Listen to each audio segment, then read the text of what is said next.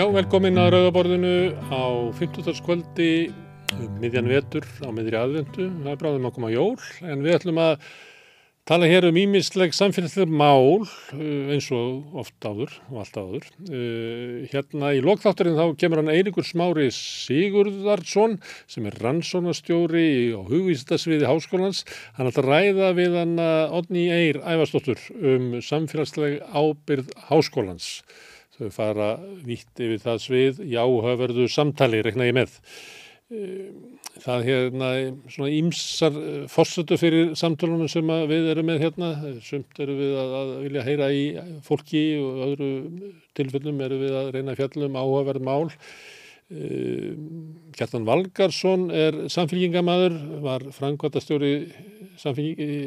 frangvatastjórnar hér um, um, um tíma við erum svolítið verið að peksa svona á, á Facebook um, um hérna, samfélginguna sem verkalýðsflokk og við ætlum að, að flytja það peksinga að rauðaborðinu. Ég ætla að fá hann í heimsókn þar sem hann ætlar að halda því fram að samfélgingin sé verkalýðsflokkur og ég ætla að reyna að andmanna um einhvern veginn. Kanski hafið þið gaman á að hlusta á fólk tala um pólitík, það kemur í ljós hér á eftir.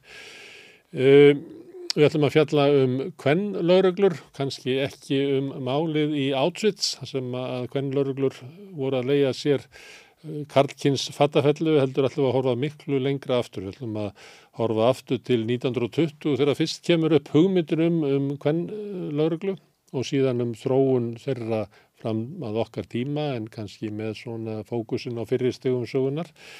Uh, hún Eirún Eithostóttir sem er lögga en, en er líka lektor við í lauruglufræðum við Háskólan Akureyri ætla að segja okkur frá þessu hvernig hugmyndin það kveikna um að hér sé hvern laurugla og hvers konar laurugla er það eða er það að þessu konur í lauruglunni eða er það löggjæsla á hvern líkamannum við komumst að því þegar við ræðum við hana og um hvort að það að konur klæðist uniformi og sé hluti af löggjæslunni sé hluti af henni feminísku baráttu. Við höldum áfram að tala um skólan. Það var aldrei svolítið grein sem að, að var sett inn á vísi í allri þessar umræðu sem hefur verið um skólamál eftir að niðurstuður Písa lágu fyrir sem að Alfhildur Leifsdóttir og Hólfríður Árnadóttir uh, skrifuðu. Það eru báðar kennarar en eru svo sem í ímsum stjórnunastorfum líka.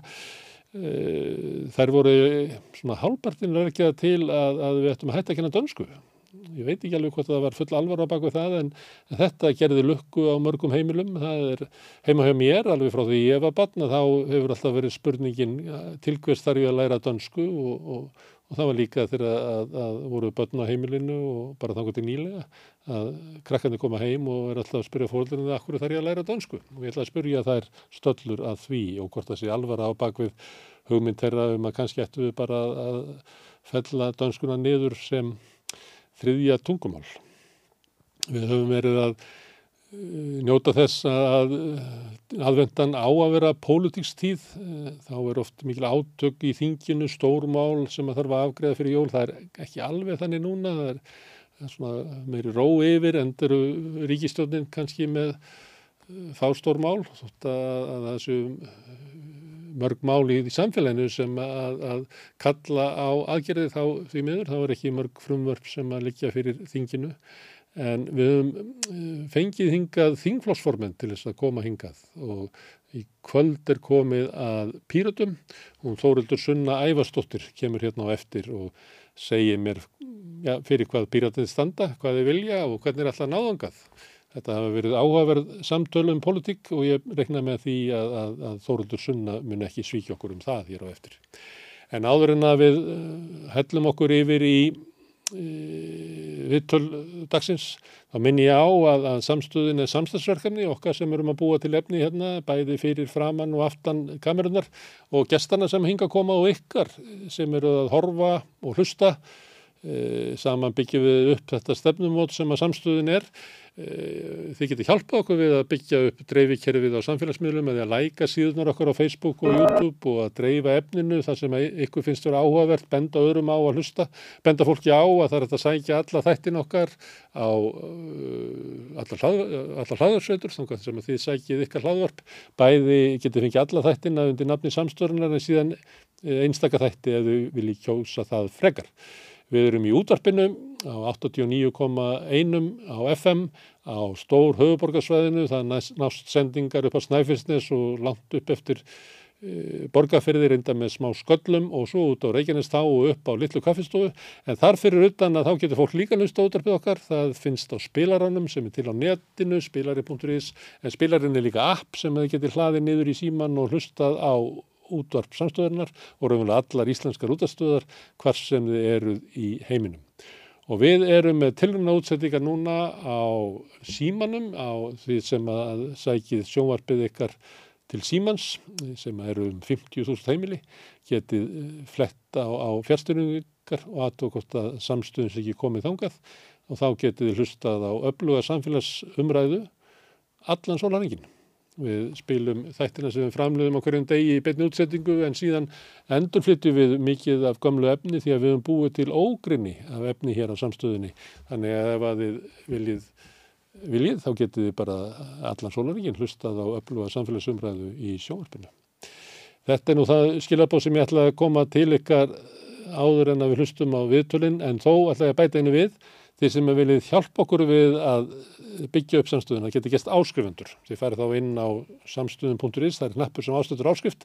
Ef þið ítið á hann þá getur skráðu ykkur fyrir lámasáskriftinni sem er 2000 krónur sem að mér er satt að sé hlægilegt verð með að við allt efni sem við búum til. Þið getur borgað meira ef þið viljið og þið sem að kjósið getur látið áskriftina renna sem félagsgjöld inn í alltíðufélagið og það er alltíðufélagið sem á og rekur samstöðuna og Þannig að þið eru að horfa á fjölmiðl sem eru í eigu ykkar, hlustenda, áhorfenda og listenda. En framöndan eru við töl kvölsins. Með því að ganga í leyendasamtökin stiður þú bara áttu leyenda. Leyendasamtökin eru fyrir alla þá sem vilja berjast fyrir réttlátu húsnæðiskerfi. leyendasamtökin.is Segðu það á samstöðinni.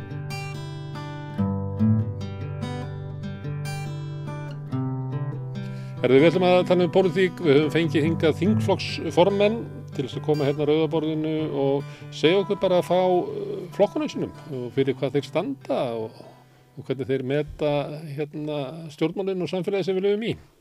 Nú er komið að, að Þórhildi Sunnu Ævarsdóttur sem er þingflokksformaður Pírata.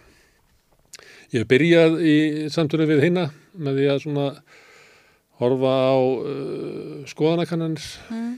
Uh, þó að hérna og ég afsakaði alltaf að því að það, er, það getur verið leiðilegt að umræðum um pólitík snýst bara um það eins og þú kannski orðið vörfi það er alltaf að spyrja ykkur um stöðu pírata í, í gönnunum en það er eiginlega ekki mikið að fretta þar. Þeir eru svona hangið svona rétt fyrir ofan hjörfylgið Já, við syklum bara svona okkar sjó sko. Já. höfum verið bara nokkur meginn á sama stað aðeins fyrir ofan það sem við fengum upp úr kjörkásunum Já Og hvað er það? Ég minna, þetta væri vel alveg til ég að standa okkur betur mm. heldur en það, en ég held að við... Móti óvinsallir ríkistjón? Já, móti óvinsallir ríkistjón, það er gríðlega vinsallir samfélkingu þessa dagana Já. og við höfum svo sem ekki mikið verið spurð um okkar stöði í skoðanakarunum, það er bara að fjalla um hvernig samfélkingunni gengur. Já. Og, og skiljaðlega, þetta er rosa hástak, það búið að standa mm. yfir lengi og það er hérna, áhugavert að fylgjast með hvernig uh, svona, fylgir reytist af sérstaklega tveimur stjórnaflokkun sínust mér og yfir mm. til samfylkingarinnar og svo hvernig fylgir fyrir frá sjálfstæðisflokknum og yfir til miðflokksins þetta er auðvitað greiðilega áhugaverð þróun sem er að verða þannig að mm. já, við mættum alveg fara hækandi og, mm. og, og stefnum auðvitað á því að ná betri árangur heldur en þetta í kostningum Þeir eru flokkur sem hefur, hefur reynd þetta að, að fljúa og ég minna flug... Heldur betur, fórum við 45% af tímabili. Já, og bara henguð í sko 30-34% í heilt ár. Já, Já svo var það búið. Mm. Varst þú þá... Ég var byrjuð í flokkstarfinu þá, Já. en ég var ekki komin á þing. Sko þetta er, þetta er þarna í kringum tíman sem að ég er að byrja í Píratum, komin heim til Íslands og búið að hérna tala við mig um að ganga til þessu pyrta og okkur svona sko og, og, og svo breytist þetta í raun við Panamaskjölinn ja, merkilegt nokk, eitthvað sem að ég hef haldið að myndi sko styrkja okkur í sessi, mm. varði raun til þess að veikja okkur og Jón Þór Ólarsson fyrir hann til þingmaði pyrta, hann hefur mikið veltast fyrir sér mm. og hérna mikið verið að skoða þetta sko, heldur í fram og ég held að sé alveg ímislegt til í þessu hjá hann sko, þegar að myndast svona krísu ástand og fólk uh, svona dettu botnin undan einhverju sem að fólk held að væri Já. einhvern veginn lámarkið sko. Eða svona botninum sem að væri hægt að ná sko, að þá leita fólk í öryggið. Já. og hérna vill ekki fara nýjar leiðir sem að píratar að mörguleiti auðvitað er ný leið í stjórnmánum Það sem fylgdi þannig eftir var að, að Vafki náði að jafna sig. Þetta er líka eina kostningabaróta sem hægt er að segja að Bjarni Benedísson hafi unni. Það náði sjálfstaflunum upp í 29% þráttur í. Þetta var með því að fela sig í, í Flórida meðan að Panama nexli gekk yfir og einhvern veginn komast hjá því að svara fyrir að hann hafi sjálfu verið í Panama skjölunum að nema bara mjög takmarskoðu leiti sko. En, Hann var fórsetisráður ekki alveg farið með þess að merkilegt nokk. En að því þú nefnir þetta svona sem valkostur og maður getur veltið fyrir sér hvort að það sé ástæðan fyrir, eða hvort, eh, hvort að samfélkingunni takist að byggja sig upp sem raunverulegan valkost, jáfnvel þótt að sé ímis teikna loft í efnaðsmálum og við erum ekki, það er ekki stöðurleiki hérna, það er ímislega átök í gangi, félagslegur óróleiki á vinnumarkaðnum og margt í gangi, hvort að að var augljóst að samfélgin er að reyna þetta, að verða svona stabíl valkostur á móti í ríkistjórninni. En, en, en þú, uh, Jón Þór Ólafsson, er að greina þetta að ykkur hafi ekki tekist það. Og að sömuleiti er þetta búið að vera svolítið svona leit pírata af því að vera, hvað við segja, alvöru flokkur. Ekki bara mótmæla flokkur. Já, sko, svo ég skýri, það er kannski að við höfum þótt of rótæk til þess að vera einhver kjölfesta á svona tímum þar sem að fólk uppliði mikla óvissu. Þegar að fólk er hrætt og úrögt og þá er erfiðar að taka einhverja nýjar ákvarðanir og fara í einhverja nýja átt. Ofta þetta ennska orðatiltæki held ég að hafa ímislegt til, til síns mál, sko, mm. better the devil you know. Uh, og það er kannski eitthvað sem við erum stöðut að glíma við. Það er í raun að, að kynna okkar hugmyndir, okkar hugmyndafræði, okkar verklag fyrir kjósundum uh, og að sannfæra þá um að það sé góð hugmynd að fara aðra leiðir vegna þess að það er leiðir sem að við höfum verið að fara hafa ekki verið að virka. Þannig að þó svo að jú, kannski virkar það einu sinni að hugsa að það er kannski bara best að kjósa framsókn en svo ser maður mögulega, vonandi á einhverjum tímapunkti að, að það er ekki best að kjósa framsókn og þau fara alltaf í sama farið og það er ekki, það er ekki merki um breyta tíma í stjórnmálum að, velja flokk sem að í raun hefur alltaf viðhaldi status quo. Samt var til dæmis í borginni þegar framsvonarfólk vann, líka stóran kostningarsigur.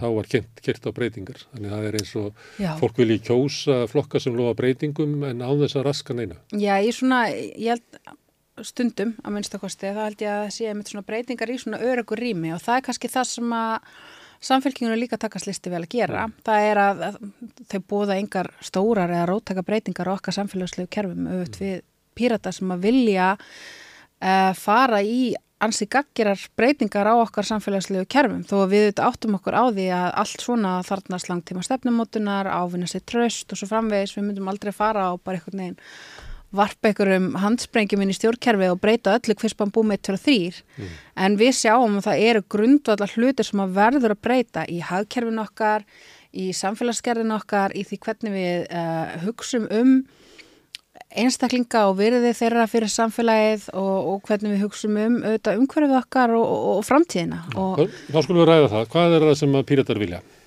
Já, píratar. Sko, það er kannski ekki hægt að tala um pírata á þess að byrja að tala um grunnstefnun okkar, sem er svona okkar stjórnarskrá, okkar leiðaljós í því sem við gerum uh, og undirbyggir alla aðra stefnumótun sem að við förum í. Og grunnstefnan hún gengur út á að pírata taki ákvarðanir byggða á uh, bestu mögulegu upplýsingum, að við séum opinn fyrir hugmyndum sama hvaðan það koma og við séum reyði búin að skipta um skoðunum ef við fáum betri upplýsingar heldur en við höfum áður eða hvað sem það nú er, ef einhverjum tekst að samfara okkur um að þeir hafa haft rétt fyrir sér og við höfum haft rátt fyrir okkur. Og þetta er raun það sem að e, laðaði mig hvað mest að pýritum að því að þetta var svo byltingakent hugmynd í íslenska stjórnmálum að minnstakosti 2014 þegar ég geng inn í félagið. Þetta er eins og þetta sé ekki stefna heldur leið að því að búa til stefnu. Já, þetta, já, þetta er svona verklag. Þetta er okkar grunn uh, kóði sem að gengur út að bara á þessu byggjum við okkar, uh, alla okkar vinnu, alla okkar stefnumótuna vinnu líka og þetta er svona hugmyndafræði sem við leitum í það. En þetta er auðvitað bara eitt hlut af henni. Síðan erum við með mjög ríkan fókus á þessi borgararéttindi, mikilvægi þess að veranda réttindi borgarana gagvart uh, ofríki ríkisins en núna nýverið og, og undarfarið höfum við þetta líka verið í miklu ríkari mæli að benda á ofríki stórfyrirtækja sem hafa uh, náð sér í miklu, miklu meira valdheldur en að þau hafa nokkurt meginn gott af sko, uh, sérstaklega þetta internetfyrirtækin sem við þekkjum svo vel en það eru önnu fyrirtæki sem þetta á við um líka sérstaklega kannski í íslensku samfélagi. Mm. Og þar erum við að tala um hlutir svolítið með vernd fríðhelgi engalífsins, hvort borgarunum frá eftirliti ríkisins eða stórfyrirtækja eh, eftir því sem við á. Og... Það var kreditinfo. Já, gott dæmi, gott já. dæmi. Uh, og síðan, og þetta er einmitt þetta, að vernda einstaklingin gagvart áfríki uh, hins sterka ríkisins mm. eða þá þessar, þessar fyrirtækja en svo að móti sko erum við alltaf með þetta gagsæðis-element sem gengur út á að opna hérna valdameiri gagvart eftirliti hérna valdaminni. Og þetta vext á fyrir okkur og þetta hefur oft vafist fyrir sérstaklega sjálfstæðismennum að skilja. Þeir skilja ekki alveg munin á friðið ekki Hvernig rekst þetta á? Eh, eh, ég minna þetta, þetta vext á.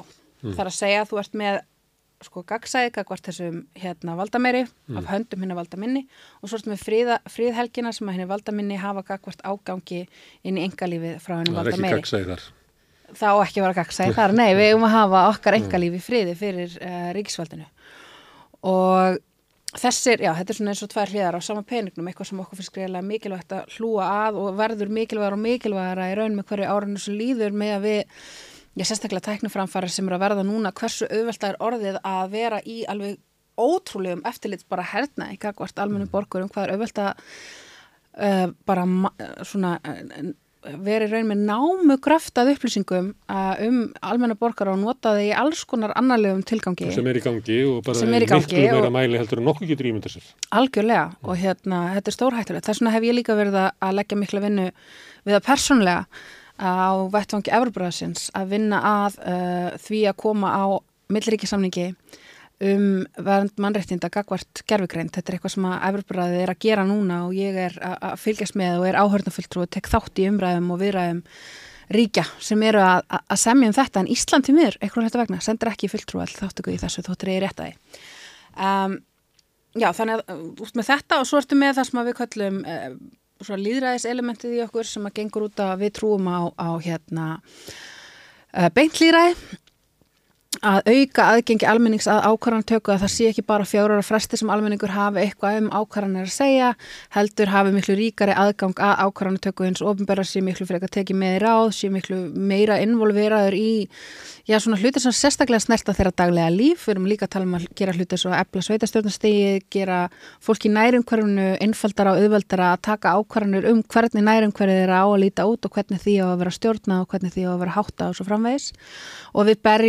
fyrir líðræðis umbútum sama í hvaða formi það býðist og þetta eru svona kannski stærstu Má ég fá skýring á því líðræðisumbótum sama í hvaða formið það býðst, hvað er svo dæmi Gott dæmi um þetta er bara ef okkur tækist að ná litlu skrefi um, í átt að meira beinu líðræði mm. sem er ekki skrefi sem við myndum vilja taka, við myndum vilja taka miklu starra skref þá myndum við ekki að prinsip ástæðum að þegar við fáum ekki þessar stóru breytingar mm. sem við myndum vilja sjá vera móti eða vinna gegn þessum litlu breytingu sem þó er hægt að fá Þetta er kannski svona einföld útskýring á þessu.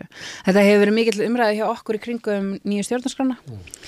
Hvort að við hefum að taka Já, hvort að við hefum að taka þátt til dæmis í þessum forman að vera um breytingar á stjórnarskrána hvort að við hefum að hunsa það er vegna þess að það er vannverða að vilja þjóðarannar og svo mm. framvegis og svo framvegis og við hefum alltaf litið svo á og þótt að við séum ennþá hörða því að stjórnarskráin sé svo sem að eigi að verða svo sem að þjóðin samþitti í þjóðratkvæðagreislu fyrir núna tíu árum síðan að hún ætti að vera stjórnarskrá Íslands að það breytir því ekki að ef við sjáum fram á að geta mögulega reynd að koma í gegn einhvern líðræðis umbótum á stjórnarskránu okkar eða kerfinu í heilda þá reynum við að leggja okkar að mörgum til að þær breytinga verði sem bestar og að þær ná að minnst okkarstu fram að ganga. Mm.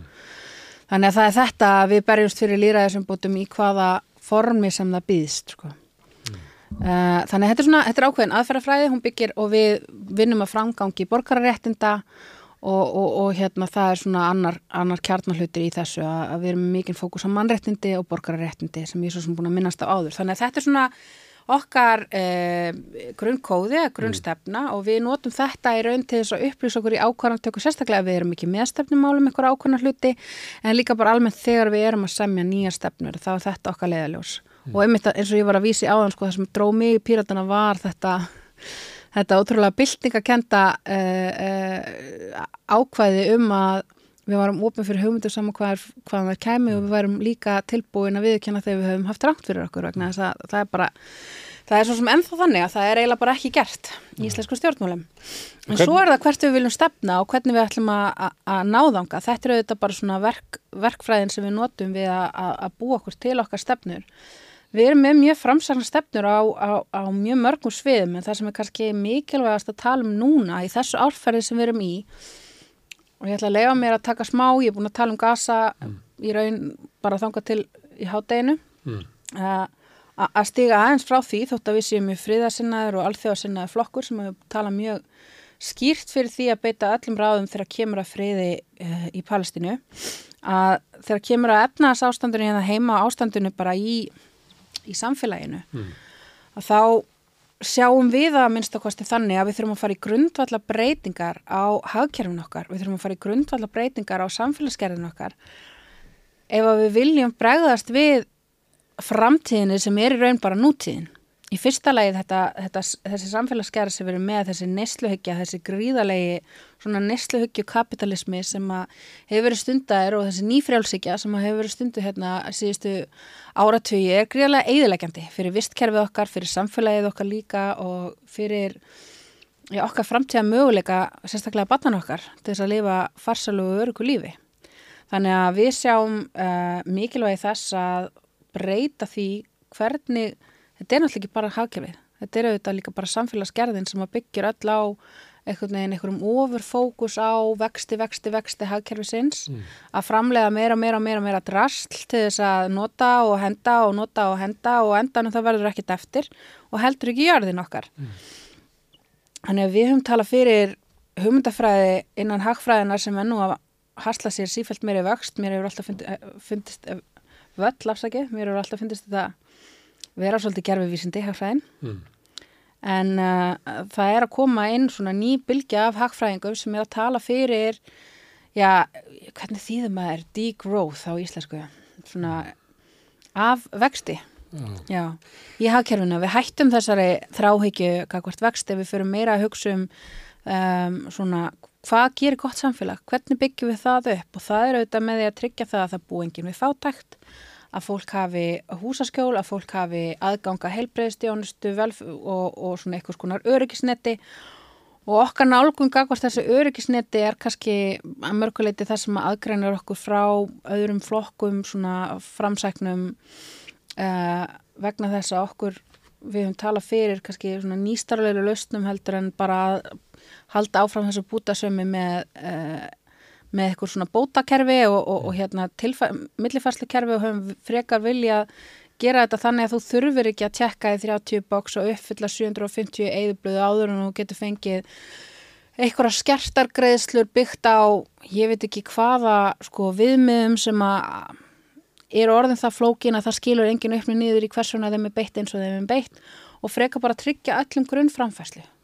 Og þú hafir þessa grunnframfærslu ef að tekjurnaðinar eru svo meira þá þarft ekki þessa grunnframfærslu en að allir þeir sem þurfa að hafi þessa grunnframfærslu þurfi ekki að hafa áhyggjur og þetta munur líka gefa fólki tækifæri vegna þess að við höfum greiðlega mikla trú á sköpunar þörf og sköpunar vilja og líka bara, uh, hvað er maður að segja vilja fólks til þess að leggja sitt að mörgum til samfélagsins. Við höfum mikla trú að því að fólk vilji taka þátt í samfélaginu, vilji leggja eitthvað að mörgum, langi að taka þátt í því, langi að, að gefa af sér og ef það hafi tækifæri til þess þá munið að gera það með framfærir fyrir samfélagið í huga. En svo sjáum við náttúrulega sko, samfélagsgerðin eins og hún er núna og tæknibreitingarnar sem er að koma að það er uh, gera það að verkum að við þurfum að hugsa meira upp og nýtt í efnaðaskerfun okkar til dæmis bara þegar kemur að já, þessari tækni sem á eftir að taka allt yfir Mm. uh, sem á eftir að gera mjög mikið að vinnuafli úrælt og sem á eftir að auka miskiptingu ennþá meira heldur en við höfum verið að sjá núna þar sem að hún hefur verið að ná nýjum hæðum með þessum ofursöfnun á auð sem að við höfum verið að sjá. Við þurfum að hugsa um nýja leiði til þess að ná tökum á þessum gríðarlega stóru stórfyrirtækjum og þetta er Ísland.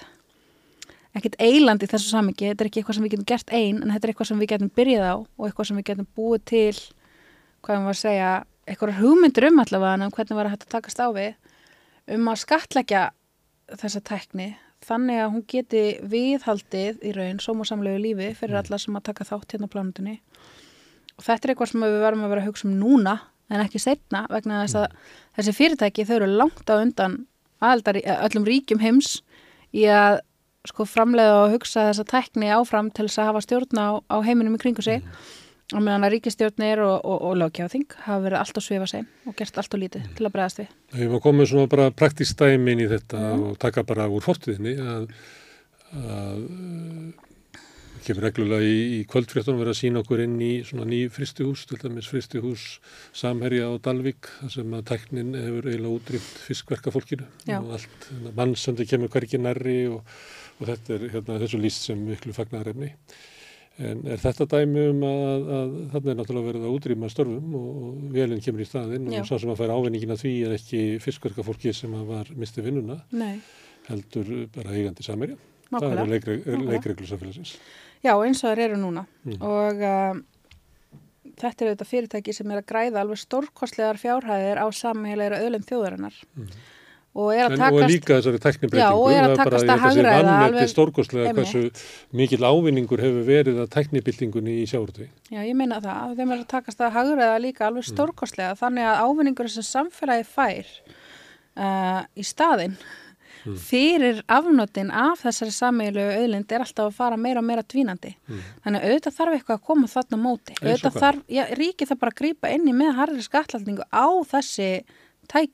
Mm. Við þurfum að tryggja það annarkort að eignarhaldi á þessum tækjum sé með öðrum hætti heldur en það er í dag að það geti koncentræst svona gríðarlega eins og það hefur verið að gerast mm. eða þá við verðum að skakleggja það alveg gríðarlega mm. það eru svona tvær helstu leðina sem ég sé út af þessu núna, við getum að minnstakosti ekki leift málum að þróast hann áfram að líkillina að tækni framfyrir framtíðarinnar í raun tilheyri mjög mjög smám hópi sem græði bara stjórnlaust mikla peninga sem er engilega eins og ná utanum hverju eru miklir og skilji svo allt samfélagið eftir uh, án nokkurs arðs, án nokkurs aðgangs af þessum gríðarlegu tækniframförum og valdalust og valdalust vegna þess að það getur ekki eins og lengur lagt niður vinnu til þess að ná fram einhverjum kjara eða réttabótum vegna þess að svo vinnaði hvort er hann úrælt og búið að taka neyfra einhverjum tækjum.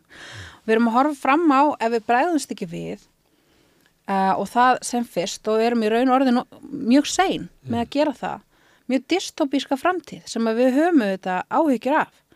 En á meðan að sko ég vil ekki mæta hér og mála upp að rosalega svarta mynd og segja að þetta er allt ómögulegt og við erum á leðinni til anskotans en það held ég ekki að það sé þannig.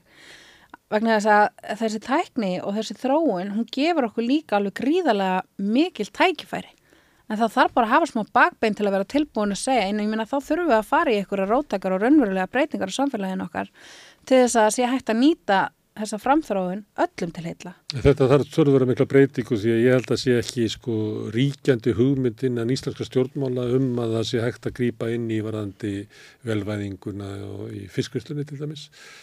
Ég held að sé ekki neina alvöru umræðum um það hvort það sé hægt að bjóða upp á það að að samskipta eh, vettvakurinn okkar sem er að minna í eigu ykkur örfarra stórfyrirtækja í útlöndum. Mér er þetta að spjall okkar verður sendt út á Facebook og YouTube já, já. Og, og svo verður við vonandi drift í genum síman og þannig að við erum að, að vera reynga aðilar mm. sem eiga orði sko það sem áður hefði verið kallað almannarími þar sem við ættum að geta hist og rætt saman. Sko það er hægt að gera mjög margt til að taka stóskrefi þessa átt sem að virka ekkert þar ótæk. Mm.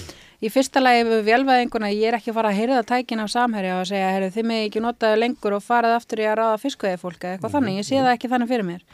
En ég sé það þannig fyrir mér að fara að fasa út þessa enga ekk sem þau eru með á kvótanum þannig að þann verður bóðin upp á markaði og það þurfa að borga markasverði fyrir það og þetta verður skattlagt almennilega þannig að þetta standi undir sér og að þjóðin fái raunverulega rentu af sínum verðmætum og þannig getum við fengið tilbaka eitthvað af þessum verðmætum sem að þau eru í raun að taka að láni frá íslensku þjóðinni. Það tengist auðlindinni. Það en tengist við- við- auðlindinni. Við notum bara samir sem dæmi um að, að hérna, er eitthvað maður sem að rekur hundra manns og, Já, já. og ræður bara eitthvað um að við eiga komum- vélarnar að borga tekjuskattin eða eiga, vélarnar að borga rúmlega tekjuskattin.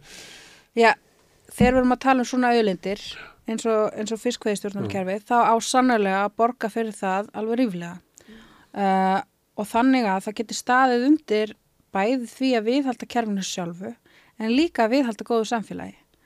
Og fólk sem missi vinnuna út frá þessu það er þetta sem við verðum að vísa í að við þurfum að hugsa nýja leiði til þess að tryggja grunnframfærslu fólks. Við höfum nefnt borgarlegin í þessu samingi, við viljum ekki að fólk festist inn í einhverjum kössum þar sem að þú þarft annarkvort að vera á örorku eða þú þarft að vera á félagsbótum eða þú þarft og það er alls konar, það er, það er mismunandi viðmiðunar fjárhæður um hvað þarf til að lifa af og það er stundum alveg fáralegt hvað er í raun haldið fram að fólk þurfi lítið til þess að geta að lifa mánuðin af eitthvað sem heldur yngu vatni. Til dæmis námslán er alveg ótrúlega lág.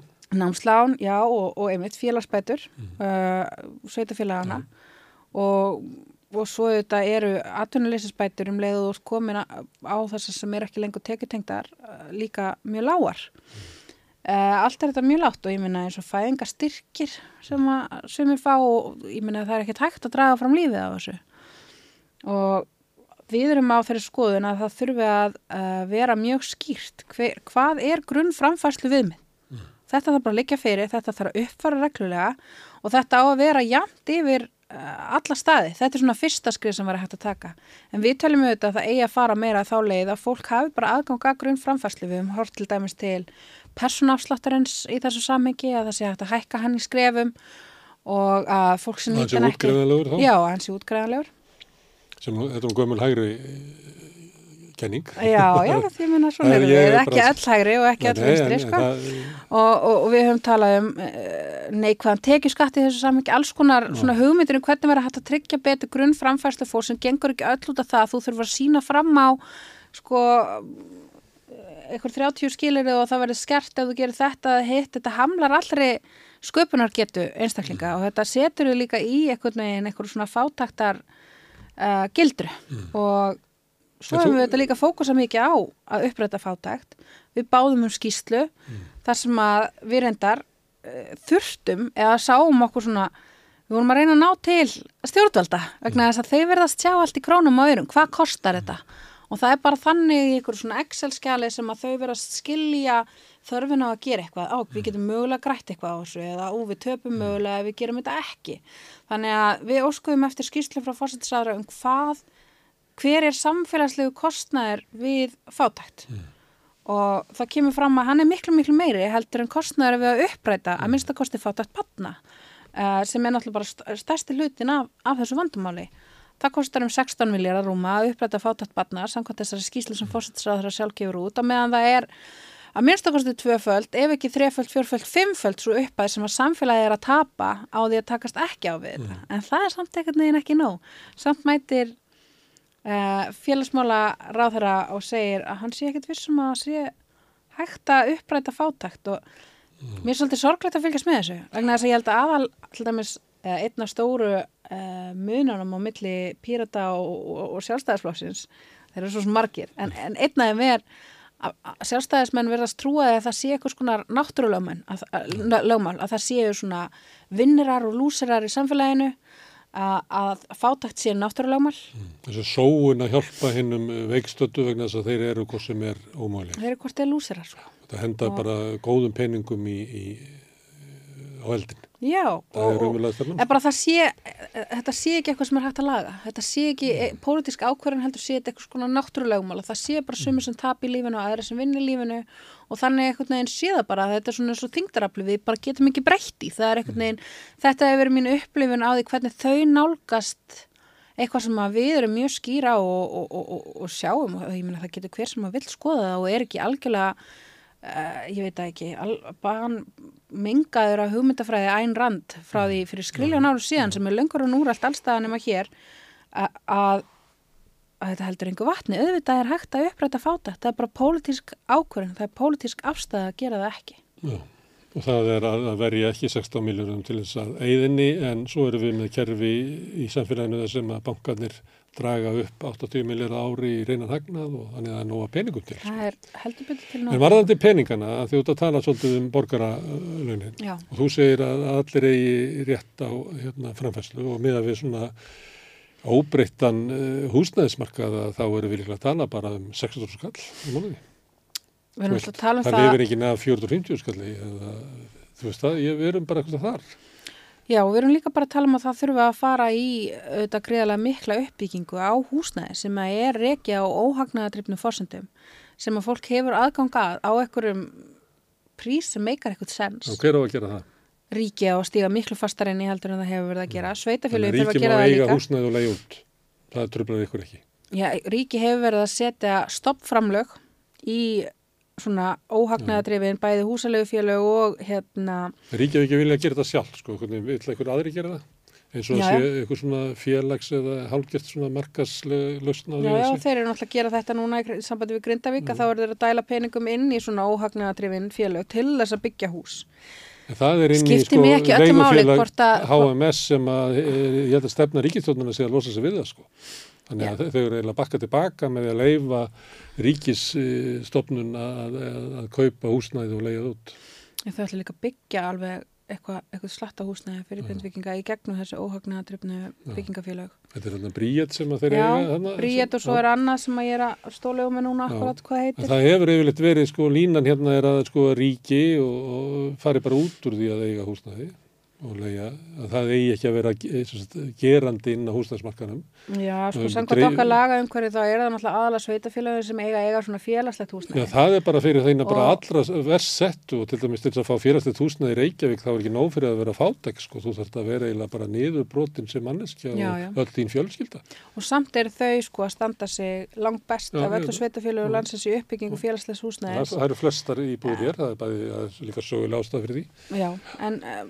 er er samanskapi sko, það skiptir ekki allir máli hvort að það er ríki eða hvort að ríki passar upp að það séu setti nægi peningar í það. Við þurfum bara að passa upp á það að stóra eflaðu þetta uppbygging á húsnæði, það er ekki nóg að því.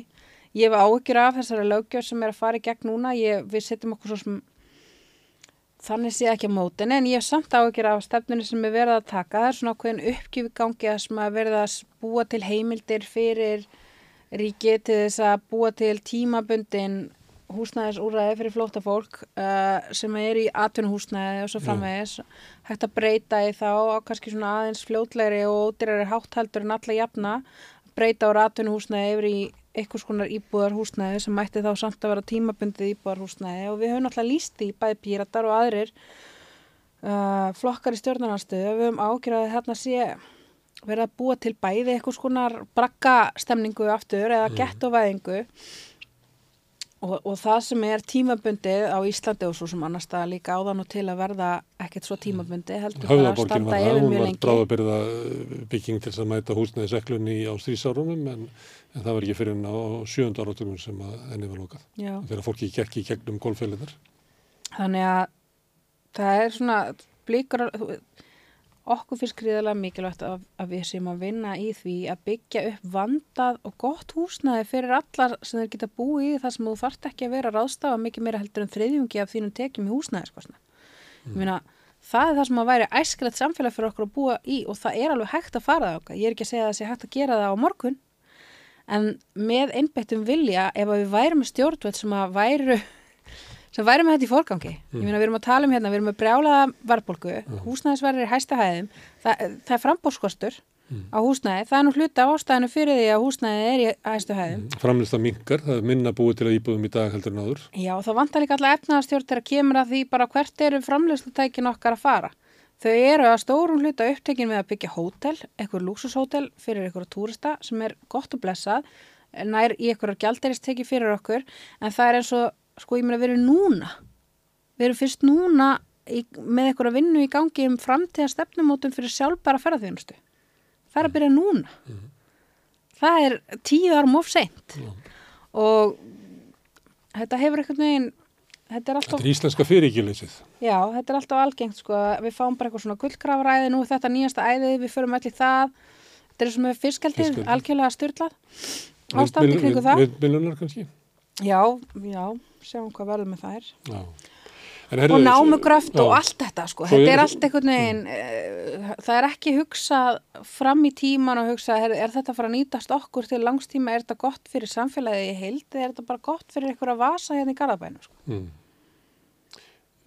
Varðandi borgarlögn, ég nefndi 600 skall Mm. og þú bendir þá á að það sé hægt að kannski að lækka húsnæðiskostnaðin. Já, ég get ekki gefið Nei, eitthvað vermiða um hvað þetta ætti að vera En, þú að veist segja- alveg að ef ég myndi sko svo margöldu upp við alla sem eru eldri en 18 ára þá enda ég alveg stjartfræðilegum upp, upp Já. og þetta, ég er ekki að gaggrýna tillugun, ég er bara að reyna að skilja hana. Mhm. uh, hvernig getur þetta virkað? Að, að allir hafi rétt á því að fá, segjum að segja 500 eða 600 skall.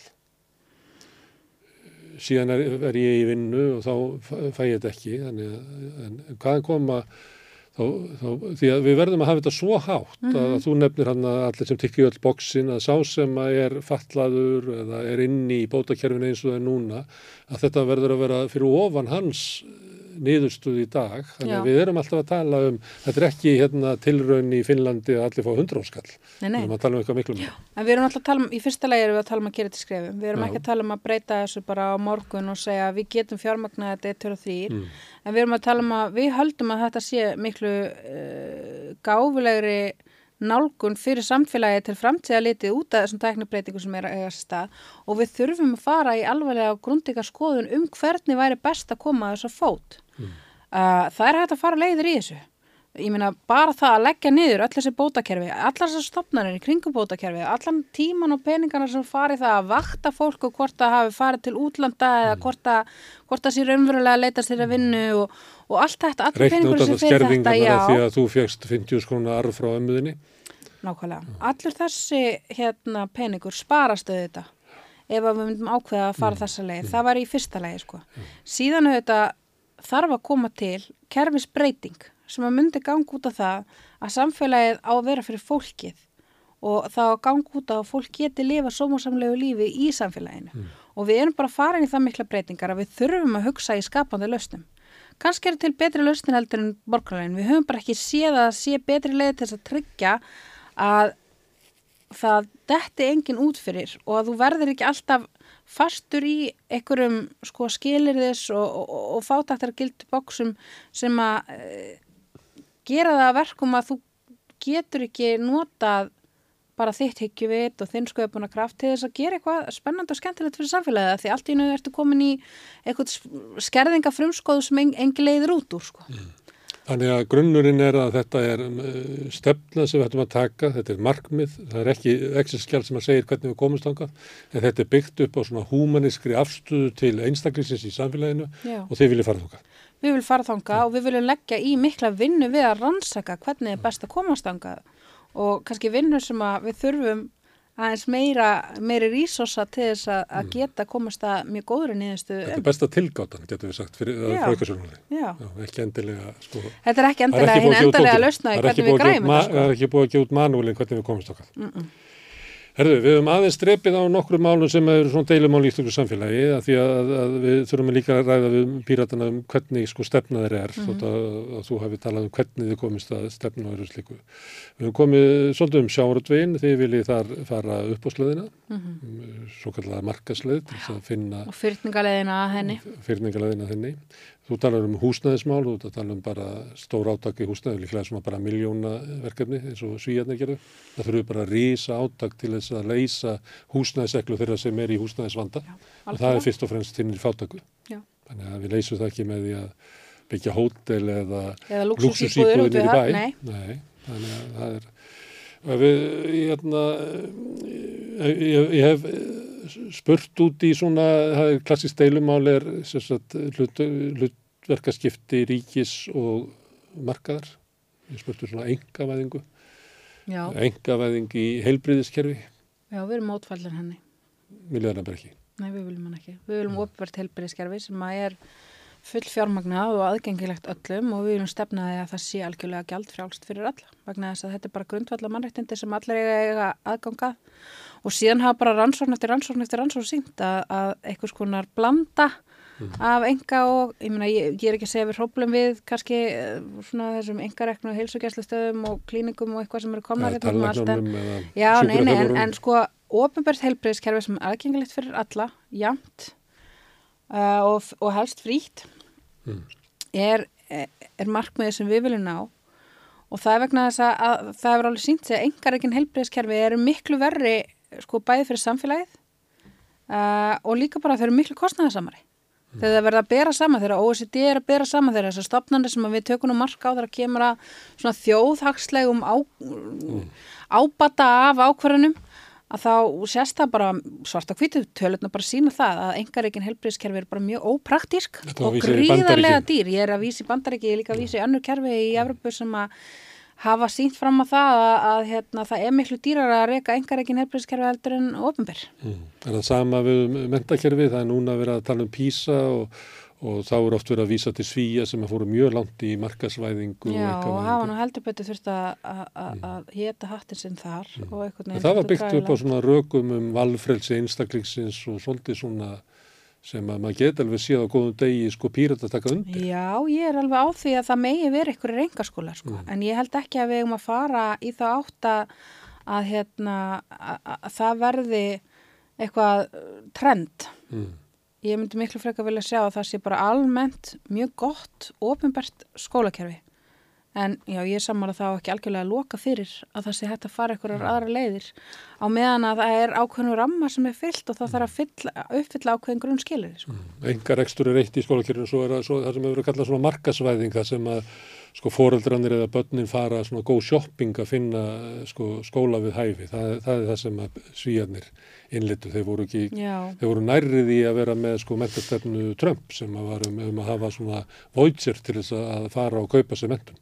Að reka, að hugmyndi var svo að, að besta leiðin til að byggja gott kerfi verið að byggja upp á markasforsöndu því það væri besta leiðin sem höfum fundið upp til að búa til gott kerfi. Já, við höfum eru séð vítin til að varast þau í hvernig þetta kerfi hefur þróast í bandaríkjanum þar sem að misskiptingin er svo mikil og hún, sé, hún er svo augljós þegar kemur að skólakerfinu að, að sko þú ferð, þú, ef þú átt einhverja peninga að þá ferðu ekki með badnið þitt í ofinberan skóla, heldur ferðu með það í enga skóla og þannig grotnaði meira og meira niður vegna þess að peningarnir fylgja svo börnunum líka og svo framvegi sko, þannig að það er auðvitað ekki, ekki stefna sem að við viljum fara í. En svo, svo ertu með, ég meina ég var í valdarskóla þegar ég var lítil, það var svo sem ekki fyrir mig en það hendaði sýstu minni rosa vel, ég myndi ekki vilja loka á eitthvað svona aðra nálgun og uh, í mentakerfinu heldur um bara þessa eh, klassísku ofinberu uh, nálgun, einfallega vegna þess að passar, það passar ekki allir inn í þann ramma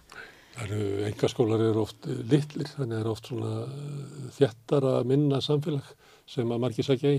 Það sem að stóru skó, óbefru skólandir eru yfirleitt sko með ansi ógvanlega sko skólalóð, það sem að eru Já, já, svo er líka bara allt annað nál, ég minn eins og í valdaskólan þar sem ég var að þá, við vorum aðalega í einhverjum skapandi dansi og að mála einhver málverk og veist, það var rosa lítill strúktúr sko, það var rosa breyting, mikið menningasjokk fyrir mig að koma svo í sjötta bekk, hafandi aldrei tekið prófa æfinni og eitthvað sko. En það hendaði mér einhvern veginn miklu betur samt, eitthvað svona rammi sem að, þú veist, að ég þurfti að legg- leggja eitthvað dóta minni frekar heldur en að fara, fara út í sveit og byggja eitthvað brú, en það fannst öðrum krakkum bara miklu, miklu skemmtilegra, þannig að ég, ég myndi aldrei vilja loka fyrir það, en sko aðgangur að mentun er líkilatriði og líka sko fjármögnun skólakerfisins á þann hátt að það geti tekist á við samfélagsbreytingarnar sem er eiga sér stað.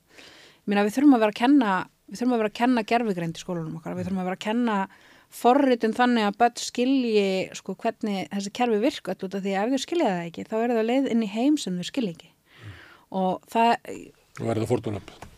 já ég meina það er að minnsta kosti eitthvað sem ég myndi alltaf vilja gefa barninu mínu sem veganest er að skilja gerfigreindina, skilja starffræðina, skilja verkfræðina, þessar, þessar stemgreinar pluss listina sem er alltaf verið að tala um. Ég held að þetta sé líkillina framtíðina að við séum að undirbyggja börninu okkar með þessari þekkingu út af því að þetta er ekki sami veruleiki og mér er þess að ég var að alast upp við þar sem að það var alveg hægt að velja sér bara og, svo breyttist það þegar ég var komin í háskóla. En það var hægt að velja sér, þú ferði þessa braut og þá ferði bara þessa vinnu og þú ert eiginlega bara nokkuð safe. Ef þú ferði í lögfræðin sem ég var fyrir nokkuð að gera þá ertu bara nokkuð safe. En það er þannig síðan ekki þannig lengur sko. og verður enn síður í framtíðinni líklega. Einmitt, þannig að við þurfum að undirbúa börnun okkar með hæfninni til þess að skilja hvernig þessi kerfi sem allt mun byggja á virka og gefa þeim að bæði interakta við þessi kerfi að eigi samskiptin við þau en líka breyta þeim og að láta þau vinna fyrir sig. Má ég spyrjum frekari svona skil á milli ríkis og eh, hérna enga geirans, eins og kallað. Mhm, já. Það er hérna eh, stefna núverandi innvegar á þeirra er að vera með hérna það sem hann kallar samvinnuverkefni eða er enga framkvæmd á, í vegakerfinu Mm, sem er svona eh, verið að enga væða þessa brú og þennan spotta, þessi akkúrat. göng. Mhm. Hvar eru þar? Við erum ekki fylgjandi þessu vegna þess að ríki endar alltaf að því að taka ábyrða á þessu öllu saman og þetta fer hvort þið er langt út fyrir kostnæðar áallin og endar á því að við borgum reikningin sko og þetta, þetta er bara einhvern veginn svona ákveðin uppgjöf fyrir grunn hlutverki ríksins sem er að Að byggja, byggja vegi og innviði. Já. Akkur hafa stjórnvöld eiginlega tapað eh, sjónum á því að það er hlutur þeirra. Stundum eh, þykist ekki eiga peningana fyrir því. Þótt að þeir geti þykið sko hagstæri lán heldur engaðalarnir og fara til engaðalarna til þess Já, að fjármagna. nákvæmlega, og ég minna að þú sittur uppi með verðmæta fjárfestingu, þú ert komið með innviðin, þú ert komið með veginn sem þú ert þá að fara að nota, sko, þetta er ekki, þú ert ekki bara að henda peningum í, Nei, nei. í eitthvað bling, sko, og hérna, um, þetta er þessi nýfrjálsirkja, sko, þetta er svona, þetta er trendi hugmyndafræði hér, svo, svo sem við svegar anstæðar, mér finnst þú vera svolítið þölsetin hérna, þessi svona thatcherismi næstu, Við sem er fórum út í ennþá, langt inn, kannski eins og nýsjálfendingar, en við fórum mun lengra inn heldur en flestar aðra þú veist, í þess að hum, að Já, sjálfstæðisflokkurinn er svo gjössanlega heltekin af þessari hugmyndafræði og þeir eru náttúrulega búin að stjórna svo lengi að þetta hefur náð að festa alveg rosalega djúpa rætur hérna og er, þú veist, þetta er svona kreddur. Ríki getur aldrei átt neitt og það er ekkert samfélag, það eru bara fjölskyldur, þú veist, allt þetta, þetta það er kannski búið að klæða þetta í falleri búning núna, sko, en þetta er samt ennþá sama hugmyndafræðin sem er á bakvið þetta allt saman. Og hérna, hún ætlar að vera lífseg og þrautseg held ég á meðan að sjálfstæðisflokkurinn heldur utan um líklaveldin í fjármálaráðan ja. Bankakerfið, eh, ríkið á ekki að vasast í eh, hérna, rekstri sem að engaðalar geta séð betur um. Já, ég nú séð hvernig þeim tókst til með það. Uh, Sko það er sjálfur sér ekkert eitthvað stærsta hagsmunamál pírata að ríkið eigi tvo banka En Við höfum talað mjög skýrt fyrir því í fyrsta lega Bjarnar Benediktsson er ekki tristandi fyrir því að selja þessa banka og við sögum það alveg frá upphafi. Við erum búin að fá hann yfir í utryggisröndið ásáttröðurum. Já, Það fór loksins. ótrúlegt en satt. Mm. En e, það var rosa skrítið exit samt. En ok. En það, ég, ég, ég lesi þetta þannig að þetta, sé, þetta er svona ákveð exit. Þetta er svona eins og það segja ennsku graceful exit fyrir Bjarnar hvort sem að Benediktsson. var ætlunin meðan hann tók ákvörðunna þá virðist sko ákvörðun vera þróast í þáttina að ég held að, að það sé upplifið allir að Bjarni Byrjaðsson er leiðin út úr stjórnum. Já, já, mín upplifur er þannig að hann sé bara búinn Mm. og hann er að taka þarna tvö ár til þess að ég veit ekki koma sér í ágæta aðstöðu fyrir eitthvað Framtíðatjobb eða bara eiga rólegt Við vorum að í stjórnmálum? Viltu að, að ríki breyti landsbankunum í svo kallan samfélagsbanka? eins og að krafa verkefliðsreyfingunar. Ég held að hérna, samfélgin hefði eitthvað nefnt þetta. sem ég er mjög opinn fyrir því að við setjum á fót samfélagsbanka hvort að það sé landsbankin eða ekki er ekkit eitthvað hagsmunamál fyrir mér Mm. uh, ég oft ástæði hvernig þeir hafa þetta í Þýskalandi með sína sparkassa og svona, mér Mm. finnst þetta alveg margt uh, allteglisvert við það og mjög þess verið að skoða það sko. en svo horfi ég líka bara til þess að, hérna, mögulega geti aukinn samkeppni hjálpa okkur í þessu og kannski þurfum við bara aðganga að stærri markaði þar sem er eitthvað alvöru samkeppni En þá þarf þetta að gáði Európa-sambandið og taka upp Euró já, mögulega og þið viljið það. Ég er allavega opinn fyrir því en okkar stefna er auðvitað bara að uh, það verið þjóðaratkvæðagreisla og hérna, þjóðin fá að ákveða hvort að við förum í áframhaldandi aðalda viðræður. Um, mér finnst það uh, vera gáfulegt að gera það. Í ljósi þess hvað fákeppnin á Íslandi og þessi litli markaðir uh, hefur gríðarlega mikil áhrif á lífskjör almennings á Íslandi. Um, bara við erum að horfa á tryggingamarkaðin, við erum að horfa á bankamarkaðin, við erum að horfa á við erum að horfa á húsnæðismarkaðin og eða húsnæðislán og annað sko að, að hérna og þetta bara vöruverð hérna. Er algjörlega klika við og þetta er eitthvað sem að, ja, og, og, og ég meina á flutninga, flutningar þetta er, þetta er eitthvað sem að er að stóru leiti bara út af gríðalegri fákeppni hérna og takmörku um aðgengi að þessu markaði hérna. Ef við tökum hérna, þú byrjar á að tala um grunnstefnuna og, mm -hmm. og, og personu vend eða, já, og, og gegnsægi, mm. en svo fórum við og löpum yfir all kerfin já. og þá hljómaru bara eins og hérna, klassískur 20. aldar velferðakrati. Já, fyrir utan að ég vil ekki þetta velferðarkerfi sem er búið að byggja upp. Já, en svona við erum að tala um heilbreyðskerfi, við erum að tala um mentakerfi, við erum að tala um upp, hlutverk ríkisins í uppbyggu mm. innviða, uh, áherslu þína á að, að, að nota sko grunnkerfi ríkisvalsins til þess að tryggja jöfnu, þá bæðum um heilbreyðskerfið og mentakerfið. Þetta er ekki, ekki njóðsýðið sem ég er að segja. Nei, nei, ég veit. Já, ég áttum alveg að því. Já. Ég meina, við, við erum bara mjög félagshyggju sinnaði flokkur og það er auðvitað bara að því að okkar félagsmenn eru mjög félagshyggju sinnaðir. Okkar stefna er í raun byggð út frá bara því hver er, hvað slær hérta okkar félagsmenna. Mm. Okkar fókus er kannski mitt að reyna að undirbú okkur fyrir samfélag framtíðarinnar. Okkar fókus er á þær áskoranir sem að eh, stjórnvöld hinga til hafa verið að hunsa ekki verið að gera nóg eh, sofandi gagvart og þá erum við sérstaklega að, að, tala um hluti eins og fríðhelgi eh, gagvart ótrúlegum ágangi eh, bæði njóstna hins ofinbera en líka einmitt stór fyrirtækja og, og annara Uh, sofandaháttu gagvart því að það er auðvitað alltaf hægt að finna miljón góður ástæði fyrir því að við ættum að leifa einhverjum einhverjum gerfigreindar mótelum að njósta um allt sem við segjum á netinu bara til að koma í veg fyrir þennan glæpi eða næsta glæpi eða henglæpin og við höfum verið svo rött í þinginu sem að hefum barist með kæfti og klóm gagvart hverskins ágangi á uh, réttindi einstaklinga mm. fríðhelgi er að ekki bara heldur líka uh, réttin til frelsis, réttin til að mótmæla, réttin til að uh, bara tjá sig fræða réttin til þess að, að hérna, vera í fræðastarfi á þess að vera hengt fyrir stjórnmálaskoðanir sínar og svo framvegis og framvegis. Þannig að ef við erum eitthvað sem er kannski annars vegar heldur en heldur en, uh, hvað kallar þetta borgarlegur krataflokkur? Nei, vel, velferðarkrati. Velferðarkrati fyrir ekki að þá er það auðvitað sko svona líraðislegur hérna, eh, mannreittindaflokkur sem var gengur mjög mikið á að vernda Eh, einstaklingarna frá ágangi hinn að valda meiri. Og það er það sem aðgreiniði frá uh, kannski ekki allt sem hún segir er ekkert eins og ég held að það sé frekar svona róttakar í hluti samfélgíkarna sem myndu taka undir hérna, hvernig þú er lappaði gegnum þetta.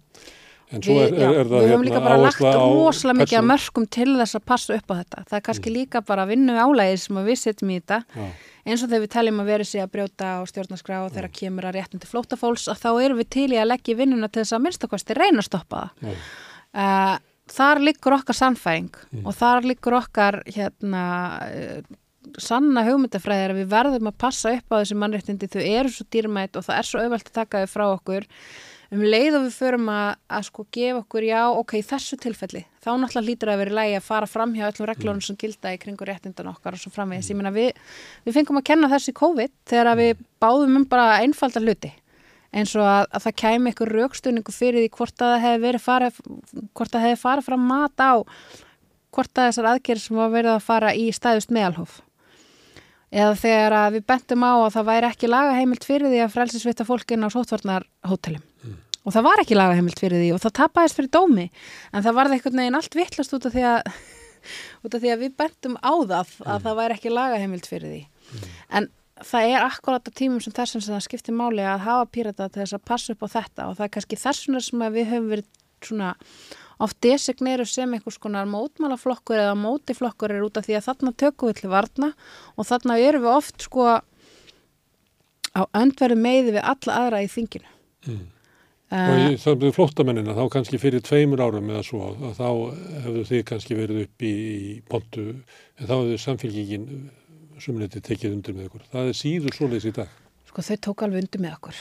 Þau mm. voru bara ekki tilbúin að fara í eitthvað málþóð út af þessu. Mm. Þau voru alveg sammál okkur þannig sé efnislega um mm. það mál. Það er kannski ekki, ég er ekki að vísi það sem, sem staðin þar sem við erum ósamála mm. öllum öðrum í þinginu. Það hvað maður segja, tæknilegari málum þegar kemur að friðhelgi engalífsins til mm. dæmis á internetinu og annar staðar sem að við erum með mjög skýra afstöðu sem að endur speglast líka í afstöðu félag okkur út um, út um alla álfuna sko, mm. sem að kannski sérst ekki hjá öðrum, öðrum flokkum eins og dæmis í í chat control málunu sem okkur tókst að- koma út fyrir hafsöga í bíli að minnstakosti og pýrutum í Evrópu hefur tekist að, að hérna, ná góðum sigri á ef ég skil nýjustu fréttir rétt Verður má ég spyrja það eina spurningar eins og ég væri eh, Jón Gunnarsson. Já, Eru þið fylgjandi opnum landamærum? opnum landamærum Já. Þau eru náttúrulega opin, Já. landamærin okkar Þú veist í hvað ég er að vísa og ég já, kýs já, bara að spyrja ég, hérna, ég er að lesa þessu, já, þú ert náttúrulega að koma með sko, þetta er alveg þetta er orðið vinsallega heldur en hjá Jóni Gunnarsinni út af því að þetta er það sem að VAFG er allt í hennu farin að nota núna til þess að segja sko, það er alltaf lægi að nýðasta flóttafólki vegna þess að við trúum ekki á opni landamæri, þetta er orðið þeirra retorik það er búið að vera alveg ótrúlegt að fylgjast með þessu. Ég vil ekki að ég vil ekki no borders. Ég vil ekki engin landamæri. Kemur allt í hennu núna frá VAFG það er einhvern veginn þeirra helsta hugmyndafræðilega staða þegar kemur að framkomið við flóttafólk er að þessu verið landamærin. að- árás og utan. Nei, ekki einu sinni það, heldur bara að þau búa sér til eitthvað stráman um að það sé ykkur hérna að heimta engin landamæri í heiminum, en svo það sé raunhæft eins og staðan er núna í heiminum. Uh, og þau, þau eru að taka afstöðu gegn því en ekki sko að svara fyrir mannréttindabrotin sem að þau eru búin að leiða inn í lög sem að eru til þess að mannsalsfótnulömpi var hent á göttuna, eru til þess að við erum búin að senda, ég veit ekki hvað Það er líka gæslan og landamærin hefur verið mikið hært að koma miklu færri, komast færri inn en áður var. Já, ok, ég hérna, var ekki búin að heyra því, en Það voru breytt hérna, lögum um landamæri líka á sama tíma. hver er gerir afstæð það- ykkar í, í, í hérna, málunum hælisleitenda? Við erum með það afstöðu að okkur beri skild, þjóðuréttaleg skildar sem er algjörlega skýr að taka móti flóttafólki sem hinga kemur í leita vernd uh, og við sjáum þessa nálgun sem eh, hefur verið farin hvort flóttafólki uh, sem ekki bara ómennulega heldur líka ótrúlega óhagfama og, og ekki ganga út á að auka skilvirkni, hagkvæmni eða neitt af þessum stuðorðum sem þau nota til þess að réttlæta þessar aðfæri sínar að réttindi flóttafólks. Heldur þvert um móti eigur þetta ekki skilvirkni og þetta eigur kostnaði í kerfinu að eigða svona ótrúlega mikil orku í að segja nei við ykkur erfáðar ræðir sem að við þurfum að halda til þess að setjast hérna að til þess að halda þessu öfnarslífi okkar gangandi sko. við erum að eigða hérna 20 miljóna ef ekki hundruðum í að flytja fólk nauðugt hérna landi brott er að við erum að flytja svo inn þúsundir bara næsta dag til þess að vinna hérna í hótelum og öðru sko. þetta heldur engu vatni Heldur þetta verði kostningamál næst? Þú upphafi þá vorum við að tala um fylgisbreytingar Mm. og miðflokkurinn er til dæmis að, að eblast á meðan að sjálfstæðsflóðum teksta ekki að hluta til trompað upp af svona umröðu. Já, mér finnst ekki ólíklegt að þau reyna að gera þetta kostningamáli En sjálfstæðsflokkurinn? Miðflokkurinn. Já, þau hafa alltaf svona svolítið daðra við þetta sko, ég meina þau hafa alltaf verið með Ásmund Friðriksson þarna talandi um, Jón Gunnarsson, já, Brynjar Níelsson. já, já, þeir allir kallarnir hana. Mm. Þeir hafa verið mjög duglegir, ekki bara í hundaflutu, heldur bara hreinum og klárum rasisma sko. Uh, og þeir hafa alltaf fæst svolítið svona upp á skafti og ég held að sé út af því að þeir eru að sjá líka, fylgið þeir að hreyfast í áttunum meðflokksinn sem að hefur verið ekki bara duglegt að taka þetta heldur ímsa aðra svona slægi sem þeir kalla menningastríð sem að sem er svo merkilegt svona kat, gamlir kallar sem að finnst einhvern veginn sínum gildum ógna þá eru komnir í einhvern stríðsrekstur kakvart menningunni. En ok uh, þannig að það verður öflust reynd sko að gera mannréttindi jaðasettra hópa eða einhverju kostningamáli Þið eru höfuð anstæðingur þessa hóps. Já, Það við tölum fyrir tíma- mannréttindi fólks Þannig að það er ráðist að um þá píratavæðingu samfélkingarnar. Já, Þannig að þið það eru höfuð það anstæðingur Jóns Gunnarssonar, Brynjar Níelssonar og, og þeirra félaga. Já, ég Ógn, hef nú Ógnin þeirra er að þið komist til valda og, og breytið Íslandi svo að þeir upplifið Svo ekki allir verði góða fólki og þeir verði einir út í hotni eins og vonda fólki. Já. Já, ég veit ekki hvað ég skal segja við því. Ég meina, ég, ég er engin sérstakur óvinnur Jóns Gunnarssonar nýja Brynjas Níelssonar. Ég er hins vegar mikill landstæðingur þeirra pólitíka sem þeir standa fyrir en það er út af því að hún, hún bara tilherir annari öld og, og hérna er ótrúlega úrælt og úr sér gengin. Herðu, hérna, við erum að fara yfir mörg mál, en núna kemur svona aftur að stjórnmálastöðunni. Heldur að ríkistjórnin lifi út kjörðumabilið? Veistu, þetta er alltaf að breytast hver mín skoðun er á þessu. Ég Þú ert ekki svo eina sem segir þetta. Nei, Já, sko í þegar að þau endur nýju heitin hann að 2021 að þá hugsaði ég ok, þau, eru að fara að hafa þetta af og ætla bara að setja inn þessu hausin og láta sér hafa það að þau völdust einhvern veginn aftur saman. Og, og það er raun bara út af því að því að þau heldur meira hluta og út af engu öðru sem þau voru áfram í þessu stjórnarsamstarfi en ég hugsaði nú samt að, að þau myndu lifa þetta af. Og svo kemur þetta fáralega sumar þar sem að þar sem að bara beinar hótanir og ótrúlegustu orður látum falla í garð ráþæra ríkstjórnarinnar ég minna hérna að verða að hóta Svandísi Svavastóttur öllu ítlu út af kvalviðmálunu það er verið að saka hann um ef ekki stjórnarskrarbrot að minnst okkar stið sko eh, alvarleg brot á stjórnstæðsurétti allt án þess að sjálfar hafi neitt fyrir sér í þessu sem er alveg merkilegt með hvernig þeir láta öllum ítlum látum ef að, ef að fólk er vist að benda þá í þessum efnum sko. Um, og svo auðvitað Bjarni og, og það allt saman. Afsögnin og, og þessi skrítnaferð og þingvelli og eitthvað svona ég, en ég hugsaði eftir að þau skiptu þessum ráðunitum upp og mættu svo bara aftur að þau og, og, og sögðu mitt sko ég, það er svo sem ekkert sniðið þetta fyrir kostningar og En, við erum skáran ekki neitt þannig að við ætlum að halda áfram En er það hægt vegna þess að þú myndir eru hérna komið til þess með fundin inn í hérna hús Ísliskunar, ettunni, Já, þar sem að já. segja sko á móti gríðalegu vandröstum með almennings og, Mhm. og innan úr eigin röðum og, Já. og þá segja, já nei, við, það er fullkomin tröst okkar á Já, milli. já. En svo það, yfir trompi allt annað, eh, heldur það sé raunverulega hægt að halda ríkistótt gangandi á því og ef að er, að Bjarni er á útliðinu og pólitíka, þá verður það ennþá ólíklega. Og hvort að Katrín er það ekki líka Já. ég veit að Er Sigur það- Ringi að, segist allavega hann alltaf hann er að því yfir, hann ætla að leiða Já. framsvonum en ég veit ekki með hinn að tvo leitóna sko. um, ég held að þau ætla allavega að reyna það Mm. ég held að sjá sér ekki hagin einu öðru Mm. og þau meðan að þau reyna það þá er ekki mikið sem að við getum gert í sjálfu sér þau hafa þennan meira hlut á þingi á meðan að hann heldur Mm. að þá heldur hann en uh, ég held að þetta sé ekki gott fyrir neitt að við held að þessu uh, ástlösa og, og dauða stjórnarsamstarfi sko. það, er ekki, það er alveg astnalegt að fylgjast með einhvern veginn, það kemur ekkert út frá þeim uh, þau mæti ekki með neinn mál þau koma sér ekki saman um neitt. Það er einhvern veginn ótrúlegt stefnu og regleysi í gangi á þinginu. Og hérna e, á, sama tíma þá er auðvitað brjáluð verðbólga og það einhvern veginn reyfist rúslega lítið. Mm.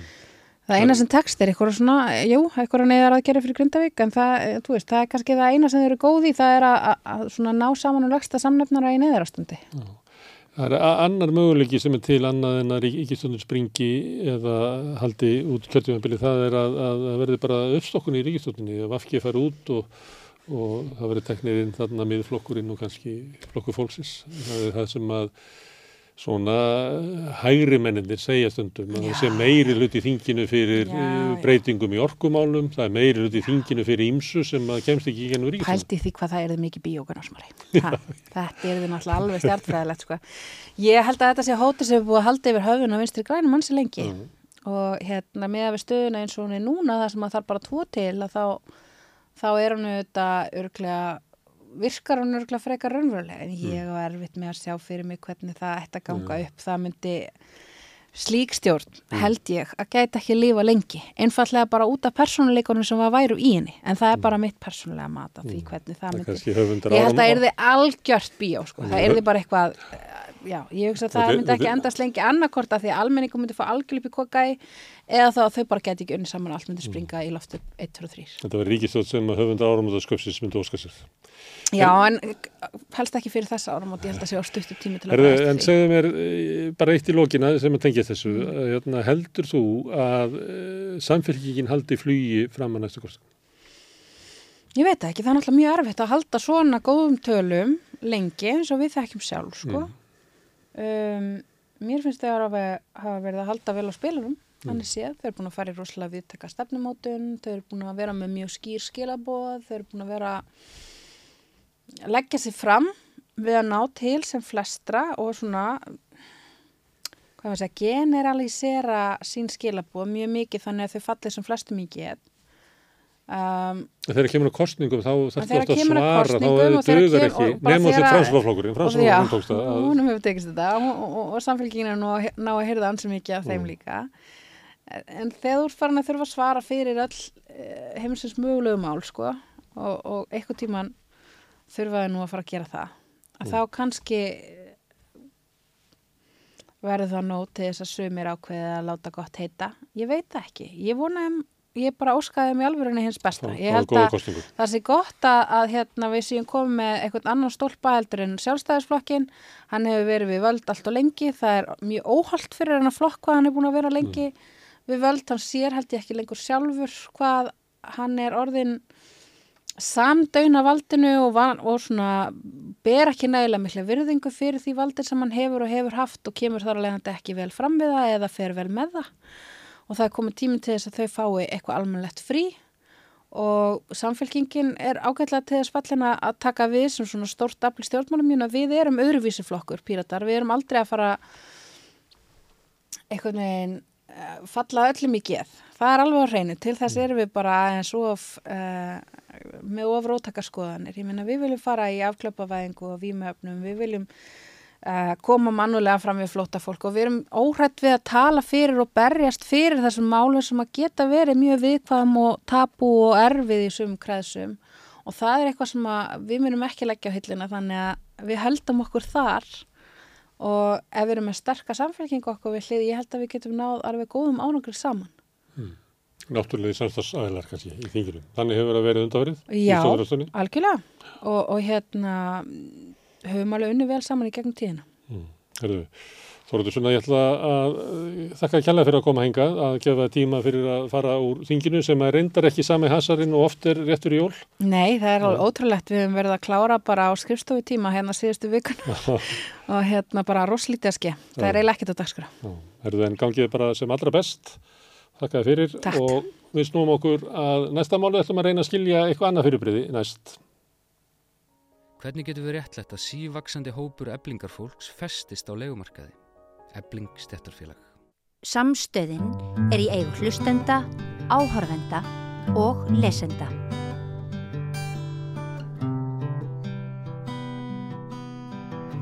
Já, við ætlum alltaf áfram að tala um skólamálin, uh, hafa margir lagt uh, til þeirra umræðu, maður finna hana út um allt, við höfum svolítið reynd að halda þræði hérna við rauðaborðið og dreyja til það fólk sem að við teljum að síðan leggja til, gott til umræðunar.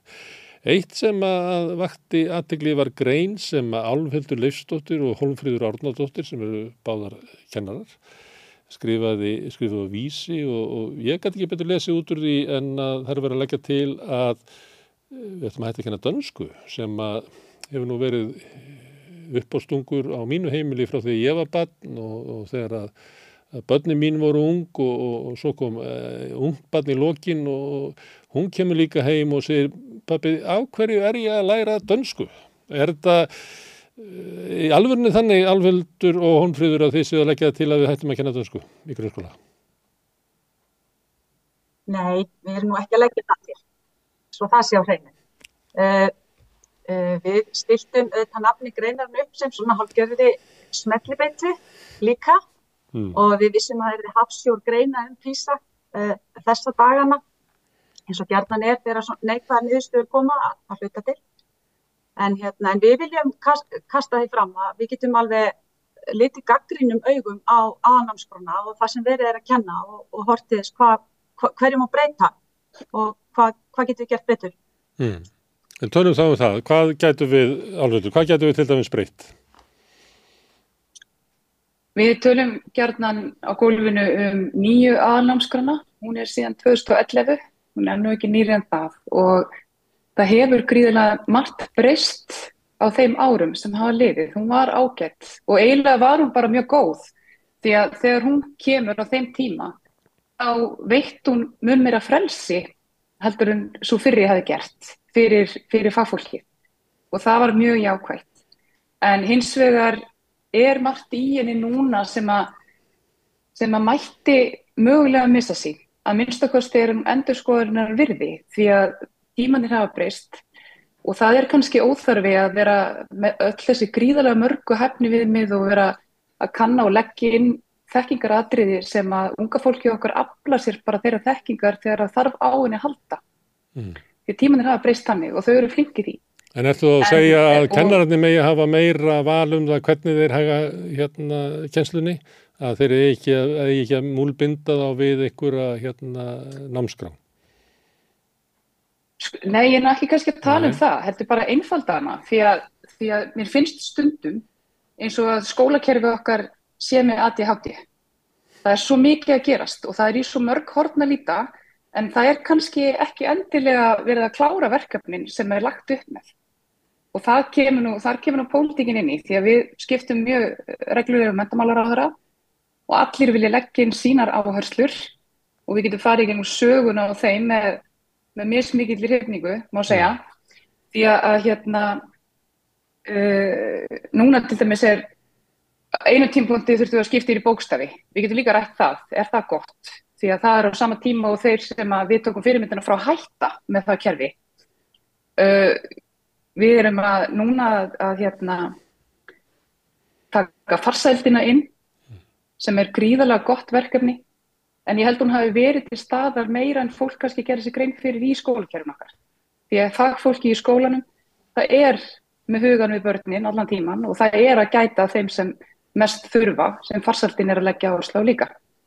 En, en, en í þetta fer allt gríðarlega vinna og vinna sem er tekin kannski af öðrum, öðrum hérna, þáttum kennslunar þar fyrir utan vantar fagfólk í skólana þannig að kennarar eru hérna salfræðingar og, og lífsleikni þjálfarar og hvað ekki þannig að stundum vantar bara frið til að við fáum að kenna í friði Mm. og fáum þann, þann stuðning sem að, skólakerfi þarf í nútímanum með, með auknum greiningum, kvíða uh, fjöldtingi og öllum þeim áskorunum sem eru sem eru algjörlega hægt að takast á við. En það er að gera það á réttan hátt og það þarf stuðning við það og það þarf pínu frið.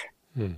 Man heyrir þetta víða hólfröður frá kennurum að það vanti ekki fleiri svona lausnir eða töfra triks sem að, að stjórnmálun vilja draga fram eða að, að næsti mentamálaður að vilja setja sín fing, fingraför á kerfið heldur vanti það sem að, að alveg var að segja bara að, að skólakerfið fái frið bara til þess að vaksa og dafna eins og svona, já, svona, svona eiginlega menningarlegt fyrirbriði. Hólfröður. Já, já, ég, ég tek alveg undir þetta með álföldi og, og hérna, og hún nefndi farsældina og við sáum það til dæmis ef við tölum um PISA að börnum okkar líður bara nokkuð vel í skólan og það er bara alltaf mikilvægt og, og góður grunnur til að byggja á. En, en svo er, er einmitt spurning um þetta, hvað áherslir við, við leggjum á í námi barna. Og sannarlega er uh, 12 ára gömul námskrá ekki alveg í takt við samfélagið eins og það er í dag. Og þetta er eitthvað sem þarf að endur skoða og ég er alveg sammála því, mér finnst líka alveg eins og við nefndum í greinni að það mætti auka val á úlingastíð, uh, gefa skólum svolítið færi á að, að vera sjálfur, að, að móta svolítið sína námskrá uh, á, á, og til dæmis lögum við það til að danskan er þá jável, svo við höldum áfram að tala um dönskuna, Mm. er því jável valfag á úlingastíð, hún er ekki þrið skild, það er tungumálið, þriða tungumálið er ekki skilda heldur getur nefndu valið, til dæmis milli dönsku, þýsku, frönsku, spænsku eða hvernig sem það nú væri. Þannig að við tre- treystum unga fólkinu okkur til að taka hérna, upplýstar ákvarðanir og, og á gaggrinn hátt um þetta og, hérna, og svo hvað varðar hérna, læsi og annað, þá er, þá er það allt samfélagið sem þarf að taka sér svolítið á hvað það varðar. Og við meðum ekki gleyma því að börnun okkar eru vissulega líka að lesa í tækjónum sínum. Mm. og, og það er, það er ótal margt sem að, sem að stiður við læsi. En, en við þurfum að, að hérna, gera þetta á faglegan hátt og við þurfum að, þurfum að endur skoða námskrona, þurfum að, að fækka, svona aðeins þjappa saman og fækka þessum liðum sem þar eru og en við þurfum að gera það vissulega með fagfólkinu, með kennurunum, þeir eru með puttan á púlsinu og nefndum, ekki síst þeim, það eru þeir sem eiga hérna, innbyrða allt þetta ná og, hérna, og svo bara að vinna þetta líka með okkar sérfræðingum sem eru að rannsaka nám og, og, og, hérna, og kafa svolítið onni þetta. Mm. Hvað er, hvað veldur og, hvaða úrræði eru í búði? Mm. Eitt sem hefur verið rætt er að, áherslan á svona málfræði væri miklu meiri heldur en kannski á leskilningi og öðru slíku. Og ég man að, að Hulda Proppe sem er að kenna er á vývelinum. hún sagði sem svo að, að þegar námskránin skoðu þá er bara sagt að það er að kenna helstu málfræði reglur og en hefðin væri svo að það, þessar helstu reglur væri allar reglundar og hún hefði eiginlega bara tekið ákvörðunum það að bara grísi aðeins og kenna bara helstu þar sem hún taldi að vera helstu og mikilvægustu en auka sagt, annars konar íslensku kjenslu. Getur það verið að, að, að hefðin sé hérna, hluti af vandanum uh, hvernig við nálgunst til dæmis íslensku kjenslu frekar henn endilega sko, námskránu sjálf? Já, ef ég fæði að grípa þetta þá held ég að það sé það verst, versta setningin sem við heyrum, hvort sem það er í, í hérna, skólasamfélaginu eða bara í lífinu yfirleitt, er þetta hefur alltaf verið svona. Það er mjög slæmsetning, því hún er ekki framsýn uh, og það er, það er sannlega verið, það eru margir að gera rosalega gott og það eru margir að, að breyta sínum kennslu háttum. Við hefum til dæmi í árskóla, hvar ég starfa hér í skadafyrði, verið með svona skapandi skil mikið, þar sem við samtfinnum góðar íslenskar bókmentir eða þýttar bókmentir í íslensku kjenslunni og við erum með indislestur, lesum þetta saman með úlingunum og, og hérna vinnum með textan, vinnum með orðaforða og málfræðina, það er í gegn. Því að námsefnið okkar sem við fáum, það tarnast líkar endurskoðunar eins og hefur verið tíðrættum. Mm. Námsefniðs útgafa er ekki nægilega góð eða, og ekki nægilega svona í taktu nútíman og það er líka annað sem við þurftum að skoða með aðlámskrona. Við þurfum að auka afræna borgaravitund því að börnin okkar eru með þessi tæki í höndunum og aðgengi að, að öllum heiminum í þeim. Við þurfum að auka gaggrina hugsun til að, að þau séu sleipar ekki við öllu sem að þau heyra því þau eru skynsum og snjöll en þau þurfum kannski aðeins svona að pikki í sig að, að vera gaggrinin og, og, og hérna takkin stem í auknum mæli. Það sem við erum að vinna, það er nú einmitt kemur við þetta písa, þessa písakönnun sem kannaði sérstaklega náttúrulegsi að við erum að vinna með náttúrugreinarnar okkar á starffræðina í, í höndunum og, og gera þessi verkefni áhugaverð og eftirminnaleg fyrir nefnundur. Þessi ekki alltaf bara að lesa texta blaðsíðum í bók. Þetta með að undurbúa krakkana um að vera borgarar í líðræðsluðu samfélagi, þetta er hluti af námskráni frá námstefnunni eða hvað það heitir frá 2011 eða ekki? Er það og í þeirri námskrá er talað um líkil hefni sem er tjáning og skapandi hugsun, sjálfstæði og samvinna og, og svona ákveði teknilæsi og ábyrða eigin námi.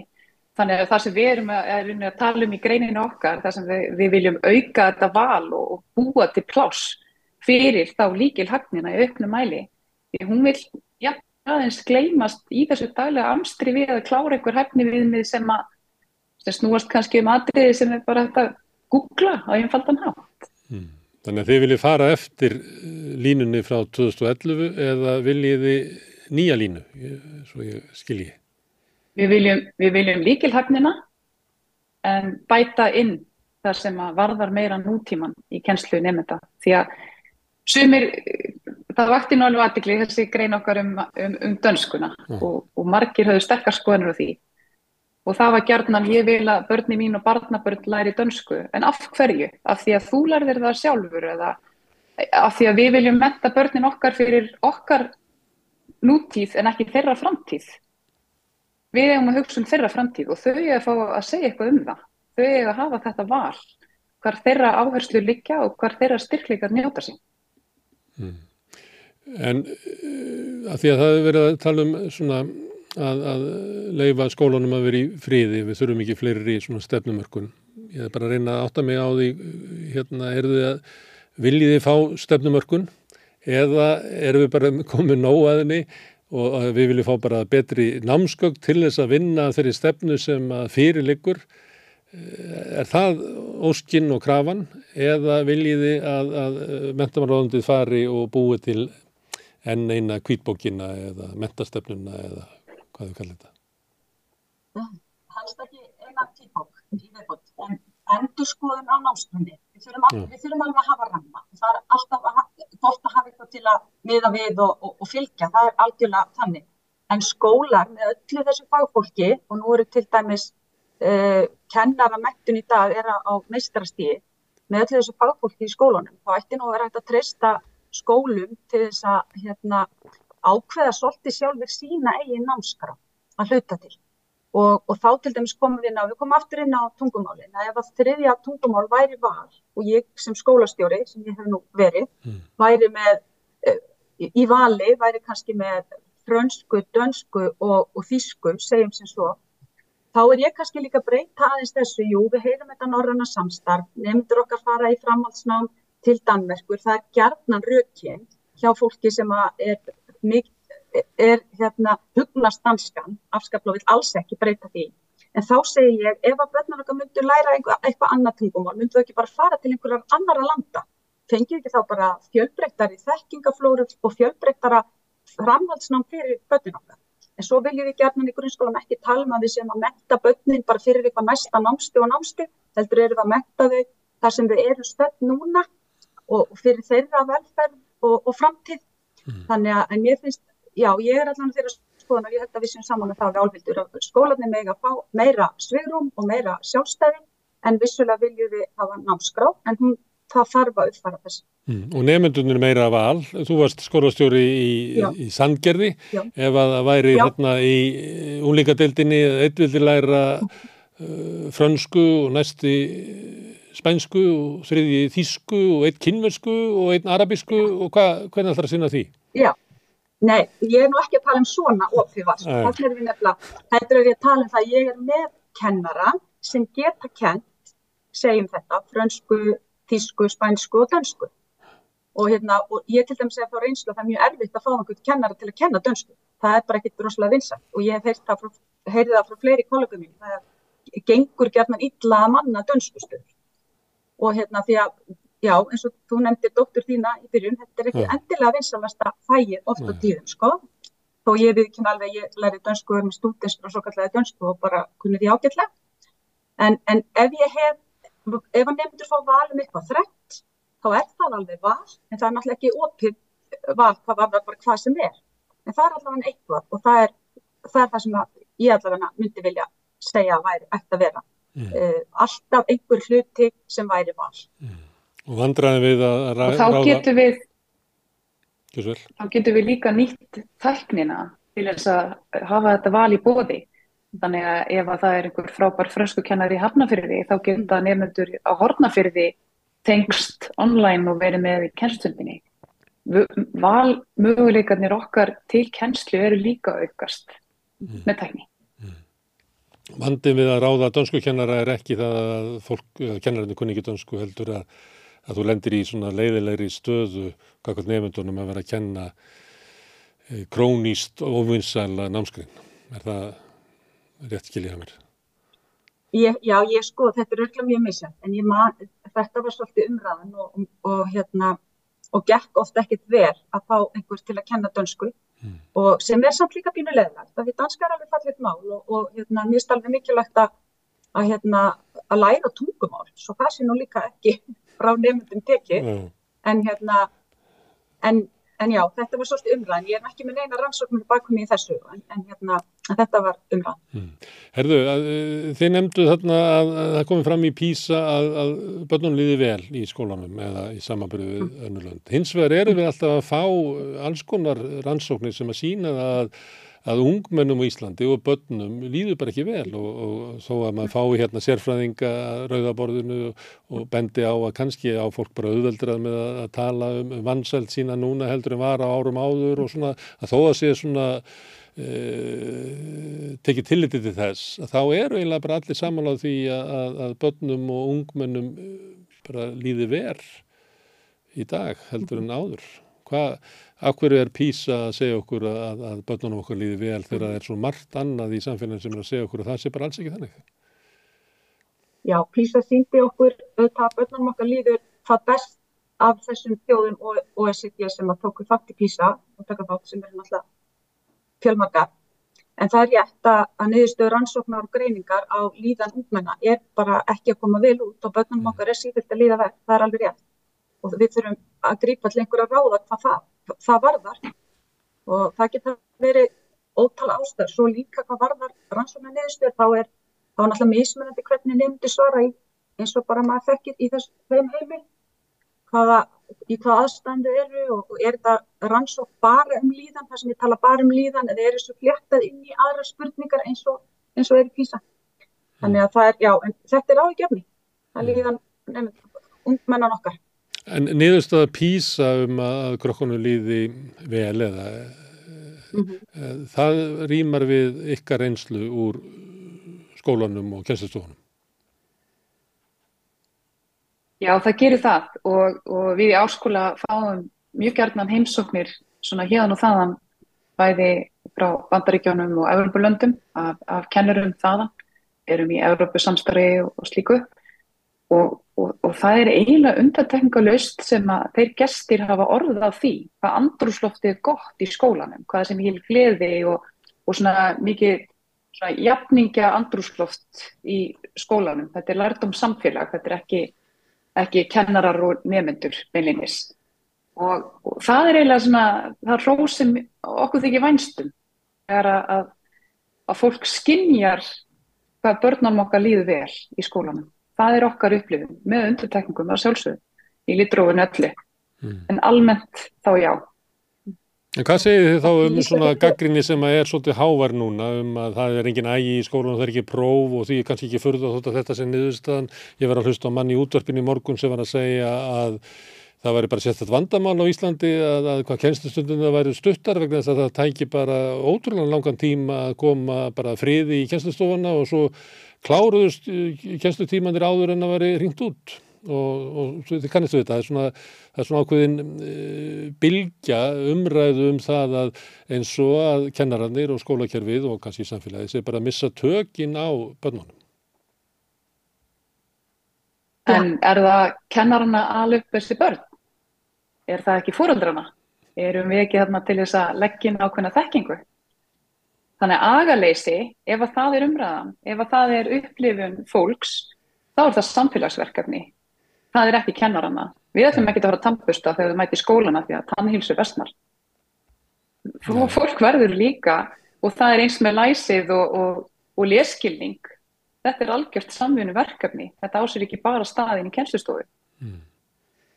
Þannig mögulega er aðaleysi uh, ekki, ekki mín upplifun sem kennara en þá, þá þarf samfélagið allt að stíga aðeins aftur og bakk og endur skoða hvað er í gangi og hvað þarf að gera betur. Mm. Hvað séð þú Holmfríður um þessa gaggrín? Hún er svona hávar, þetta er svona okkur lína í viðbröðunum við písa að, að, að það þurfi bara að uh, þetta sé afleðing af því að það var dreyð úr prófum, þetta er af, afleðing af agaleysinu, einhver orðað sem svona það er ekki fyrir þetta börnunum líði vel, það er ekki að kröfur gerða til þeirra. Ég er ekki að halda þessu fram, ég er bara með langar að heyra svona ykkar afstöðu til þessara línu umræðunar. Sko ég held alveg að séu gerðar kröfur til barna og nefnda í skólan, algjörlega. Það sem ég hugsa alltaf þegar ég heyri þetta er hvað, hvað áfólk við með agaleysi. Áða við að það sé agaleysi þegar það er líf í stofunni, nefndur er að vinna saman í hópum, tala saman um námsefni og þú veist það, það er stuð og fjör mm. eða, eða finnst fólki, og fólki þá vera ægi ef nefndur setjum bara kjörður við borð og eru að þeia og vinna einhver einstaklingsverkefni í jáfnvel einhverju vinnubók. E, veist, ég, ég, skil, ég skil ofta ekki þessa umræði og svo finnst mér líka oft fólk koma með einhver, ég veit ekki reynda hvað, um hvað þetta snýrist en fólk er ofta koma með einhver svona einhver persónlega reynstu og, og eitthvað út frá því þegar það var í skóla og þá finnst þeim að það sem er núna sé ómöguleg. Ég held að ótrúlega margi kennarar eru bara mjög flíkir, þeir eru með áhugaverða framsetningu á því sem þeir eru að kenna þeir gefa nefndum færa því að læra í hóp, þá skapast bara meiri umræða, það verður meiri þekking þegar fleiri tala saman heldur en bara einn og ég, ég er ekki að taka undir þetta, þessa agaleysis hérna, umræðu í grunnskólum, bara alls ekki. Nei. Er þeir eru að tala um að auki frelsi skólana og kannski auki frelsi kennarana til þess að, að móta hérna, kjensluna og eru svona kannski á hinni línunni sem að segir að, að við getum bætt skólana, bæði að styðja kennarana og styrkja þá uh, og að, að, að byggja upp uh, skólana og metakerfi sem svona, svona humanískum kultúr frekar heldur en að vera með svona mælingar og einhverja kröfur að utan þar sem er svona hugmyndur um að stýra skólakerfinu eins og fyrirtækjum er, er, er stýrt. Hvað vantar ekki svolítið mikið upp á, á sko stuðningin sem að kennarinnir hafa til þess að geta staðið undir þessu hlutverki? Í eitt dæmi sem hefur hérna komið þá var ég að tala við hann að Nikolí Mosti sem er leikskólakennari á Víki Mýrdal sem er sveitafélag sem hefur gengið í gegnum meiri svona samfélagslega breytingar heldur en nokkuð annað held ég. Og meira heldur en að, að, að Suðunisabær og, og Reykjanesbær. Hún sagði að, að krakkarnir sem var að útskrifast úr grunnskólanum síðastliði vor hafi allir verið innfættir en krakkarnir sem að voru að koma á leikskólanum frá henni yfir í grunnskólan hafi verið 74% innfættir gríðarlega mikil breyting og degla sem að lítur að vera mikið svona áskorun fyrir skólan að, að halda utanum og ég spurði og hvaða stuðning hefur hérna, hafa kennararnir og skóli fengið? Og þá sagði hún uh, engan held ég. Hmm, Já, ég, ef ég byrja smá þá hérna þá tekið undir þetta. Ég held að hérna, það vanti bara, já, stuðning, sérstaklega hvað var það til þessara minni skóla viða um land, það sem er bara minni aðgangur kannski að einhverju sérfræði þjónustu, en, en ég held að skólanir þurfi stuðning og, og þarna held ég að ný metamálastofnun ætti að koma sterk inn að stiðja við skólana og, og, hérna, og námsefnisgerð og allt því við erum sannarlega með miklu uh, meira undir núna með einmitt nefnendur sem eru fjöltingdir og, og við erum náttúrulega með skóla án aðgrinningar, við erum með alla í húsinu, við erum ekki með hérna, þessa sérskóla stefnu sem sko, marg, mörg, margar aðra þjóður eru með og þannig að við erum með fjölbreytta nefndahótt undir og það þarf uh, fjölbreytt fagfólk til að koma að þessum hópi og fjölbreytta stuðning, það er eitt. En í slíku kerfi það sem er skólir aðgreiningar þá einmitt þurft að vera eitthvað svona miðlægstofnur sem myndir styðja skólana en hjá okkur þá bara leistist þú neila upp og hérna verður endurreist í, í apríl held ég. Þannig að við erum eiginlega með það kerfi í upplöst á sama tíma og kannski þarf aldrei meira á því halda. Mm -hmm. Algjörlega. Og ég, en auðvitað sveitafélagin með einhvers konar fyrirgjáður, með einhvers konar hérna, sérfræðfjónustu og þar eru gerðnar skólaskrifstofan slíkt sem eru sannlega að sinna nöðsynlega ráðgjöf út í skólana. Mm. Það með tefla þetta. Hvað segir þú, Alhöldur, sem ert í, í skóla í Skagafyrði? Það er ekki, það er ekki lítill skóli? Nei, við erum nú frekar stór skóli og það eru þrýr skólar í Skagafyrði sem að, hérna, eru, ég held kannski að enginni samt skólana út á landi mögulega meira heldur en á höfuborgarsvæðinu að að grúskan verður á gólfinu og, og, og það, er, það er mikið af styrkleikum innanhús sem eru bara nýtir. Við stöndum reynda líka betur að mista kosti mínum skóla hvað var það mentunarstíð kennara en það er virkilegt áhyggju efni að leiðbennendum fjölskar og kennarar eru að eldast og eru að, að breyta kannski um starfsvettbang, tala um ála og kulnun og slíkt Nú er personuvend til dæmis í einhverju vegferð sem að ég á erfitt með að skilja. Hún beitir refsi vendi á þá skóla sem að er að nýta sér takni mm. til, til náms og, og hérna í staðan fyrir að vera með leipinandi skildur sínar á ottinum og, og það er ekki, það er ekki kannski físilegu kostur fyrir þá sem er að huga að því að metta sér sem kennarar að í staðin fyrir þess að, að hérna, við séum bara hjálpa staði að takast á í áskorunir í takninni eins og gerðigrindina sem er mætt. Og, og við þurfum að, að ákveða hvernig við ætlum að takla hana. En það er svolítið umræðan er enginleg og ég var nú á skólamálaþingi sambandsís fyrir ekki löngu síðan þar sem kom nú fram að ég held að það hafi verið fjóri starfsópar settir saman á einhverju ára tímbili frá því að grunnskólumir fórið til sveitafélagana sem átt að greina hvað var hægt að gera betur og, og þeirra niðurstöðu voru mjög samhljóma en ekkert að þeim hefur komið til framkvæmda því að það er alltaf verið að skera niður í skólanum og við höfum bara að gera þetta vel með takmarka fjármagn og, og takmarka stuðning við það. Mm. Já, erðu hérna Takk fyrir að leiða okkur að ringja í ykkur. Þið kannski kikið á okkur hérna þegar þið leiði í bæin, Álvildur og Holmfríður og við höldum að fram þessari umræðu. Það er alltaf svona takmörkun háð hvaða samt er þetta ná í gennum Zoom með aldrei virðingu fyrir þeirri tækni. Þannig að, að, að ég fæ ykkur hérna í heimsóknar rauðaborðinu þegar betur hendar og við höldum áfram skólamála umræðinu hérna í næstu dögum og vikum en ég þakka þeim kella fyrir álfyldi og holmfríði og við snúum okkur að næsta máli á dasgrán. Hvernig getur við réttlætt að helmingur eblingakvönna býr við slæma andlega heilsu? Ebling stjættarfélag. Baróta fyrir betra lífi. Allir þættir samstæðvarinnar eru fáanlegir á öllum helstu hlaðvarpsveitum.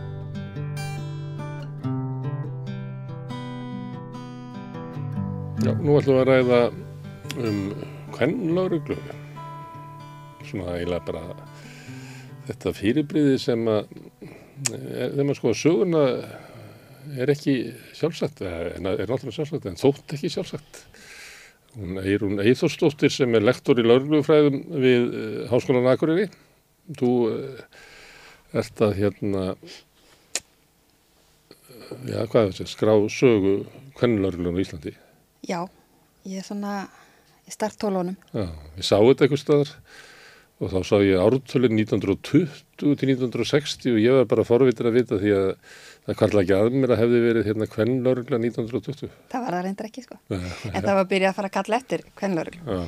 En sko kannski við komaðast að hvernig þetta kannski, já, hvernig þessi hugmynd var til að þá fyrir nokkrum árum þá lést Dóra Hlín Ingólfsdóttir, lauruglkona til margra ára. Hún var eina af þeim sem var þeim konum sem fóru fyrstar í lauruglubunning upp 1970 og það var óbærslega áhrifarík ræða sem að dótturinnar held í kirkjunni e, við útförina mm. það sem hún kom inn á sagt, þessum hindrunum sem hefði mætt Dóru Hlín í starfi e, þegar Dóra Hlín fór að tala fyrir betri þjónustöka gott konum mm. og þá sérstaklega konum sem hefur orðið fyrir ofbeldi kynfyrsofbeldi, heimilsofbeldi, svo framvegs og hún var svona nánast bara setti liðar vegna þess að hún var að krefjast betri svona þjónustu lauruglu við þessa, þennan hóp. Sett áttu hlýðar í lauruglu liðin? Í lauruglunni, í raun og veru. Mm -hmm. Og svona fekk ekki svona, hún var mikið barndkona og vakti aðtikli á, á þessu málefnum og hvernig þessi málefni voru kannski ítla unnin innan lauruglunar mm. og hún í raun og veru er bara svolítið sett hlýðar.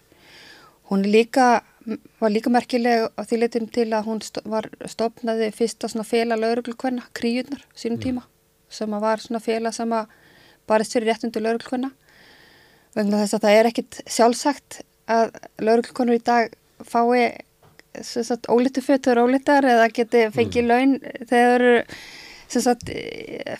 ólítar og annað slíkt sko, mm. þú veist þetta var ekkit, það þurft að berjast fyrir þessu innan lauruglunar líkt og þurft að berjast fyrir þessu bara í samfélaginu. Mm og þar fór yfirleitt Dóra Hlín svona fremst í flokki. Mm.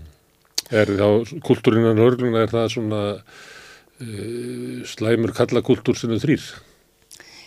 Sko það eflust verið það sína Já. tíma sko. Dóra Hlín byrjuði náttúrulega í lauruglunan upp í 1970 en í kjölfarið af útfyrninu hennar að þá Já. ræðu við nokkru lauruglukonu saman og förum að tala um það að, að, að skona saga lauruglukona verður eiginlega að skrásætjast. Mm og það er vissulega verið gefin út bóka svona tíma um sögu lauruglunar í heilsinni og það er alveg vissulega vikið að bæði fyrstu lauruglukonu Jónu Knudsen og líka kvenn lauruglunni sem að tók til starfa eftir 1950 en bókin sem slík er náttúrulega karlæg og annars líkt og það var ekki heldur búið að opna skjöl Jónu Knudsen uh, á því þjóðskjálasafninu sem að varpar ljósi á störf hennar mm. innan lauruglunar þannig að það er svona margt sem að vandar í þessa sögu mm. í þeirri bók og við sem sagt ákveðum það ég og Sigrun Sigurðardóttir sem er professor á Háskólan Akureyri og, og ég fram fyrir til lauruglukonna að taka þetta að okkur og fengum í raun veru leifi andra lauruglukonna til að skrásetja þessa sögu mm. og svona hófist handa Uh, vorum svo opbúslega vongóðar að við myndum náttúrulega bara strax fá styrki til, a, til að mm. skrásitja svona mm. Leituðu bara til landsabatsins og svo leituðu við til dómsmálaráðanætisins og þá var dómsmálaráðara svona ung, ung kona sem við heldum og myndum nú alveg hafa fullan skilning á því að þetta mm. skrásetja sögu lögurkvenna mm.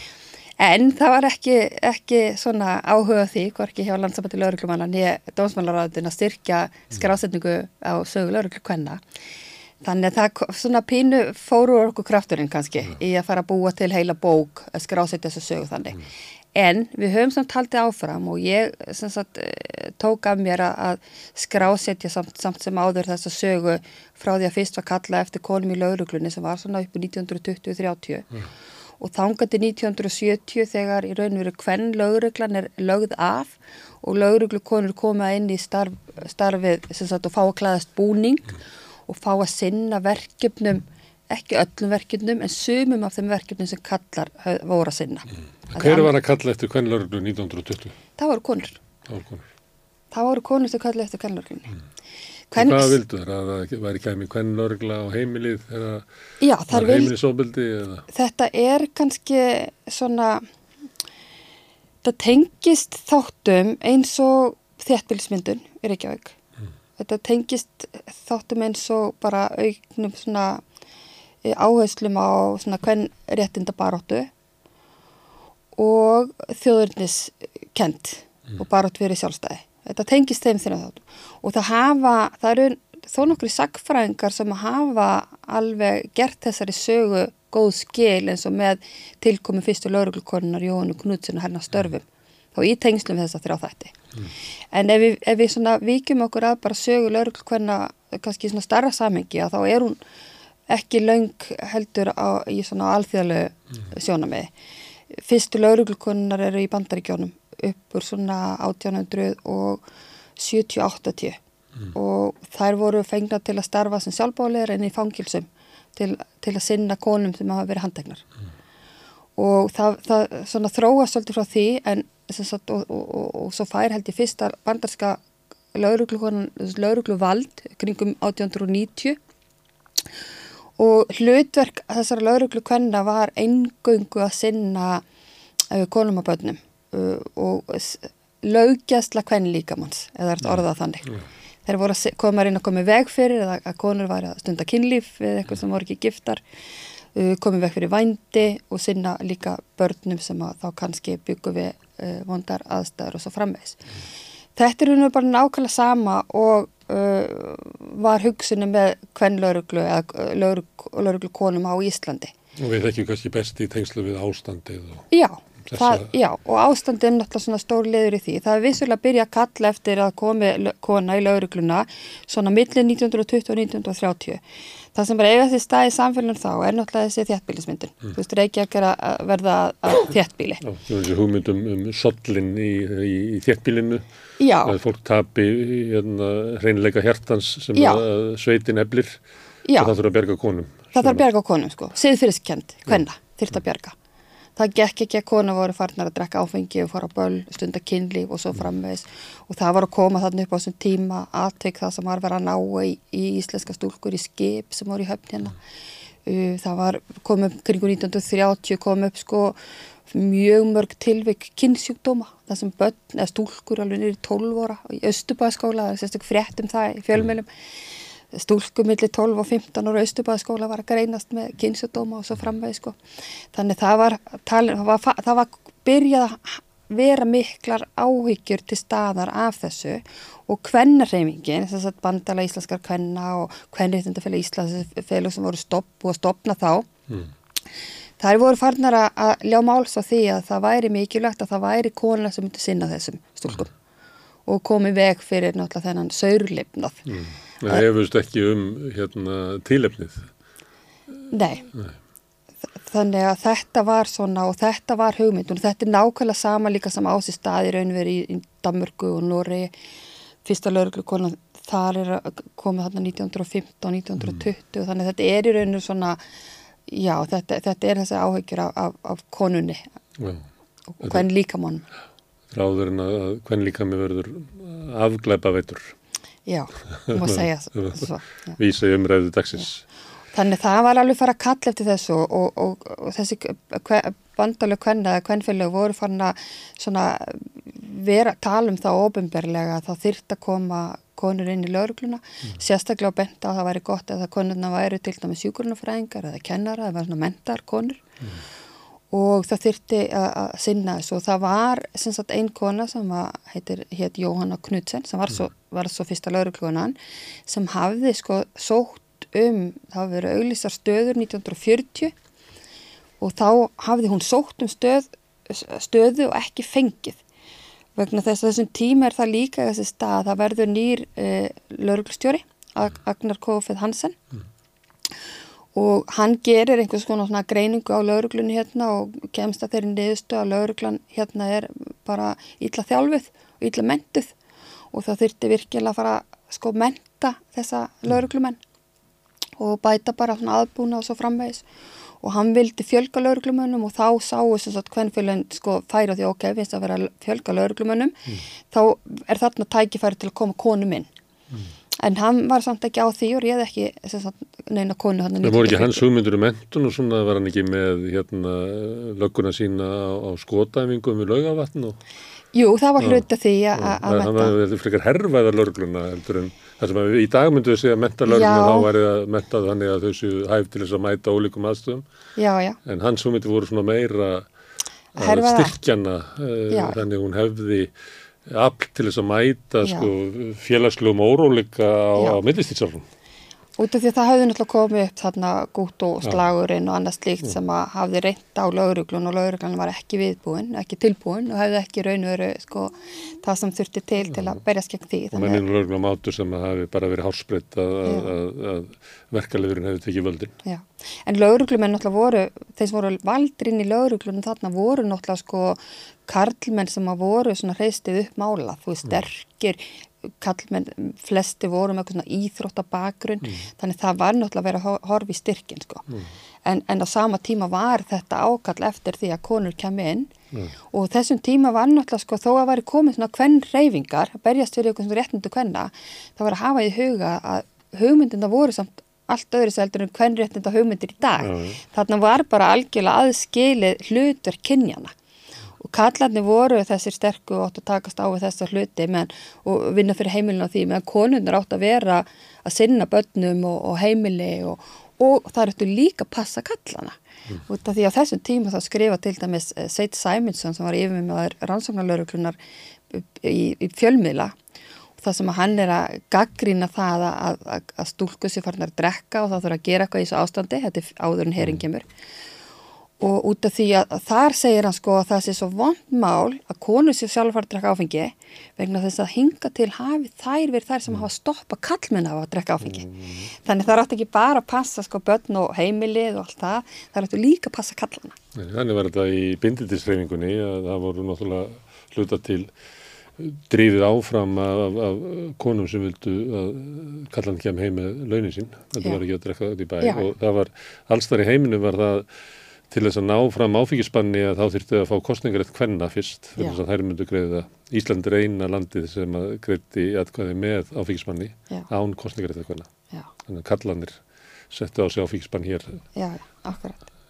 Þannig að það var alltaf, þetta var á þessum árum þetta hlutverk að konan er því að halda sko upp í síðferði heimilisins. Já og hafa eh, heimil á kallinu Já. þannig að konan fari í sollin þá myndi ekki hún bara rinja heldur að fjölskyldan. Akkurat, og þetta er alveg ábyrjandi við þetta ákall eftir konum í lögurkluna mm.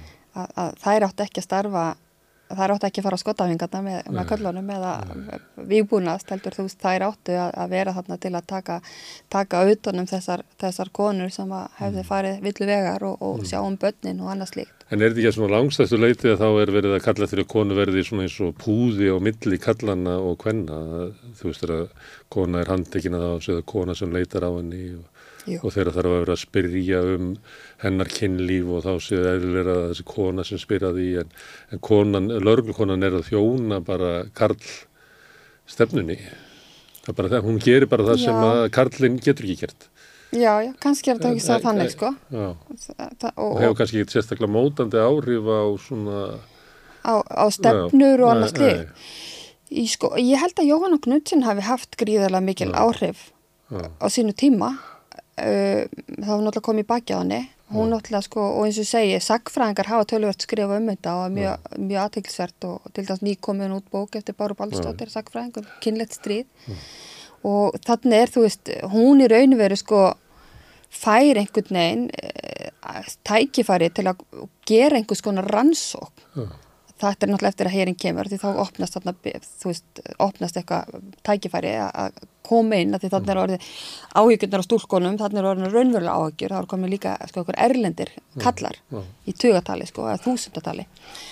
Og hún fær tækifæri til að sinna bú, og gera eitthvað svona rannsókn á þessu og fylgir eftir þarna stúlkum uh, og heldur bara dagbók utanum sagt, þessar stúlkur og þeirra samskipti mm við, við uh, hermenn mm.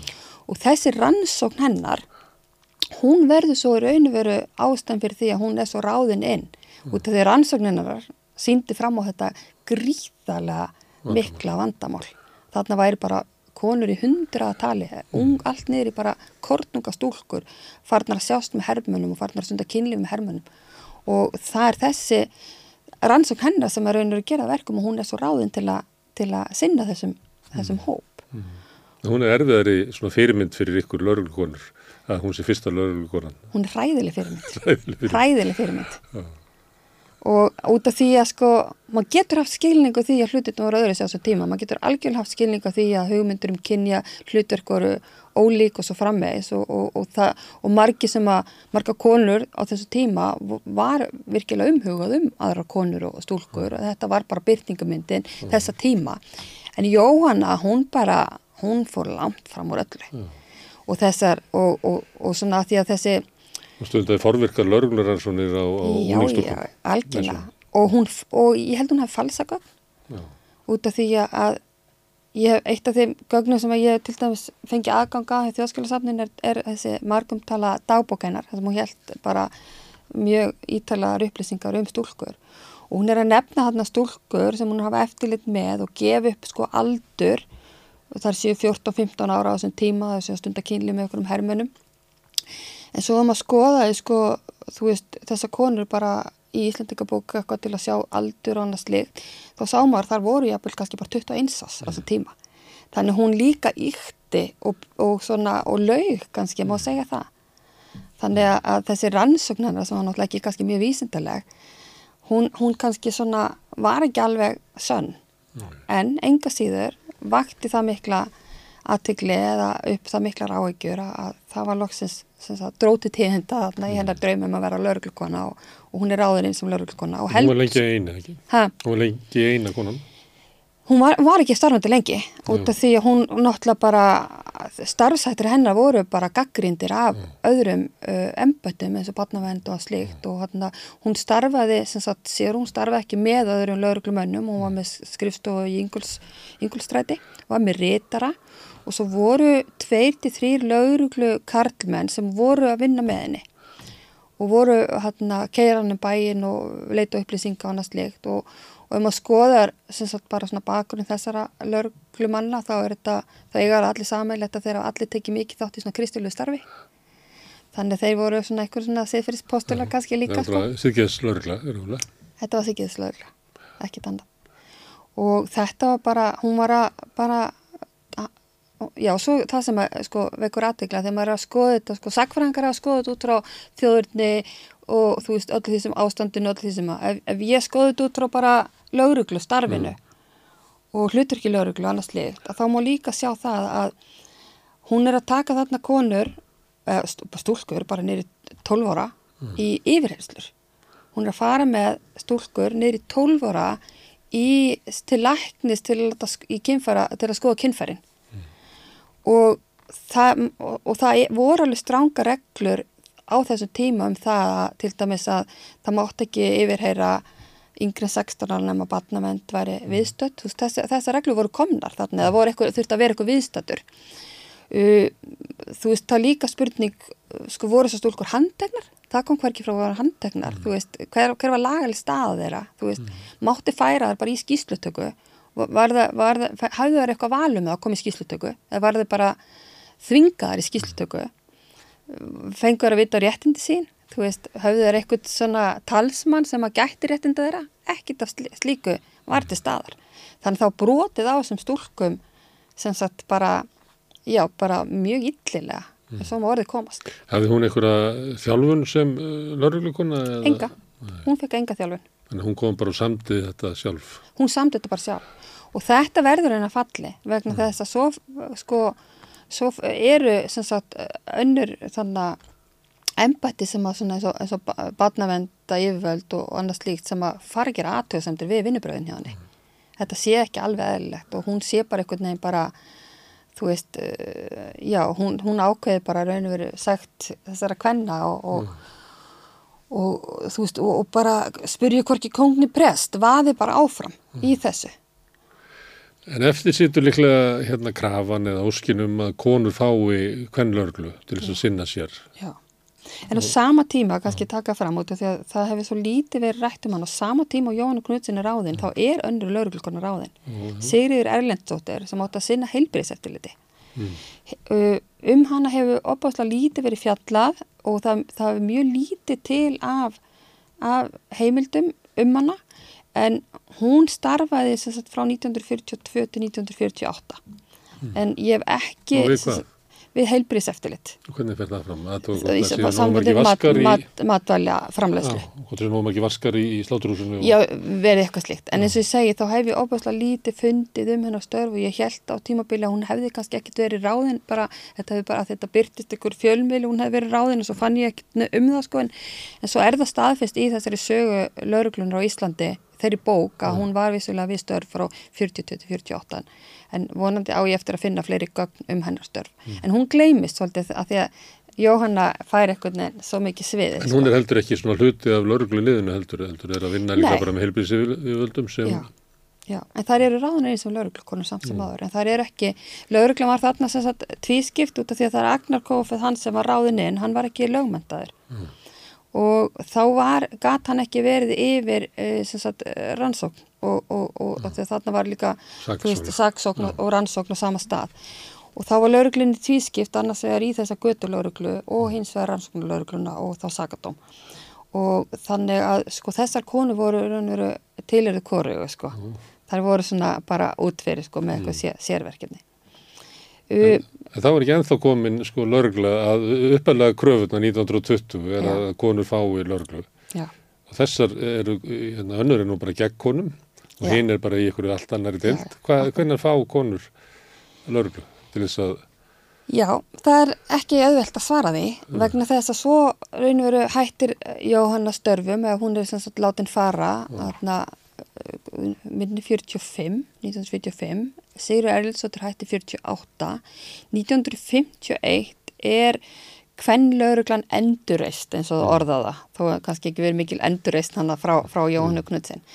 Og þá er Vilhelmina Þorvaldsdóttir ráðininn sem er uh, ung kona sem er stúdent frá mennskólanum á Akureyri og fór lærði ennsku og uppbyldisfræði í Háskóla Íslands og fyrir svo til Breitlands og lærði ennsku Hún er ráðininn sem, sem fyrsta lauruglukonan í þessa kvenn lauruglu 1951. Mm. Hvað var hún að gera? Hún á rauninu bara svolítið að halda fram að hafa eftirlit með konum og stúlkum. Mm. Og út af því að þetta þótti en þá vera vandamál. Mm. Þetta vandamál verðan þá til stað þá fólk hafi verið ósáttu vinnuburð Jóhannu Knudsen og hún hafi verið setta af. Þá var þetta en þá séð sem stort vandamál mm. að stúlkur væri þarna sagt, svona siðlausar og væru að drekka og stunda kynlíf og allt þetta, þetta þótt en þá sko samfélagsvært mm. vandamál sem þurfti að takast á við mm. og kvenlaurugla, hlutur kvenlaurugluna var raun og veru bara að halda áfram og sjá um þetta. Hemmið þetta ástand. Já og Vilhelmina sendið bandaríkjana og er þar veturinn 53 til 54 í Detroit, lærir þar í raun og veru af lauruglukonum þar og má spyrja svo svona hvort að það endilega verður kannski ekki alveg verið það umhverfi sem að hefði verið eðlilegt að þjálfa eitthvað fyrir sko Ísland mm. en enga síður, hún var alltaf að senda Erlendis og fekk þjálfun sem að Jóna Knudsen fekk ekki sko mm. og strax í kjölfari eru svo ránar allavega þrjár lauruglukonur og ein af þeim er einmitt fyrsta lauruglukona til að fara á uh, eftirlun sem lauruglukona mm. hún starfaði alveg frá þeim tíma og, og, og þá gæti hún fóra eftirlun núna bara 2000 og eitthvað og, og hvern lauruglan í raun og veru bara helt áfram að sinna þessu mm. eftirliti með, með ungum stúlkum mm. og þó það kannski einblindi ekki eitthvað ástandi náttúrulega lengur en það var ennþá tóti ástæð til þess að hafa eftirlit með siðferði ungra stúlsuna mm. og það var ennþá sko að því þegar Jóhann Knudsen hafi starfað þá var á stuttum til að þessi ungmenna dómstól var settur á laginnar sem dæmdi í raun og veru þá nokkra stúlkur til í raun og veru bara betur en að vistar, vistar á vistheimili á kleppi ásreikjum. Það var svo stoppað líka út af því að það þótt ekki, ekki vera allt í lægi en í raun og veru er þetta bara áframhald eftir 1950. Það er ennþá áframhald á þessari köllun á einhverju vistheimili fyrir þessa stúlkur. Einhverju var að senda í sveitir Uh, og, og, en það var kallað eftir vistheimil þessi stúlka. Þannig að hvern lauruglan alveg þangað til að, að konu fara í búning. Já. er eiginlega, eh, maður getur hvað þýðir orðið hvern lauruglan það er að konu séu í lauruglunni, en það er líka bara þetta er löggjastla á konum. Já. eiginlega frekar sko. Maður til að skilja það frekar þannig sko. Já, þær höfðu ekki öðrum, öðrum verkefnum að sinna. Þær, þær fór ekki, þær fengi ekki fara í lauruglubúning mm og voru ekki starfa með, þar voru annar staðar, starfsefni þeirra var á annar staðar heldur, heldur er unnu með lögurglumennunum, mm. lögurglumennin er aðstöðar en þær, já, en þær voru sér apparat alveg. Mm. En það að konu fari í búningar, það er þetta að tengja það, já, einhverju svona kvennabaróttu, eins og sumuleiti svona krafa frá 1920 er um það að, að konur fái já, bara svona eðlilegra viðmót og þjónustu þegar það þarf að hitta lörnuna. Ja. Er það eitthvað sem er í kringu 1970 þá náttúrulega er mikil bylgja hvernig barðunar. Er það hluta henni, myndur þú segja það? Sko ég er ekki komin... Myndur þú segja að það var einna sigur um hvernig barðunar að kona mæti í búning? Já, en ég meina það, það voru samt með takmarka, takmarka starfstíð, starf, starf, sko, það fengi ekki, þeim var ekki treyst til... Treyst til allra verka, sko. En, en jú, jú, þetta er stór sigur, vissulega, og líka kannski staðsi sigur fólkinni því að, að þar voru það ekki að sinna bara lögjastlu við öðrum konum, mm. heldur fóru að sinna, það fengi að sinna umferðar umfyrra lögjöfinni og það fengi að sinna svona einhverjum litlum áraugstrum og, og hérna já, það er svona ákveðin verkefni sem fengi að sinna. Já. Hvenar hérna gerir það að hérna kynlíf hvenna verður ekki svona uh, löggjastlumál? Sko, mér sýnist að vera bara... Kynferðisbrót eru það, ég, ég, ég tala um bara það svona... Já, svona, að það hættir löggjastlega við líkum, líkum um hvenna. Ég held að það sé þá bara þegar þessari kvennlögreglu er sko lokað eða ja. er hægt þarna fyrir 1970 eða kringu 1970 ja. þá held ég að það hafi það voru náttúrulega komið upp í mjög skona mál sko það var sett á lakirna vistheimili og svo hefur komið síðar í ljós sko að þarna að það í mislega sem átt sér stað þessu vistheimili og kynfyrirsóbildi gagvart konum framdar af öðrum konum það var mikið kirkutenging á þessu tímubili þetta 1950-1970 mikil kirkutenging og trúileg tenging við starf lauruglukanina og verið fjallað um þetta á ýmsan hátt í Já. íslensku samfélagi í leikritum og sökfræði og alls konar. Um og, og þetta er eins og, eins og mann ekki hvort ég sagði það henni upp af en, en þá er þetta sagt, þessi sögu skoðun er náttúrulega Veist, er ekki, ég er ekki búin að henni, þú veist, ég er mest búin að vera að skoða tímabili núna frá hérna 1920 og 30 og til svona 1950, mm. aðeins var hann að skoða núna 50 til 70, þannig ég kannski svona, þekkingin er mest hérna mm. fyrstu áratögunum, mm. en, en já, en, en svona ef ég geta svara því hvað gerist þarna, það kvennlauruglan hætt, þá má segja það að þá hættir í raun og veru þessi áhersla á, á lögjastlefir konu líkamannum. Og lauruglu konur fá þarna búning og fá að starfa og það eru ráðnar þinn fleiri konur. Og þær fá líka þjálfun, þær fá þjálfun á skotfæri til dæmis. Og þarna og eru svona teknar meira inn í, inn í liðið.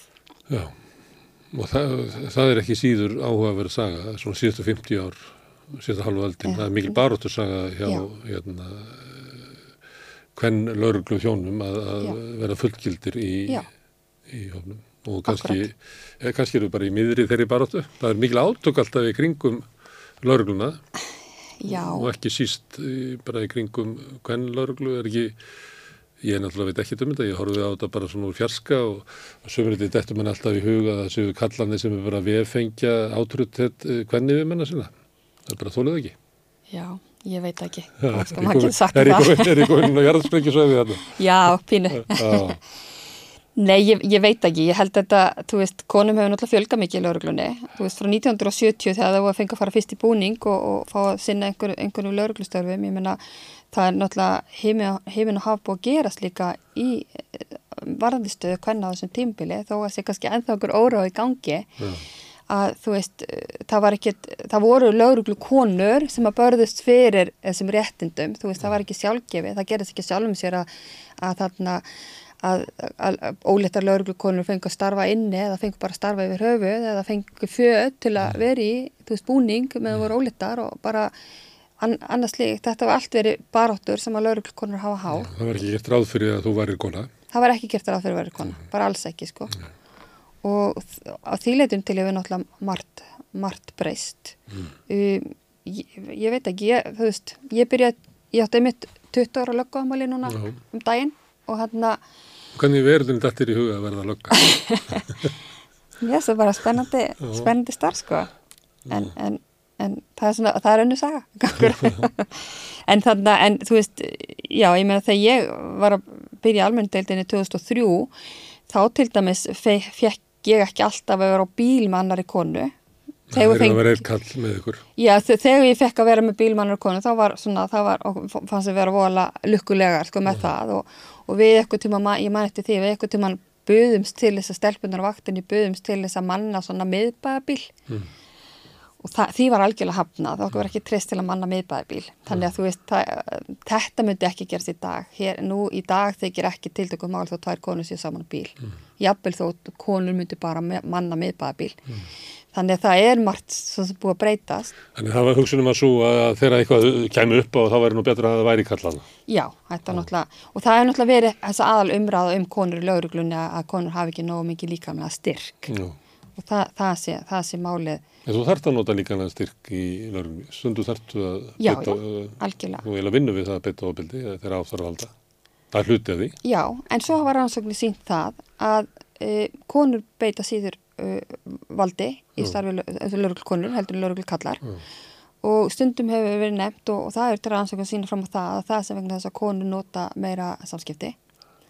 Og með, með samskipta þjálfun lauruglumanna og lauruglum þessu góður í samskiptum þá er hægt að koma veg fyrir valbendingu í mörgum tilveikum, ekki öllum auðvitað en í mörgum. Það, það þarf þá ekki að vera, hérna, einhver sagði mér það, ég held að það hafi verið formaður lörglufélagsins að ef það kæmi sko eitt lörglumadur að íbúðinni þar sem að væri átök að þá varu líkunar á því að myndi leiða til ofbeldis miklu miklu meiri heldur en það verið tveir og eiginlega verið hverfandi eða mættu þrýr Já, að það væri þess að krafan um, um aukin vopnaburð eins og þetta er kallað eða ég veit ekki hvernig orðalagi er að það var að sömuleyti viðbröð við bara fækkun lörglumuna það væri, ég þekki ekki þetta, þetta er ekki mitt svið alveg sko, þannig að ég myndi kannski ekki geta sagt eitthvað að viti um það, Nei. en þarna, en það er náttúrulega vitað að það, það vantar lauruglumenn, við erum fá. Og ég var, var núna bara, var komið heim í gær frá Finnlandi, við erum í svona vinnuhóp saman, uh, fólk frá öllum norrannu laurugluskólanum og þá voru þau með finnarnir að segja okkur það að það væri krafa að það væri sem sagt, uh, hvað sagðan, það væri 300 lauruglumenn fyrir 100.000 íbúa.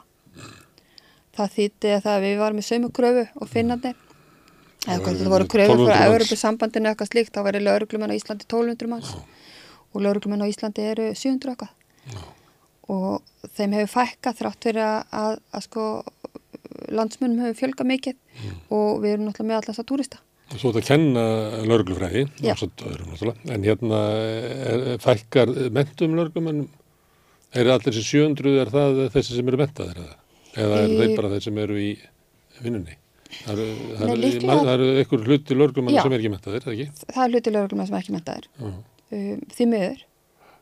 Út af því að það er, það er, það er eitt af því sem að maður pínu, finnst pínlegt að greina frá þegar maður er í erlendu samstarfi að við séum með lauruglumenn sem að er ekki með neina mentun á sviðinu að starfandi vegna þess að eins og Íslandi er þetta orðið tveggjára háskólanám í, í Finnlandi og í Nóri er þetta þryggjára háskólanám í Svíþjóð er þetta tveggja hálsás háskólanám. Þannig að það er pínu pínlegt að segja frá því og fólk finnst þetta skrítið að við séum með fólk starfandi lauruglunni sem er ekki menta sér slíkt þegar í rauninu veru það búið að meta það sem, sem þannig að það þurfur tveikjara háskólamöntun til að starfa við þetta. Það segir svo svolítið sjálft að það skrítið. En ég held að þetta 700 eitthvað sé þá allir, myndi ég ímynda mér en ég, ég, ég þór ekki að fara alveg 100% með það. Ég held að afleysingamenn sé ekki, ef afleysingamenn er í fullu starfi, sem margir eru, að þá eru þeir vantanlega hluti af þessu 700 okkar. Þannig að það vantar bæði fleiri, Já. kannski fyrst og fremst, og svo náttúrulega mentaði. Er, er, hérna, í, hvað getur maður sagt, krakkanir sem er að velja hérna að menta sig til löggestlu, hvernig er eh, marga konur þar á meðal? Já, það, fjö, það fjölgaði mikið þetta fór á háskólastegið Mm. og voru þarna í nokkur ári röð alveg sko 50% og jafnvel allan í eitt árið yfir 50% konur. Mm. Það hefur lækkað aftur, niður í svona 30% Mm. og við svona, Sem er öfugt hlutall við svona almennt háskólanám, það sem er eiginlega 70% konur. já, akkurat. Mm. Þannig við veitum ekki alveg hvað er að verka við manns vera að velta fyrir okkur okkur það er að lækka aftur sko. Mm. En, þarna, en, en fjöldi lauruglu hvernig á Íslandi hefur aukist mjög mikið á stundum tíma. Um, ég held að voru 2013 þá gerði þarna Finnborg, Salome og, og Gíða rannsókn varandi svona kynbundið ofbyldi annað slíkt en á lauruglan, kýfyrst áreitni. Þá minnum við að það er að tala, það, tala um að það væri, væri sko 13% lauruglumanna konur það kom upp 23% núna að með minnir og hærra í sumum embættum, ég held að sé 30% í lauruglunni á höfuborgsæðin til dæmis. Nú er Kastlós að fjalla, búin að fjalla um tvo síðustu kvöld um, um slikt mál inn í lögurinn ekki. Já, Þannig að það er ekki, þetta er ekki horfið, þetta er viðvarandi. e, áreiti, Já, já, og það síndi, það síndi raun og verið þessi nýja eh, Finnborg og, og Geður eru búin að gera nýja rannsók tíur árum síðar. Og eru búin að byrta núna úr þeirri rannsók sem að sýnir að, að kynferðislega áreitni sem svona, eh, þetta snert og káfalt það, það hefur vissulega minkað, en þetta sé komið meira í eitthvað svona talandan og, og hvað er sagt og, og annað slikt, þannig að, og það hefur aukist mikið. Þannig, en já, það, það hefur ekki tekist að, að það hefur ekki tekist að fjarlæga kynferðislega áreitni úr lauruglunni, tímiður. þú talar um góðar og, og slæmar fyrirmyndir fyrir með eigi, það þarna lögurlónur. En nú eru, eh, skiptir að máli að nú er til dæmis lögurlustjórn í höfbruksæðinu er, er kona og, og ríkislögurlustjóri er kona og skiptir þetta máli? Já, ég held að skipt, fyrirmyndi skipta alltaf máli. Ég held að skipti máli að þú getur séð það að þú, þú getur náð uh, fram að eina laurugluna ef það er áhuga á því. Ég held að þetta skipti máli og þegar hérna, fólk er með kannski með aðra sín. Um, en auðvitað geta náttúrulega líka verið kallmenn sem er yfirmenn sem að hafa sambarilega sín. Það, það, það, það er ekki útloka að það geti komið kallmaður sem yfirmaður lauruglu sem hefði svona, já, ríka svona þörf til að betunubæta bara mál sem snúa að konum og mm. kynfyrsbrotum og, og þessi mál sem að kannski lauruglan er oft gaggrind fyrir. Þannig að það er kannski eins mikilvægt og mér finnst að hafa góðar fyrirmyndir en að lauruglunar að séu konur þá held ég það að sé, þú veist, konur er samt ekki alltaf góðar, sko. Við sjáum þá Jónu Knudsen Já, Ha, já, já. að þú veist, það er ekki, það er ekki alltaf sama sem ekki Það er mikilvægt að að að gera heldur en að, að það sé. en að vissulega mikilvægt að, að konur hafi fyrirmyndinu lauruglunar og, og það séu konur sem að nái árangrinu lauruglunar og, og, og konur viti að það geta líka náða árangri aðra konur. Mm. Herðu Eirún, takk fyrir að koma hinga og segja okkur frá kannlöruglunni, fyrst og fremst í gamla daga eins og sagtir, Já. en aðeins í nýnútíma líka. Takk fyrir að við. Herðu, við ætlum að dáfram hér við Rauðaborðið að skilja heiminn sem að, við búum í, samfélagið sem við lifum í og söguna sem við komum úr næsti kapli eftir augnablik. Húsnæðiskostnaður tekur meira en helming á ráðstöðuna tekjum verkafólks í eblingu. Hvernig er þetta réttlæta það? Ebling stjættafélag. Sláist í hópin og gerist áskrifendur.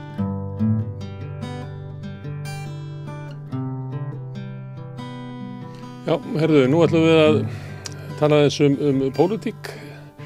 Samfélkingin er kannski svona frétt þessara missera í flokkapólitíkinni. Reis upp og svífur þarna tölvert fyrir ofan aðra flokka og þá er svona spurningum hversuna fyrirbriði þetta er. Uh, samfélkingin á rætur í í verkalýtsbaráttu síðustu aldar byggir á sósialískum grunni yfir, uh, sem að klopnaði náttúrulega í marga ánga og síðustu öld og, og það er svona spurningum hvað er eftir að því. Stundum er ég að velta þessu fyrir mér uppátt og, og þá gerir það að, að, að Gjartan Valgarsson fyrir að svara og, og halda því fram að að uh, samfélgíkin sé sannarlega verkefliðsflokkur þegar ég hefast á það? Já, já, ég, ég get alveg staðið við það. Ef við förum í í upphafið að þá þá fættust jafnamenn og verkefliðsefingin í sama herbyrgi í sama rúmi. Á Íslandi? Á Íslandi, Eða já, heiminum? og alls þar annars þar og Já. þetta er reyfing sem tegir sér sko aftur til, til Bismarcks. Já, flokkurinn er pólitískur armur reyfingarinnar Já, sko, maður hugsaður um það, þá er ekkit eðlilegra en að í upphafi hafi uh, þau sem stopnuðu alþýðflokkin og alþýðsambandið hugsa sem svo verkefliðsreifingin þarf að berjast á tvennum vingstöðum hún þarf að berjast á götunni eða við samningaborðið annars vegar og í þinginu hins vegar. Og ég held að þetta samstarf hafi svona lungan og síðustu öld verið mjög farsælt. Eh, það náðust fram miklar breytingar á á velferðarkerfinu og all, allir svona aðstöðu launafólks og þetta var, þetta var sameiglegt verk, þetta var bæði fyrir baráttu verkalýs reyfingarinnar og og, og jafnamanna á þingi. Og sósélista og sósínista, já. Mm. skemmtilega umræðan ykkar loga hérna innan svega um sósélista og sóséldemokrata en, en ég, ég bara held í fram að þetta sé svona ennþá og, og, og þetta hefur reyndar breyst aldið í gegnum þessi, þessi hundra ár sem er liðin frá því að hreyfingin uh, var stopnuð Mm.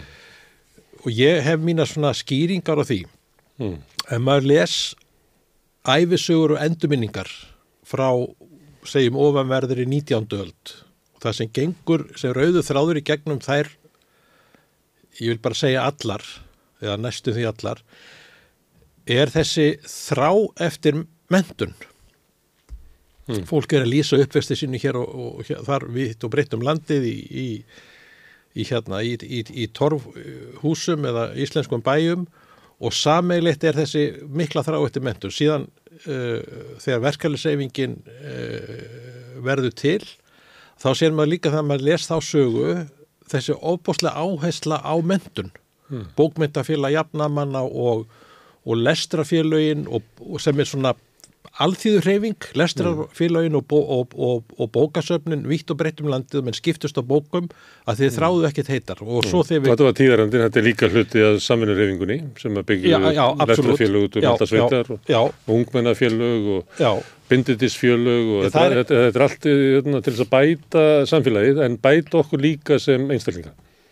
Já, já það, það, er, það er gott við e, e, þessi skandinavisku samfélögu, það eru þessi miklu áhrif svona almanna hreyfinga og ég man bara eftir því ég var að kenna vestur í dölum inn á bókasafninu þar uh, var búið að stimpla bækunar héttu þessi bókasafn kvamsfjörðar og svo þegar maður fór í eldri bækur þá va- var stimpillin lestrarfélag kvam, kvamsfjörðar, þar svo fólk tók sér saman með samvinnu aðferð og, og, og lagði til bækur og, og skiptist og, og svona. Síðan eh, verður það draumur hérna verkefæliseyfingarinnar að fólks af verkefælistétt það er að menta börni sín. Og það tókst svona meir og minna. Eða að miklu hluta og og akkur er ég að nefna þetta? Jú vegna þess að þetta er líka fólkin sem tók við stuplanflokkunum uh, og, og svona um tíma kannski uh, varð upptekið að öðrum hlutum heldur en sem við getum bara að kalla matur á borðið, pólitík, Kröfur hinn uh, veststæðu. já, hinna vestæðu, já, Flokkanir hættu að ganga til þeirra og spyrja hvað vantar þig og vanalega var svarið ég vil örugt og ódýrt húsnaði og ég vil hæri laun og, og ég vil bara losna við afkomu kvíðan og eitthvað fleira. Að, að þetta er kannski kröfur uh, verkefnisflokkana fram yfir 1950 en eftir það byrja flokkanir að segja já það má vel vera að þér finnist það en, en okkar megin hlutverk er náttúrulega að berjast við verðbólguna og, og við þurfum að vinna þessu markmiðum öðrum hætti heldur en þessum. það sko, það sem hafði áhrif á það hvernig ég hugsa þessi mál Já. og hef talað fyrir innan hérna samfélkingarnar er grein sem ég las eftir uh, bandarískan professor við Bernard uh, University sem er sem er, er tengt Kolumbía. Mm. Hún heitir Seri Börmann. Hún hefur rannsakað uh, evróska jafnamannaflokka með sérstaka áherslu á það Þíska og Svíþjóð og bó, bjóum tíma í Þískalandi og Svíþjóð mm. og til að gera langasögu stutt að þá vildi hún bara meina að, að flokkandir hefðu týnt sér mm. í allra handa svona menningarmálum, anti-imperialisma og postmodernisma og umhverfisstefnu og feminisma og fleiru mm. Og bara glemdu uh, verkafólki í bláum fötum. Er hún sammála Simundi Davíð um að stjórnmálinn hafi afvegalist? Ég hef nokkið lagt... Þú vilt ekki taka svo stöður? Nei, ég hef nokkið lagt á mælistíku á það uh, en ég bara, ég held að sé mikið til í þessu ah. og og, uh, og og samfélkingin, það hefur verið alveg sko það er engin fyrirleikur í kringu það að, að það sem núverandi formað samfélkingarnar á við með, með að hverfa aftur í ræturnar mm. er þetta. Það sé að eh, samfélkingin er, er flokkur launafólks. Við lítum á okkur þannig núna og og, og, og, og bara allt það sem samfélkingin er að gera núna snýst um kaup og kjör. Og það er aldrei breyting og henni ber að fagna þannig að ég held að við séum bara í fínum málum Já. íslenski jafnamenn. Þess vegna var ég til þess að spurja hérna loga hvaða myndi með blanda hagkerfi og þegar að vera að horfa aftur og þá maður reyna að finna sko hvar í sögunni eh, væri hægt að benda á eitthvað. Það var þetta að taka stefnuskur á alltíðflokksins uh, hvað við segja svona 1956 og hún er mjög lík stefnuskur á sósættarflokksins en hún er ekki mjög lík stefnuð samfengingarnir Nei, sko uh, sko við lifum í blanda harkja þessi blönduð harkjæru til dæmis á Norðurlöndum þau hafa verið uh, mjög ólík því að ég flutti fyrst í síðjóður á nýjunda áratögnum þá voru, voru apotekin öll í eigu ríkisins, leigubíla voru í eigu ríkisins, mm. vín og spritcentralen var í eigu ríkisins, mm. sokkerbúlaget, uh, með sem bjórframnisla var í eigu ríkisins og síðan reið þessi hægri bilgja yfir Svíþjóð sem við þekkjum með, hérna, með ferlegum afleðingum. En, en sósjaldemokrater, já það er rétt, þeir aðhyllast sko blandað hagkerfi og svo getum svo getur verið misnandi um hversu mikið blandað er. Þá er það þannig að ef við færum bara til 1950 Já. eða 1970 mm. þá er hugmyndun blandahækjuru þannig að, að í atvinnustarfsemi að mm. það sé blandað. Það sé enga fyrirtæki, það sé ríkisfyrirtæki, félug sveitafélagana, það sé samvinnufélug sem er stundi atvinnustarfsemi. Operbyrð þjónusta er á vegum hins operbyrða. Núna er staðið svo að allt uh, atvinnulíf á að verða í höndurum á einhver aðilum Mm. menn er að segja hér að bankan er ekki verið að vasast, nei en að ríkið er ekki verið að vasast í því að banka og þú kannast við alls saman, það bara að sé uh, frávik ef að hérna, annað form sé af atvinnustasemi heldur en bara hlutafélag sem á að þjóna hlutvónum. Já, við erum bara ósamála því. Síðan erum við komið með sko hérna, baróttuna um hvað eru mörkin, blandaða hakkerfið, mm. er komið inn í hennu óbyrri þjónustu. Þannig að deilan eru það hversu stór hluti af heilbríðiskerfinu, mentakerfinu, eigi að vera í höndunum á engaðalum, vegakerfi, það er verið að bjóða út í engafrangandir, það eru hugmyndur um að selja hérna keflaguflugull, það er verið að selja bankana og þú kannast þetta. Já, þú ert ekki að, nú varstu ekki að lesa upp úr stefnusgrá samfélgingana. Nei, nei, ég er að segja nei. munurinn á því þegar maður er að tala um blanda hagkerfi. Já. Blanda hagkerfi 1960-70 og svipað ég var að lýsa. Já, já. Það væri blöndu form á fyrirtækjum í aðröðstasemi. Nú erum við á tímum þar sem að að ég menna samfunnu reymingin er horfin það er, engin, það er ekki hægt að búa til byggingasamfunnufélag það er svo, svo flókið, það er bara ekki hægt. Ríkið fór komið þenni fyrir. Þannig að reynda til laga sko balkur um, um samfunnufélag þetta, þetta sem þú ert að lýsa Já. þetta er uh, við erum ekki að vinna þessu. Við erum ekki samálaði að, að þetta er að fara alltanga við viljum halda landsbankanum til dæmis í eigu ríkisins mm. vegna þess að hvað þurfa hinn í bankan þau þurfa samkefni mm. til dæmis um, um hérna, þjónustugjöld og öll þessi gjöld sem er, er að leggja á almenning og, og, og fjölskyldur. Mm og mér veist bara eh, já við höfum nú bara hryllingsdæmin frá Svíþjóð sem hafa gengið miklu lengra í engavæðingu í skóla og heilbyrðskerfi heldur en við nokkuð tíman og höfum við þó gengið langt í sumum tilvikum mm. til dæmis varðandi orgu og það er nú bara svona hérna það er ógnvíkjandi, það er hugmyndir sem menn hafa hérna um, um, uh, um uh, bæði uh, þar sé að, uh, að gera orkuna sérst að markasvöru og líka ætla sér að fara að flytja nú til Evrópu og, og sem mun leiða til þess hér eins og í Nóri þó því hafi verið lofað í Nóri að það myndi ekki hafa neina áhrif en þá tífaldæðist orkuverð til heimila þegar þetta var komið inn á nefnska marka og ég bara móti því að, að það sé lítið á, orku sem hérna sem eh, markasöru skólanir í Svíþjóð eru komnið þangað að þetta eru, þetta eru stór hlutafélag sem eiga fullt af grunnskólum sem sko fjárfestingasjóðir í Dubai eru orðnir sko hlutafari þar sem hérna fjárfestingasjóðir í Dubai eru fattan að hafa áhrif á grunnskólakerfið er í, í Svíþjóð. Já. Ég tel að við eigum að, að, setja algjört uh, stopp, nei og berjast gegn þessu hérna á Íslandi. Þannig að En er samfélgingin Já. fyrir utan hérna, eh, ræður Kristrúnar Mm. og ferð hennar um landið eh, hefur átt sér stað svona umræða innan samfélgingar um það hvar þessi mörk eru lögðu í sambandi við hvað, því, hvað merkir blanda hagkerfi í dag?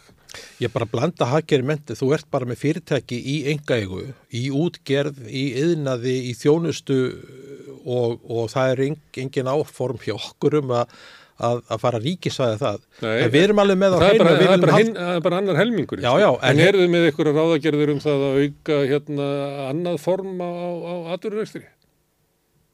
Fyrir auðvitað með blanda hagkerfi, þá getur þú varið kapitalismann eða þú vilt, en Já. þú þarf líka að verja heitt. Það er með vandin við samfélgingafólk er það að þegar mann fer að tala um blanda hagkerfi þá, Mm. þau, þá eh, fer það alltaf að verja kapitalismann. En það er aldrei að verja sko, að það vanti hér fleiri samvinnu fyrirtæki, að við verðum að, að auka hér atvinnulýðræði, við viljum fá, ef við tökum bara svona klassíska kröfur sósjaldemokrata frá 1970 eða 80, að við viljum fá starfsfólki sitt í stjórnum fyrirtækjana. Er það, vísa, er það vísa í löntakarfondina sem fyrir? til- til Palme, ég tekki hans sem dæmi um svona 20. aldar var sem að myndi hljóma í dag, ég, veit ekki hvort hann myndi passa inn í samfélginguna í dag. Myndi sko, Palme á- líða, vel í samfélgingunni? áætlun löntakarfondina var það að, lönd, að þessi sjóðir áttu, sko, áttu að kaupa upp fyrirtækin og lenda síðan í eigu hérna starfsfólks. eins og við höfum gert með lífyrsjóðuna nema það að við fáum ekki völd fyrir það. Já, meinar þegar lífriðsjóðnir eiga í öðrum fyrirtækjum? Já, já. eiga já, eiginlega uh, öll, eða svona eiga uh, meir en helmingin í kaupallinni Já, en þú spurðir um hv- hvernig blanda hagkerfi Já. hérna viljum við, sko, við við erum hérna með fyrirtæki sem er svona meir og minna í eigu hérna engaðila, við erum með opinber fyrirtæki e, til dæmis í skóla og heilbyrðiskerfinu og við höfum ekki áhuga á því að breyta því. Við, erum ekki, við, erum ekki, við viljum ekki aukna engavæðingu eða engarekstur í hérna heilbyrðis eða, eða, eða skólakerfi. Landsvirkjun, keflaugulhullur Sko ég er ekki, ég er ekki talsmaður Nei, hérna samfélkingarna. ég vil halda því bara í, í ríkisegu, ekki spurning. Og fá, fá síðan hið óbyrra meira inn, inn í samgöngur. Hmm. Ég þurfti að býða úti þegar ég var að kaupa farmiðan í rútuna hérna. Í ger og ég hérna uh, úti í kulda að meðan fólk stóði röðum til að komast inn í rútuna þarna í, í flybus Mm. og hugsaði með mér hvergi nokktar Evrópu er, er maður við svona aðstæður. og svo var það fjölskylda Bjarnar Benediktsson sem kerði í bæn Hún gerði mér bæna. Já. Herðu, en þetta er hérna, kannski hluta þessar umræðu um, um hvernig breytingin er að því að þú varst að tala um, hvað getur við talað um hrörnun sósíaldemokratíunar, vitnaði í þessa bandarísku konu, Já. Piketty hefur líka verið að rannsaka þetta, hann hefur tekið eiginlega, hann er, eh, hérna, er með svo mikla reiknisketu sem hann er búin að sapna í kringu sig, að, að, að hann tekur hérna stefnu og ákvarðanir eh, allra þessa flokka og, og bara hakkar þar og hakkar og hakkar. Og hann er eiginlega með sögu sem er einhvern veginn þannig að, að það sem að gerist er nákvæmlega það sem þú ert að segja. Að fyrst er þetta verkalýsflokkar sem að sækja kröfu sínar til þarfa verkalýsreifingarna sem eru, eru bara örugt húsnaði, við viljum herri laun, við viljum heilbriðstjónustu, við viljum mentu fyrir börninu okkar, við viljum bara samfélag þar sem að við höfum einhver völd og áhrif og þannig er þetta rekkið. Síðan hérna þegar að, að krakkarnir eru ondið mentaðir að þá er náttúrulega þykir að eðlilegt að þeir taki við fórustur heifingarinnar. Hann segir að þetta gerir svona um 1960 og mjög fljótlega eftir það þá snýr reifingin sér frá verkalýðnum yfir að millistjettinni vegna þess að þar er aðkvæðabasin og, og krakkarnir sem að menta sig upp uh, líta ekki lengur á sig sem verkalýð, líta sig sem sérstakka þarfir. Uh, við sósélstöfndu segja að þetta hafi verið sko stórkostlega mistök, bæði í það hvernig það ætlar að byggja upp samfélag, vegna þess að leiðin til þess að byggja upp samfélag er að laga það sem er mest er að. Þess vegna verður alltaf að hafa fókusin á þeim sem að standa vest og taka upp barðu þeirra. Alveg sama þótt að kjósetunir sko hérna, séu nýkomnir upp á verkefnistétt og vilji ekki vera eins og pappa og mamma og vilji frekar þengja sig við verkstjóran í vinnunni eða, eða forstjóran eða hvað sem er að þá er til þess að geta búið til gott samfélag verður við að hafa fókusin á, á þessum sem standa vest. Það, þetta sé hérna, veikleikin í því að gömlu verkefnisflokkanir snúa sig frá verkeflinum og við missum eiginlega kraft þinn að sósílisku baráttu. Í Íslandi myndi ég segja þessi ekki verkvöldu 56, þar sem eru síðustu svona kláru sósílisku kröfunar. Mm. Eftir það ertu með uppbyggingu breiðholt sem er sérregna stefnan, þú ert með lífeyrissjóðuna sem er líka sérregna stefna, sem að við heldur stjættaskiptingu til æviloka. Þú ert eiginlega búin að missa það að sko verkefnisreifingin og flokkanir séu með raunverulega sósíliska kröfur um breytingar á samfélaginu. Já, það er líka vegna þess að, að að, að sjálfstæðisflokkurinn og, og að þú ert að nefna sérgnarstefnuna, það hafa bara verið óhemju sterk mm. alla síðustu öll, eða líku við, ég segjum bara síðustu 50-60 ár. Við höfum hérna jafnamannarhefingin og A-flokkandir eða verkalýsflokkandir eins og Svavar kallaði alltaf alþjóðlokkin og, og, og alþjóðbandalagi saman. Sem að báður eiga eru hluti af rótum samfélgjarinnar. Já, já. Þeir, eru líka alabalar. Já, mm. en við höfum verið, ég minna, borgaríðuvöldinni Reykjavík hafa verið að útluta lóðum í meira mæli náður til eh, félaga sem eru ekki, hvað er það kallað? Hagnadrifin. Já, ekki hagnadrifin. Það eru ekki að byggja, sko. Lung, nei, nei, svo er það bara að félagslegum íbúðum, ekki, ekki, lungin af þeim fjöldin, hann var byggður upp á tímabili í sjálfstæðarflokksins það var bara til öðru tímabili í þjóðsögunni nei, félagslu íbúðunar það er ekki orðið þannig. Mm. þó að sko sjálfstæðarflokkur hafi ekki verið völd hérna síðan 94 þá er ekki ennþá þannig að, að helmingurinn af íbúðunum sem er í útlegu núna ef þú sleppir því að taka þess að maður voru taknar íbúð fyrir fallaðinn. Mm. Það var ekki ennþá þannig að helmingurinn sé frá tímabili sko erlistans og eftir það, eftir að sjálfstæðarflokkur frá, því að þegar sjálfstæðisflokkurinn var við völd meðan að e, sósílska kröfur hafði ennþá áhrif á samfélagið, þá byggði hann mm. félagslegar íbúðir í meira mæli heldur en kratanir í samfélagi sem ekki hafði sko sósílska kröfur uh, í þessum hluta af samfélagssáttmálum. Það er alveg sama hvaðan gott kemur sko. e, þetta er hins vegar eitt af þreymur megin áherslu málum okkar núna fyrir næstu kostningar. Við byrjum í kostningabaróttu strax eftir, eftir síðasta landsfund Já. og Kristrún Frostadóttir eh, er nú búin að fara tvo eða þrjá ringi í kringum landið mm. og, og, og tala við fólk og það er það sem jafnamanna fóringjar og, og hérna stjórnmálfólk á að gera. Það á alltaf að vera út á feltinu að tala við fólk. Mm. Nú Ragnar og Jón Baldun gerði þetta? Hverjir eiga Ísland? Já, já. Ljósi, ég þess að herrferði þá? Já, já, en, en, en við hefum verið mikið að bæði halda, hérna, halda fundi og hreinlega spyrja fólk hvað skiptir ykkur mestu mm. máli uh, og við bara höfum bent á að, að fólk sem hefur ágjör af, af næstu mannaðmótum, það er ekki upptekið að Europasambandinu eða nýri stjórnarskrá. Uh, og, og það sem það sem, það sem Kristrún taldi sig uh, fá út úr þessum hundra fundum sem hún átti hérna í kringunlandi var það að fólk var upptekið á fjármögnun heilbyrðiskerfinsins, samgöngum, samgöngum og húsnæðismálum mm. og, og, og þetta er luti af okkar strategíu mm.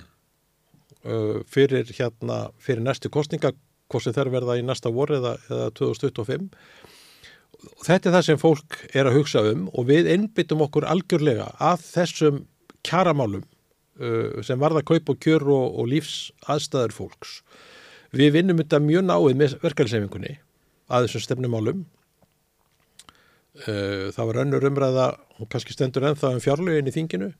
Ég ekki hvort þú tókst eftir því en áður en Kristún flutti sína ræðu í annar umræðu og þá átt hún fund með fórsetta ASI. Mm til þess að fara yfir málinn og svona vinnu við, við gerum okkur alveg grein fyrir því að við erum ekki að fara saminast verkefælisefingun eins og var hérna fyrir 1940 en við vinnum þess að mjög þjætt meðinni, við hefum mikið samráð. Við fórstu fólki í verkefælisefingunni og ég held að það sjáist líka á, á því hvernig svona, hvernig breyttur svipurinn á samfélkingunni er. Við fengum 9,9% í síðustu kostingum mm. og, og svo hefur svona stuðningur við flokkin samkvæmt mælingum verið að, verið að aukast. Og ég held ástæðan fyrir því sé eh, annars vegar mjög hæfur formaður eh, sem ég er mikið álit á en líka og það að fólk eru ekki endilega sammál okkur það veit hins vegar betur fyrir hvað við stöndum núna heldur en það gerði áður. Við, sko þetta hefur Ólafur Harðarsson mælt held ég eftir hverja kostningar í kvælingi aftur í tíma hann hefur mælt hvar staðsita flokkar sig á ástnum hérna hægri vinstri þjóðlegur, alþjóðlegur og svo framvegis. Og fólk hefur í mælingu eftir mælingu átt erfiðast af öllum flokkum að átt að segja á því fyrir hvað samfélkingi stendur.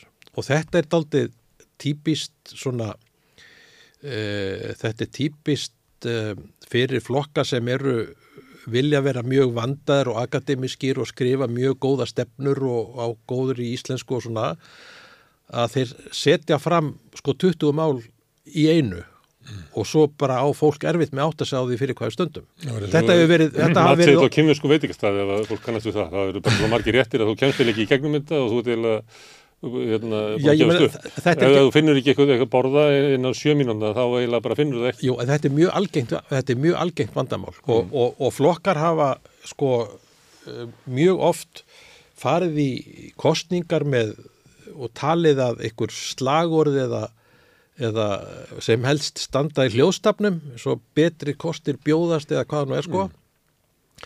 að það sé strategi að það sé stefna og svo hefur þetta verið hérna uh, ég bara okkur hafa verið mislaðar hendur í þessu eins og öðrum flokkum. Og þetta er ekki sér íslenskt uh, fyrirbæri. Þar að segja þessi, þessi akademisku metnar fullu uh, jafnamannaflokkar og líka á vinstra með okkur eða að, vilja hafa setja fram svona akademiskar stefnuskur sem eru enda á því að fólk veit ekkert fyrir hvað stöndum. Þetta er breytt uh, ég, ég held að fólk ástæðan fyrir því að stöðningur er að vaksa af okkur er meðal annars það fólk þykist sjá fyrir hvað stöndum. Fólk sér það að við erum, höfum breyttu stefnur og áherslu mál okkar varða kaup og kjör, uh, lífsaðstæður og matur á borðið. Hmm.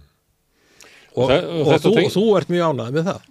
Ég við hérna áður en Kristurum fór kringu landi þá gerðum við það svo sérftur. Já og ef þú skoðar stefnu okkar að þá voru við komið með sko stór átaki í húsnæðismálum uh, undan samfélgingunni. Ég manna að því ég var einhverjum þætti þessum að meðal annars Kristurum var mm. og ég var að segja að við vildum byggja 3500 eða 30.000 félagslegar íbúður á tíu Já. árum og það þótti vera fráleitt hugmynd. Já, bara Við erum algjörlega samáleik. En, en þá var Kristúr þar og sagði já að í praktík, eða þú veist, ekki tekið undir þetta í, en þetta er kannski allt og mikið sko, það var það þannig að við fórum þess að ferð sko og hérna við vitum þetta alveg. Þótt að við vitum líka að það eru sko, ef þú ferð út á land að þá eru 15% af fólkinn sem býr þar.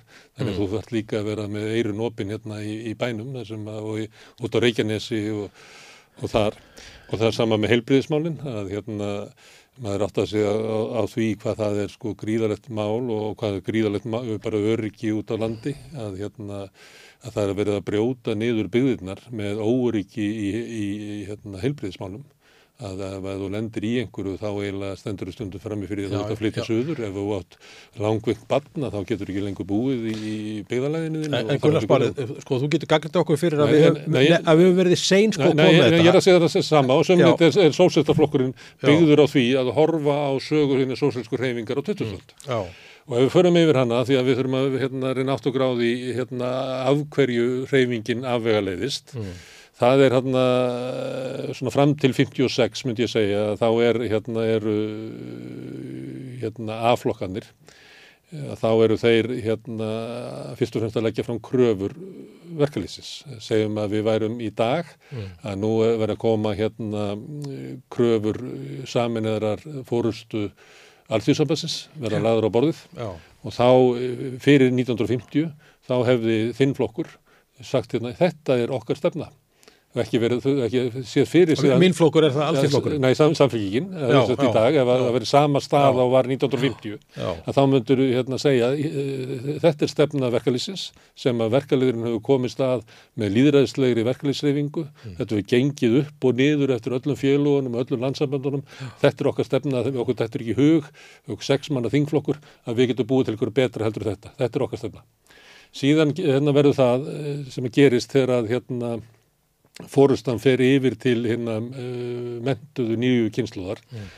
uh, einu sem tók ég viðtal við Jón Baldur Hannibalsson um, um þessa sögu það var á hérna alltaf ekki verið 2016 Mm. þegar hérna því hann er nú skýrður eftir Jóni eh, Baldursinni og, og, og pappans var stór hluti að þessu þannig með dætt í huga að tala alla þessa sögu var snuðast að tala við Jón Baldin og þá var ég einmitt að leita að þessu hvenar það gerist að fórustan telur sig ekki þurfa að, hérna, að taka leiðsögnina frá hérna, verkalínum og byrja kannski að kalla það umbjóðendur í, í eitthvað, eitthvað slíkt.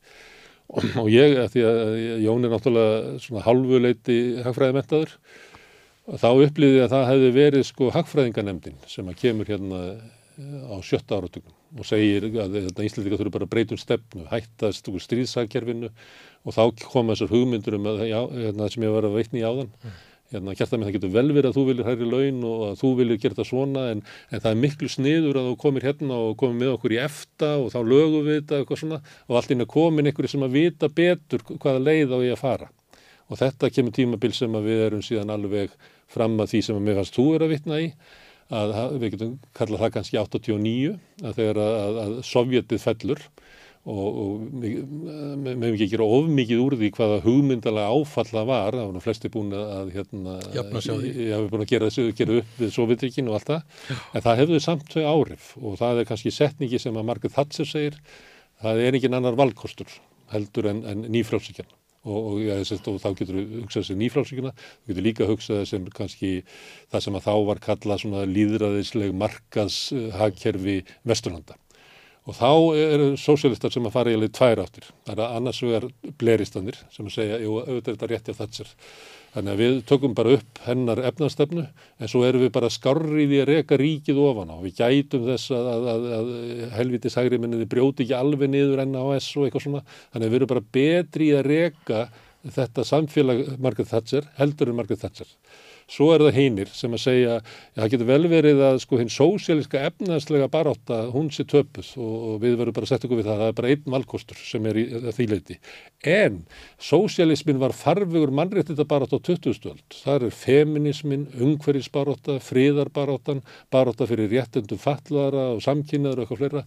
Þannig að við skulum búa til flokk sem að heldur utanum það og gera kannski minna úr hinnum sósialísku kröfum og þetta er vafkjeleðin. Og það, þá erum við komin inn á tímabil sem að mér fannst þú vera að vísa til, þar sem að þessir flokkar missa kannski, er ekkert með svona efnaslega baráttu, er ekki tengslu við fólkið sem að Kristún heitti út á landi sem að ég vil bara húsnaði, ég vil mentun og ég vil veg. Já, ég, Já, byrju, og þá, þá, þá fer fólkið það sem að þú varst að lýsa, það sem að vera berjast fyrir alls konar, þá koma kynviskir matselar, þá var aðris á þennan hóp og þennan hóp og þennan hóp og, og fórustulið er að tala og maður getur sitið, já, hann er búin að þetta var fyrir hérna, samkynnaði og þetta var fyrir fallaða, þetta var fyrir hérna, feminista í og, og löggunni. glemdi ekki sendi herrum þessara málflokka inn á flokkana. Já, innanflokkana Já. og þeir verða svona eins og það sem ég kalla svona kynveskur matsiðil, það sem að þú bara veist ekkert hvað er í maður, þú veist, og, en, en þá vakna hérna eh, við hrunið, þá vakna sósílastur upp og segir, býtu, sósílismin á sannanlega erindi því að þetta, hérna, það er ekki annar valkostur sem að marga þatsvefa með, það hrundi og við vorum að taka ábyrð á því. Og þá fara menn að leita upp af uppafinu við komum með hérna sólstaflokkin hérna komum Kristrún. Kristrúnu. og Kristrún ferður kring landinu og segir, heyrðu, Já. við skulum gleyma þessu kynveska matseli, við erum bara að segja hvað er í matinn. Og það er bara forréttur, aðalréttur og e- desert, það er hérna húsnæði, heilbriði og vegakerfi og eitthvað svona. Og það er það sem við stöndum fyrir.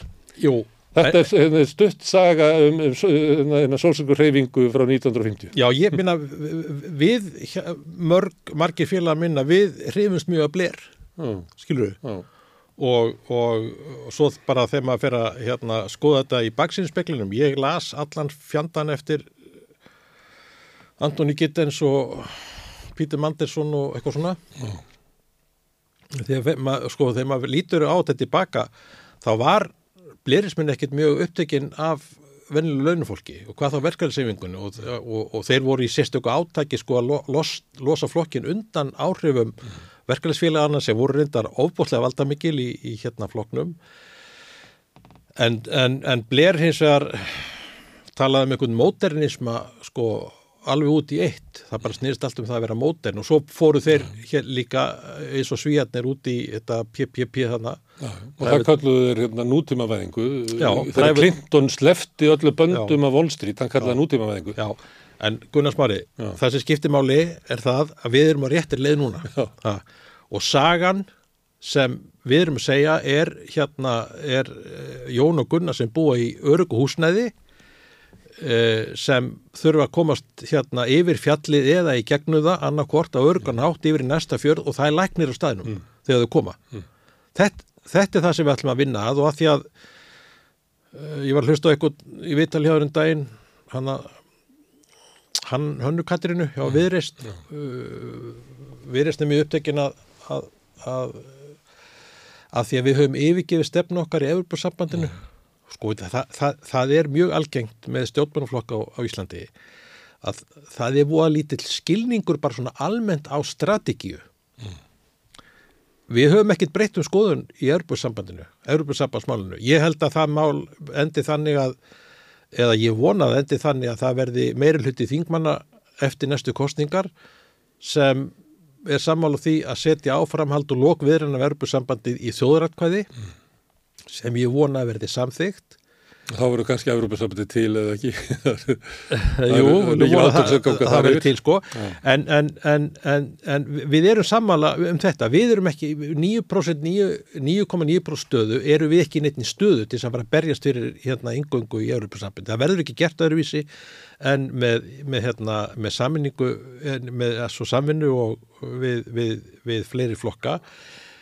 Eða við höfum ennþá sko fullt af stefnumálum en áherslu mál okkar eru þessi vegna þess að vegna þess að við byrjuðum í kostningabaratu eftir síðasta landsfund og við erum með, með mjög stór mál eins og bara hérna með velferðarkerfið og, og, og húsnæðskerfið sem tekur meira en eitt kjörtíðanbill að ná í gegn og við gerum okkur grein fyrir því og við erum, mjög, við erum okkur mjög meðvitandi um það að lofa einhver nema sem við vítum að við getum hérna, staði við. Það kom eins og svíjar hérna mm. þegar ég var í fórustu samlingar Reykjavík þá ringdi ég í flokkin í, í Svíþó og sagði vil ég senda mér eitthvað sérfræðinga í kostningabartu og það kom inn að tveir og messuð yfir okkur á Hallvegarstignum og ég man eitt frá því sem sögðuð. Ég sögðu það er ekkert vandamál að vinna kostningar. Vandin er að vinna þær aftur. Og, og það er svona það sem við ætlum að gera við ætlum að venna það er tvær í einu já, tvær, í röð já, að því að, að, að hagsmunamálin er svo stór mm. og þau varða launa fólk og við verðum að koma um í gegn eh, við, bara, við vitum það að sum máli eru svo stóra að það er ekki hægt að ná því máinu kjörtíðabili mm. Það að breyta stjórnmálaflokki í kostningabartu það, hérna, því að kostningabaróttur rekur, það er herfóringi sem er rekur hana. Stjórnmálaflokkur er græsóta samtök, það sem að allir þurfa að geta tekið þátt og, og stefna sem er mörguð er, er unnin í, í líðræðslegri vinnu innan flokksins. Mm. Nefn að þú sett bara eins og Gert Vildes sem er breytni í sínu flokki. Það er, sko, er EHF hans flokkur, það er ekki fjöldasamtök. Þannig það er til svona dæmi um, um svona flokka. Jú, það er líka hægt að stjórna þessu á, á, á, á marga vegu. Við erum bara með freka stóra sko, hópa sem er að, er að stýra þessari ja. vinnu. Þú verður alltaf að hafa ykkur sem stýra þessu, sem eiga síðan mjög mikið samráð og ferðast um all landið og funda með öllum félögum. Öllum aðildafélögum sem eru bara hérna ringin kringum ja. landið og, og svo er bara hvað hva fólk mætir og, og en við erum sko svo sannarlega hérna græsótaflokkur mm. með fleiri þúsund félag Það mér fannst að áhugaverðast við hérna Sigurræðu Kristúrunar þegar hún var kosin? Nei, það var hún sagði að þarna hefði flokkurinn komið saman og kosið hennar stefnu. Og þetta hefði ég hef aldrei heilt áður í íslenskum stjórnmálum. Þetta, þetta virkar umvel að þannig í, í sko, stóru flokkunum í, í í, í bandaríkjunum, þar sem að, að sá sem er kosin sem fórstaframbjóðandi að hann stefna ríkir. Þessi hefð er ekki til á Íslandi. Og Nei, það sem, ég- sem er mjög undanlega áhersla sem hún segir að með því að kjósa mig sem hérna formann, að þá er það að kjósa stefnuna mína. Vanalega þú að sko flokkur er býtið stefnuna og formaðurinn á að reka hana áfram. Jú, en, en sko formenn í öllum flokkum hafa alltaf mjög mikil áhrif á það hvert flokkar fara. Þú sér nú hvernig fransnaflokkurinn gætt einn daginn verið fyrir yngöngu í Europasambandið og annan daginn harðasti anstæðingur þess að við gengjum í Europasambandið og þetta er bara út af hérna tveimur formum, Halldóri og, og Sigmundi Davíð. Það meiri sig á fundunum sem að Sigmundur var kosið formaður var samþýtt að gangi að Europasvöldið. Já, En, en, en, en, en, en Gunnar ég, Smári, það, er mjög samt á þessu sem ég er að segja. Já, en að, þú ert að vitna í, í hérna, í frambóð Kristrúna, sko, Kristrún, hún sagði líka ansi margt í ræðunni þegar hún tilkynnti í yðn og hún ætlaði að gefa kost á sér sem formaður. Hún sagði þar að við ætlum að hverfa aftur til rótana. Við ætlum að hverfa aftur í kjarna jafnaðstefnunar og, og leggja áherslu á launafólk, á þarfir almennings. Hún er síðan hérna, eh, hún er síðan kosin uh, formaður og hvað er eðlilega en að, en að segja, ég, ég tel að, það er að munur þetta hafi verið stuðningur við þessa stefnu sem Það ég er samt kynnti. munur á þessu. að Það er flokkurinn sem markar stefnuna Já, það, og það er fórustunar að, að framfylgjenni. já, já, Þannig ávarpar Bjarni Benediktsson sinn landsfund. Já. sem ég er búin að ná allir gegn sem að þið báðum, svo það við sem ekki með neitt fylgi og eitthvað svona, þá hefur við náð því í gegn. Og það eru samtittir ykkar sem að eru já en ekki, ríkisstjórn. e- ekki gera lítið úr þessu sko, mikla samráði og Kristrún hefur haldið fleiri fundi Já. með hérna eh, með félögum í flokknum Mm. heldur bara, heldur nokkur annar formaður held ég í flokknum, ég hef ekki talið að segja, en það þetta er mjög mikið samráð það við, við það- græsótina Þetta er samt Já. breyting vegna þess að, að svo aðferð að fóringin far um landið og drekki í sig vilja hérna, félagsmanna og mæli svo fram stefnu þeirra. Það er, það er populísk aðferð.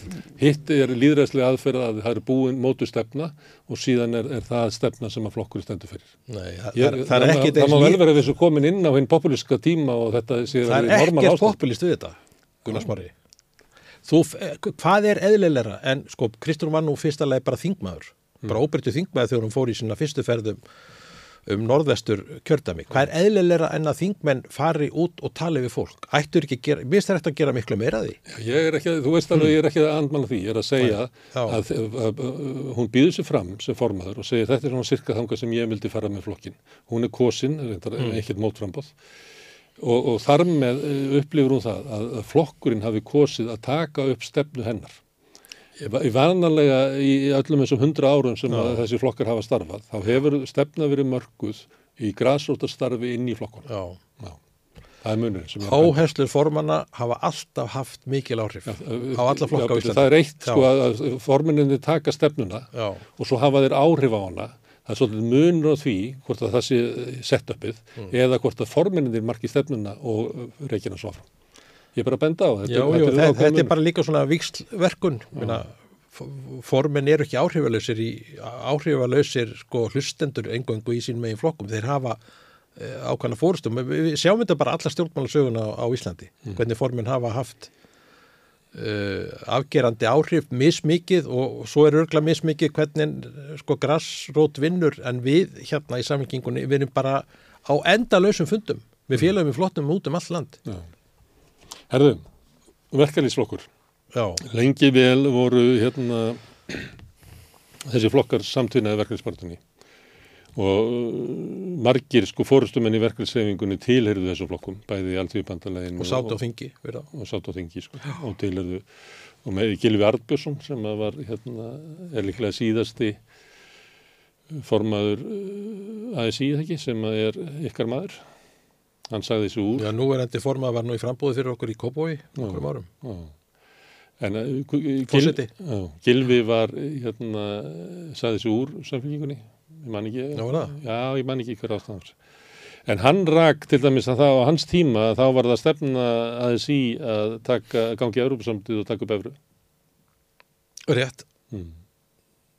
þannig að þá ertu komið með þarna hinn mentaða fórusta er byrjuð að sko hafa áhrif ekki bara á flokkin, heldur líka á svo, Þannig að hreyfingin er hægt að vera með sko matsiðlinn sem að, að, að hinni, hinni fátaku vilja, sem er bara öru túsnaði, helsugjörsla, betri laun, einhverja virðingu, hérna, ég þurfi ekki að lifa inn í einhverju sko einræði eigandans í fyrirtækinu þessum ég vinn, sínt sínt eitthvað virðing.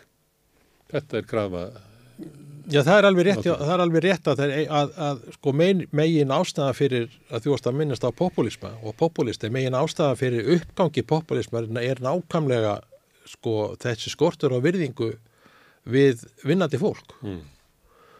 og, og sem finnst að sé rænt öllum áhrifum og, og um það fjallar þessi bókirna, Já. Tyranny of Merit nákvæmlega um, um þetta virðingalesi gagvart uh, vennilegu vinnandi fólki og, og hvernig meritokrasjan hefur tekið yfir alla flokka og, og svona. Og það er bara gott að gera sér hérna grein fyrir því.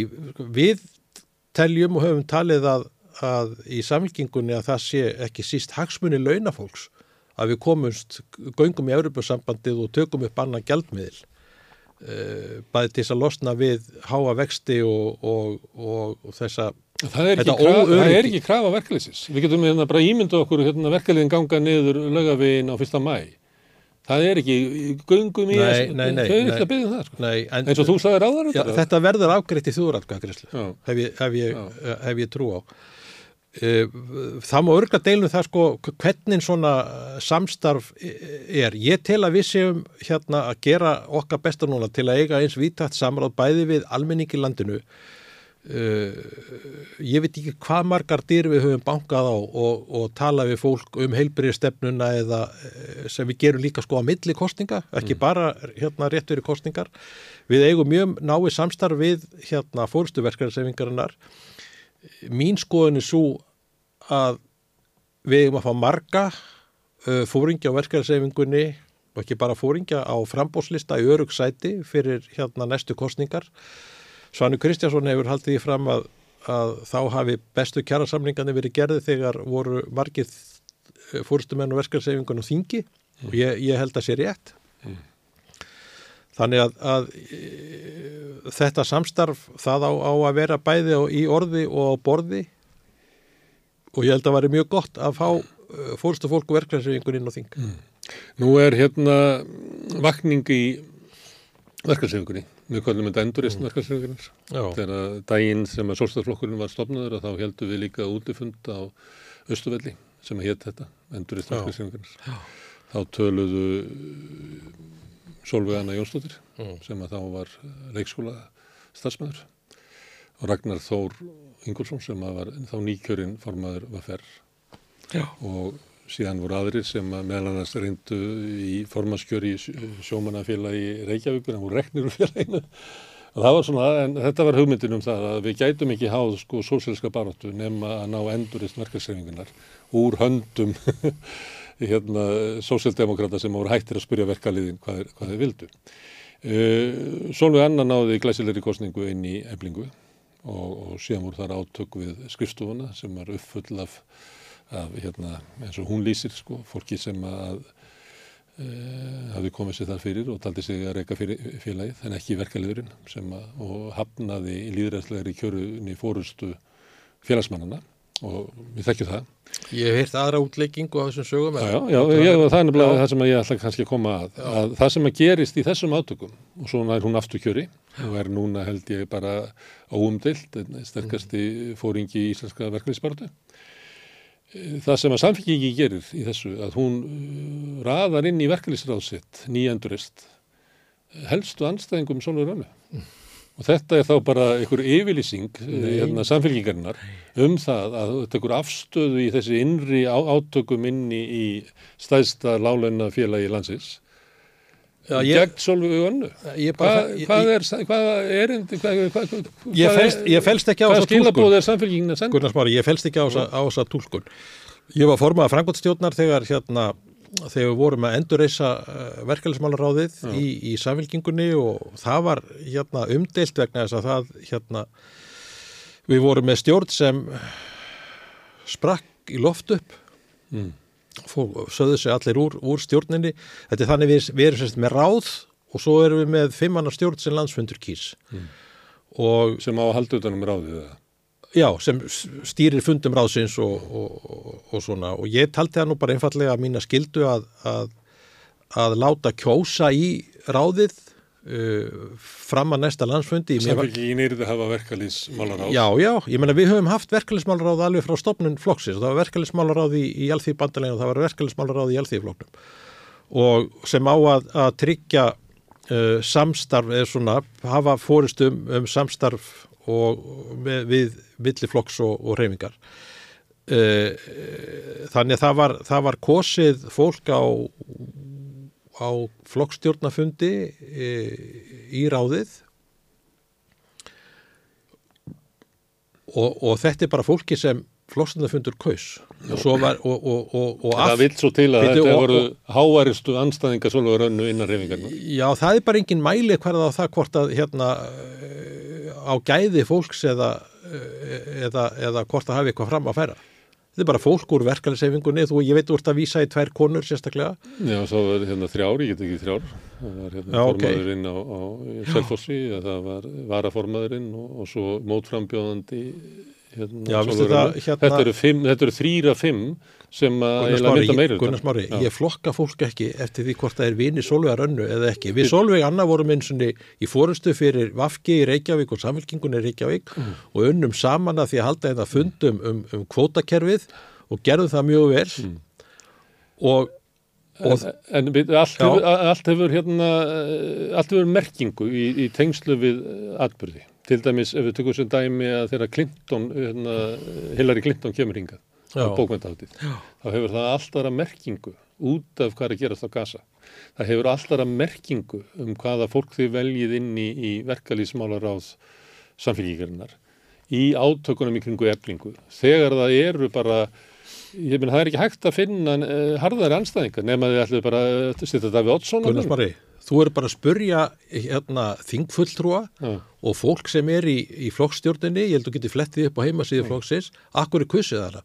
Minna, hvað á ég að segja? Flok, þetta fólk var kosið. Ég held meiri sem hún Agnieszka hafi fengið flest aðgæði mann rétt á, á, hérna, á flokkstjórnumfundunum hana í, í Keflavík. fyrir hún var tvisarsum kosin og svo var. Ólöf kosin í setna skiptið Já. og En akkur, spurði Og Halldóra- spurði mig um verkvall lálunum hvernig er Reykjavík. uh, þar var náttúrulega eblinga að berjast við Reykjavíkuborg Já, og, og uh, gekk á ímsu, voru hörðverkvall já, og þetta er líka í tengslu við það. Og þá er ég að spurja þið, því þetta snýst um það með hverju stendur samfélgingin stendur hún með þeim sem eru að endurreisa sko verkefnisbartun hérna eða þeir eru átök hérna, eblingar við meirhlutan í Reykjavíkuborg þar sem að, að samfélgingin leiðir meirhlutan er þá trúnaðurinn við meirhlutan í borginni frekar heldur en lánuna fólkið ég trúnaði minn var við lánunum fólkið, já það skjálfest mér sér. Já, þegar hérna Viða Þorstinsson spurði ykkur starf á Facebook, hvar var kjartan þá? Mm. Og, og, og þá bara leti hann hafa skjáskot af því sem ég skrifa á innri við samfélkingarinnar, þar sem ég var að hvetja fórustuna og, og samfélkinguna til að styðja þetta gerði lánum það hvenna í Reykjavík. hún gerði það ekki Hvað sérðu? hún gerði það ekki fórustan Jú, var það ekki Nei. dagur sem kom að lokum og hljó, hljó, á, hnút? Það var samið, það var samið, það var samið undir lokin.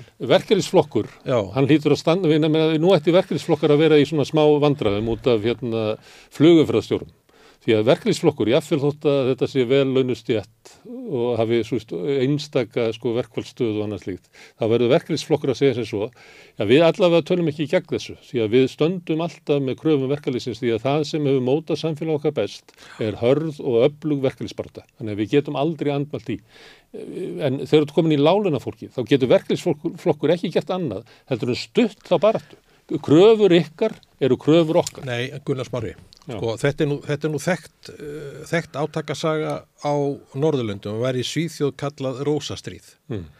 Þessi að við, við sækjumst eftir því og við vinnum að því og við berjumst fyrir því að komast í ríkistjórn og helst hafa fórustu fyrir næstu ríkistjórn og svo Guðinn ræður því hvort að það takist. Eh, við munum lenda í því þegar þú ert með jafnamenn í ríkistjórn að þá lenda þeir í einhverjum átökum eða ágreiningi við verkefælsefinguna mm. því að þú ert farin að stýra ríkinu og þú hefur ákveðna skildur gagvart ríkinu sjálfu og gagvart öllum öðrum og svo þarf þetta að ná samningum við, við, hérna, við, við verkefælsefinguna. Óra Ragnar setti bráðabyrðarlög á, á samningi sem hann sjálfur skrifaði Já. undir við háskólamenn sem var líklega kjarnin í því þetta. Það var frækt, Já. já, ég man eftir því en, en, en, en ef þú spyrir mig um flugumferðarstjórna Mm.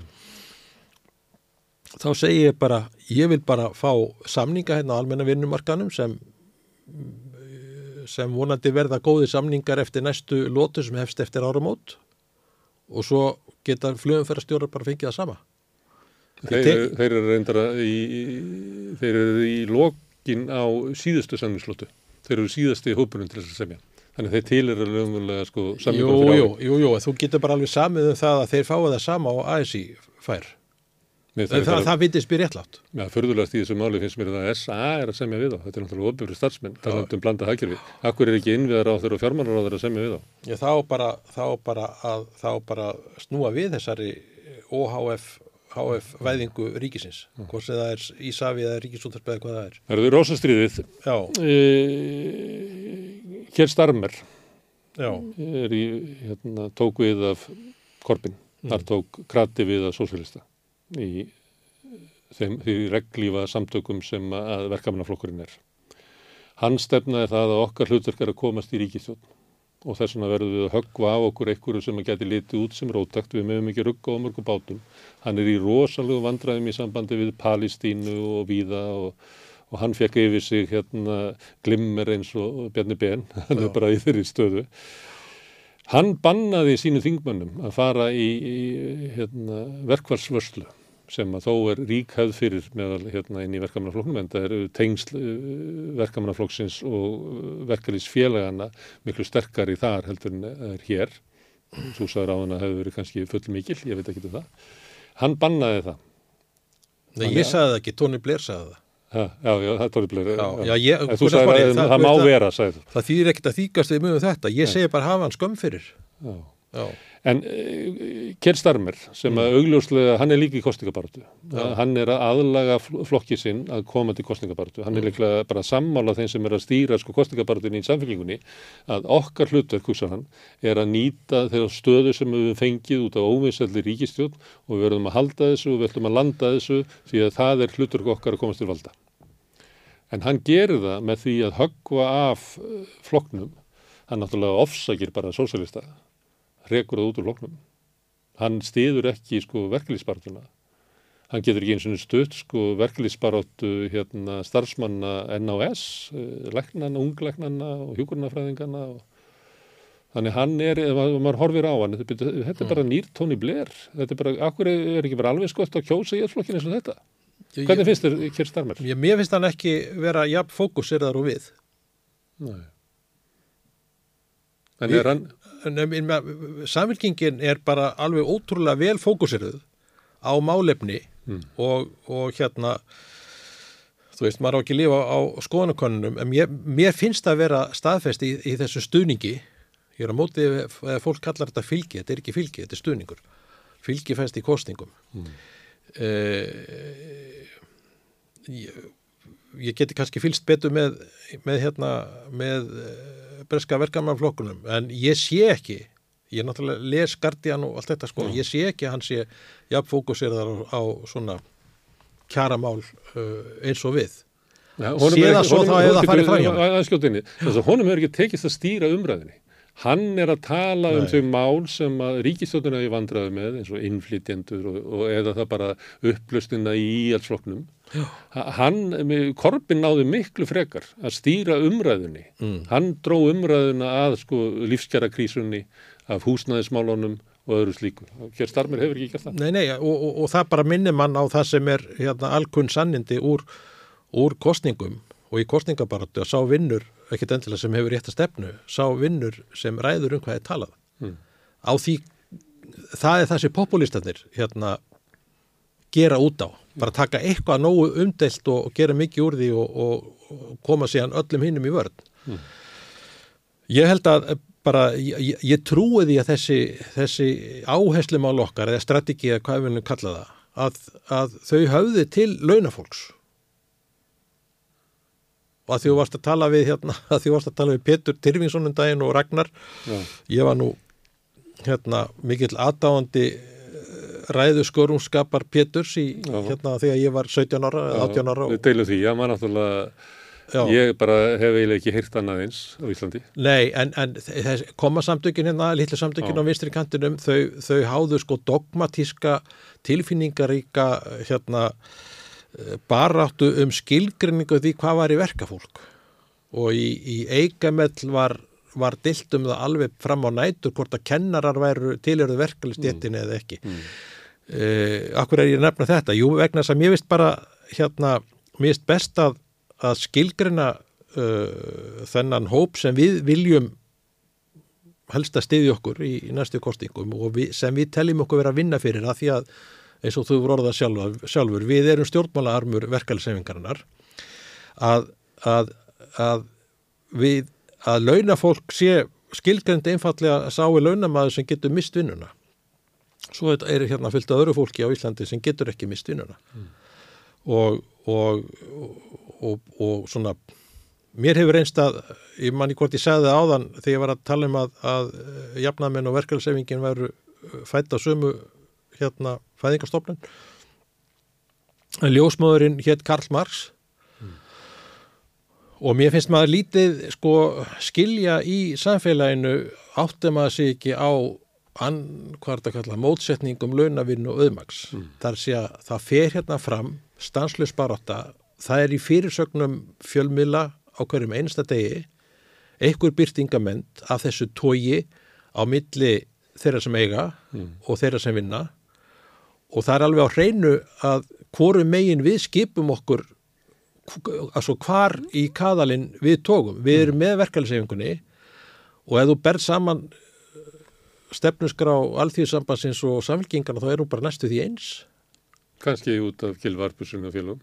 Við, bara, við erum bara að stefna, við erum bara að vinna nákvæmlega sömu málum Já. og þú, þú En hérna það er munur á því hvort að sko, stefna flokksins sé færði yfir í ASI eða hvort að stefna verkefliðsins sé færði yfir í flokkins. Nei, það er engin munur á því. Það, við, við bara erum að vinna að nákvæmlega sömu málum Mm. og, og þú ert aldrei upptekinn af, af hérna róttækri verkefliðsbarótt og eitthvað svona Mm. og ég ætlum ekki að setjast hérna í, í spyrilsætið en ég meina hver er mæli hvarðin á róttæka verkefliðsbaráttu? Er, er, er hún því róttækari sem kaupkröðnar eru herri eða, eða veist, allt endar þetta með samningum?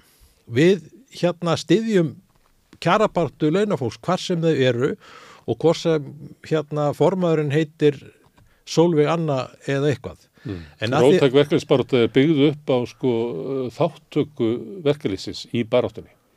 Og það má til dæmis sjá í eblingu og hérna, það verður verið að hæðast á stærð samlingarnefndarinn og öðru slíku.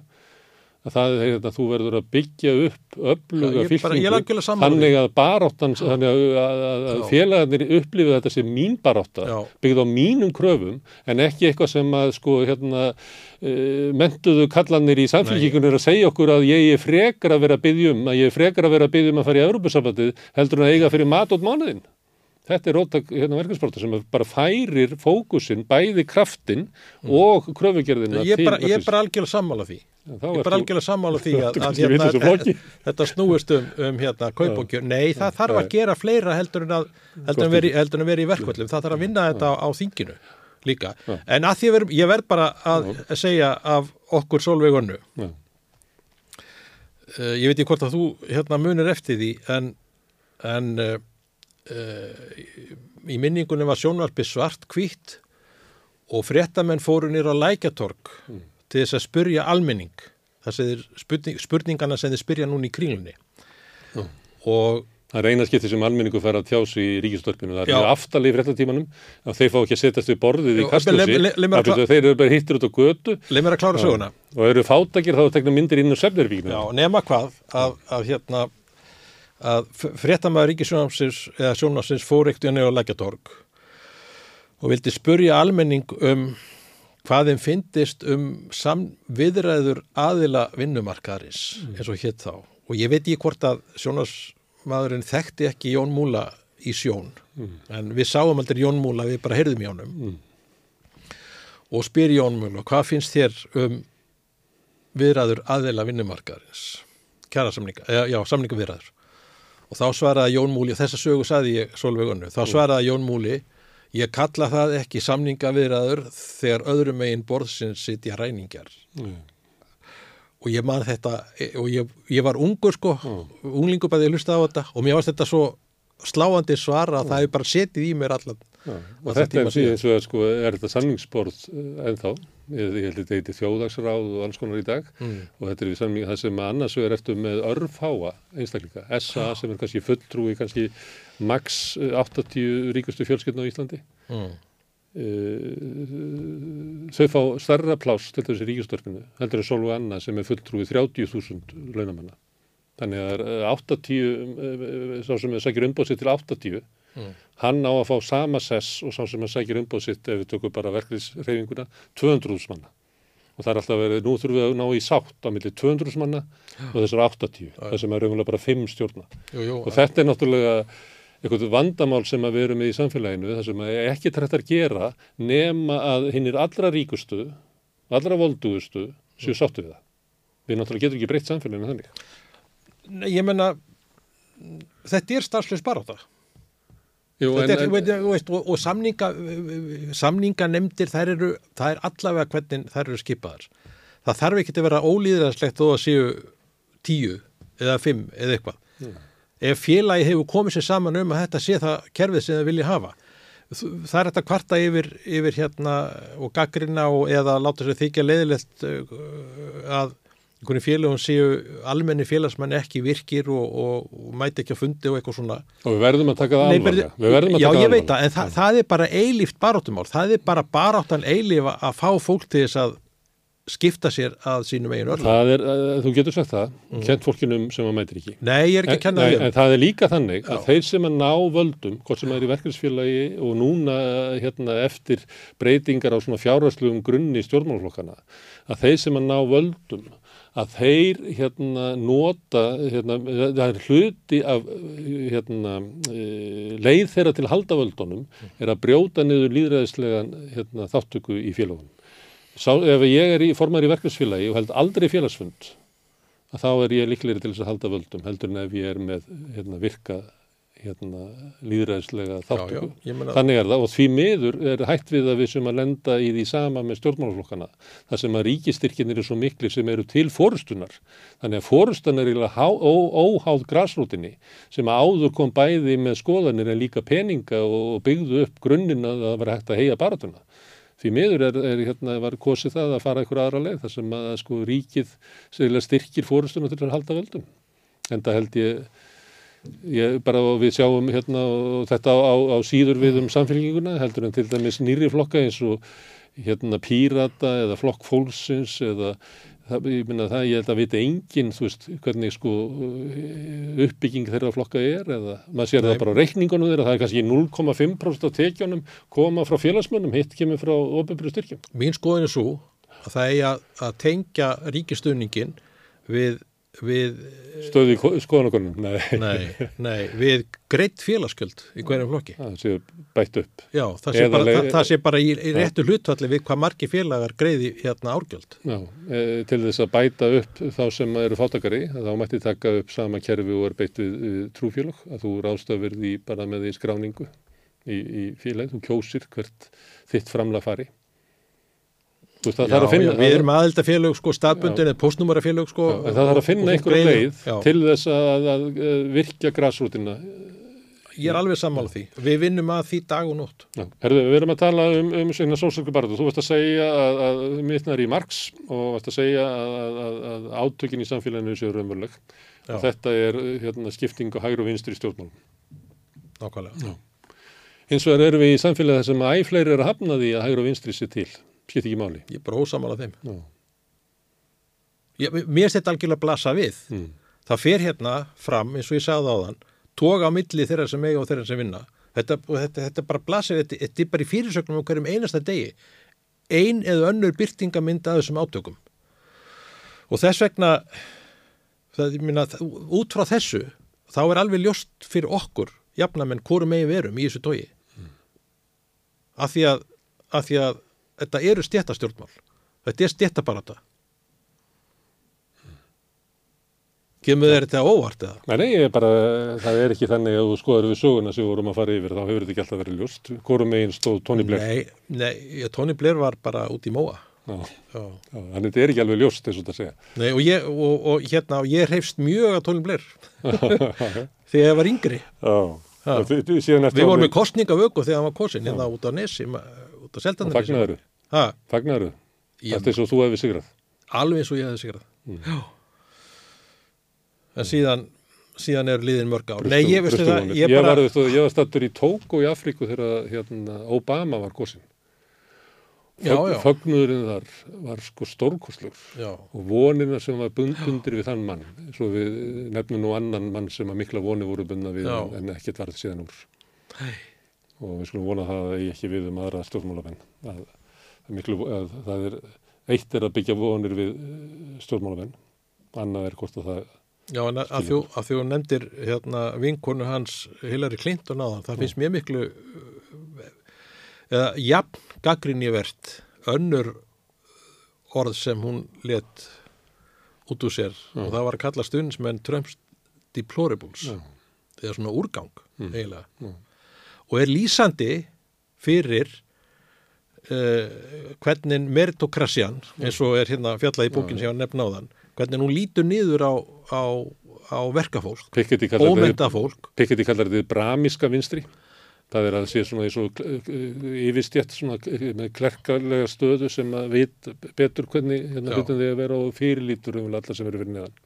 Trump, Trump, þó að Trump hafi fengið einhverju miljónu sko færri atkvæði heldur en, heldur en Hillary í kostningunum þá fekk hann tvo þriðju uh, atkvæði ómentara kvítra Mm. Þeir þriðju úr þeim hópi kussu hann vegna þess að, að, hérna, að verkafólki finnst að það sé valdalust, áhrifalust og að elitan líti á það. Þetta, er bara, þetta er bara hlutur sem við þurfum að horfast hreinskinslega í augun við. Ég held að það verið Cornel West sem að sagði að, hérna, að fólk kaus frekar að kjósa bullukollin heldur en ligarann. Það var sagt, þá upplifur það að allt sem að Hillary stendur fyrir og hún er að segja við erum að gera þetta og við höfum gert þetta og, og býðið aðeins alþjóðavæðingi mun skila sér til ykkar líka og, og fólk var að byrja að sjá í gegnum þetta, þetta erendi og það er ligarinn og þá kausa frekar bullukollin sem var. Já, já, en var ekki Hillary líka með barna að ringa einhvern í kjallaran undir einhvern pizzustað einhvers staðar? Það voru mjög margir sem trúði því. Já, en kannski hinnir, sko, ekki kannski þeir sem voru á milli, kannski voru til þess að styrkja trú þeirra sem að sem er hefði aldrei það, ég veit það ekki. Nei, en, Er- Kjartan? já, Gaman að fá því hérna. Takk fyrir að bjóða mér. Við komum hérna áður að ræða um allt aðra hluti, og það tala um, um hérna, sorpirðu. Já, Svo ætla ég að fá því til þess að koma og tala um Afríku. ég kem mjög gjarnan. Ég þakkaði bara að kjalla hérna fyrir hennar þátt, Gunnarsmári. Mm. Mér, hérna, þetta er mjög kærkomin viðbútt við fjölmjölmarkaðin. Þú ert einstaklega lægin við að hérna, taka viðtölu fólk Mm. og nú er ég ekki að segja þetta til þess að þú takir með ykkur um vellingatökum. En, en eða fáum mig oftar. En bara, Ég nú talað við þig til- öðruvísi heldur en flesta gesti, ég er svona svolítið að peksa við. Já, það er bara fínt, ég, ég, ég er gaman að því en, en þetta, er, þetta er góð stöð og ég er búin að hlusta á mjög mörg afskaplega áhugaverði viðtöl og mér finnst alltaf að ég þurfi að, að hérna, gera aðtöðsund og allt sem ég heyri en, en, en bara takk fyrir þessa stöð og, og, og takk fyrir að bjóða mér. Takk fyrir að hjálpa okkur við að byggja upp með því að koma, yngað. Takk fyrir. Er þú við ætlum að snúa okkur að allt öru máli eftir augnablik? Hvernig getur við réttlætt að um 63% eblingarkvenna eigi erfitt með að ná endum saman? Ebling stjættarfélag. Baróta fyrir betra lífi. Allir þættir samstæðvarinnar eru fáanlegir á öllum helstu hlaðvarpsveitum.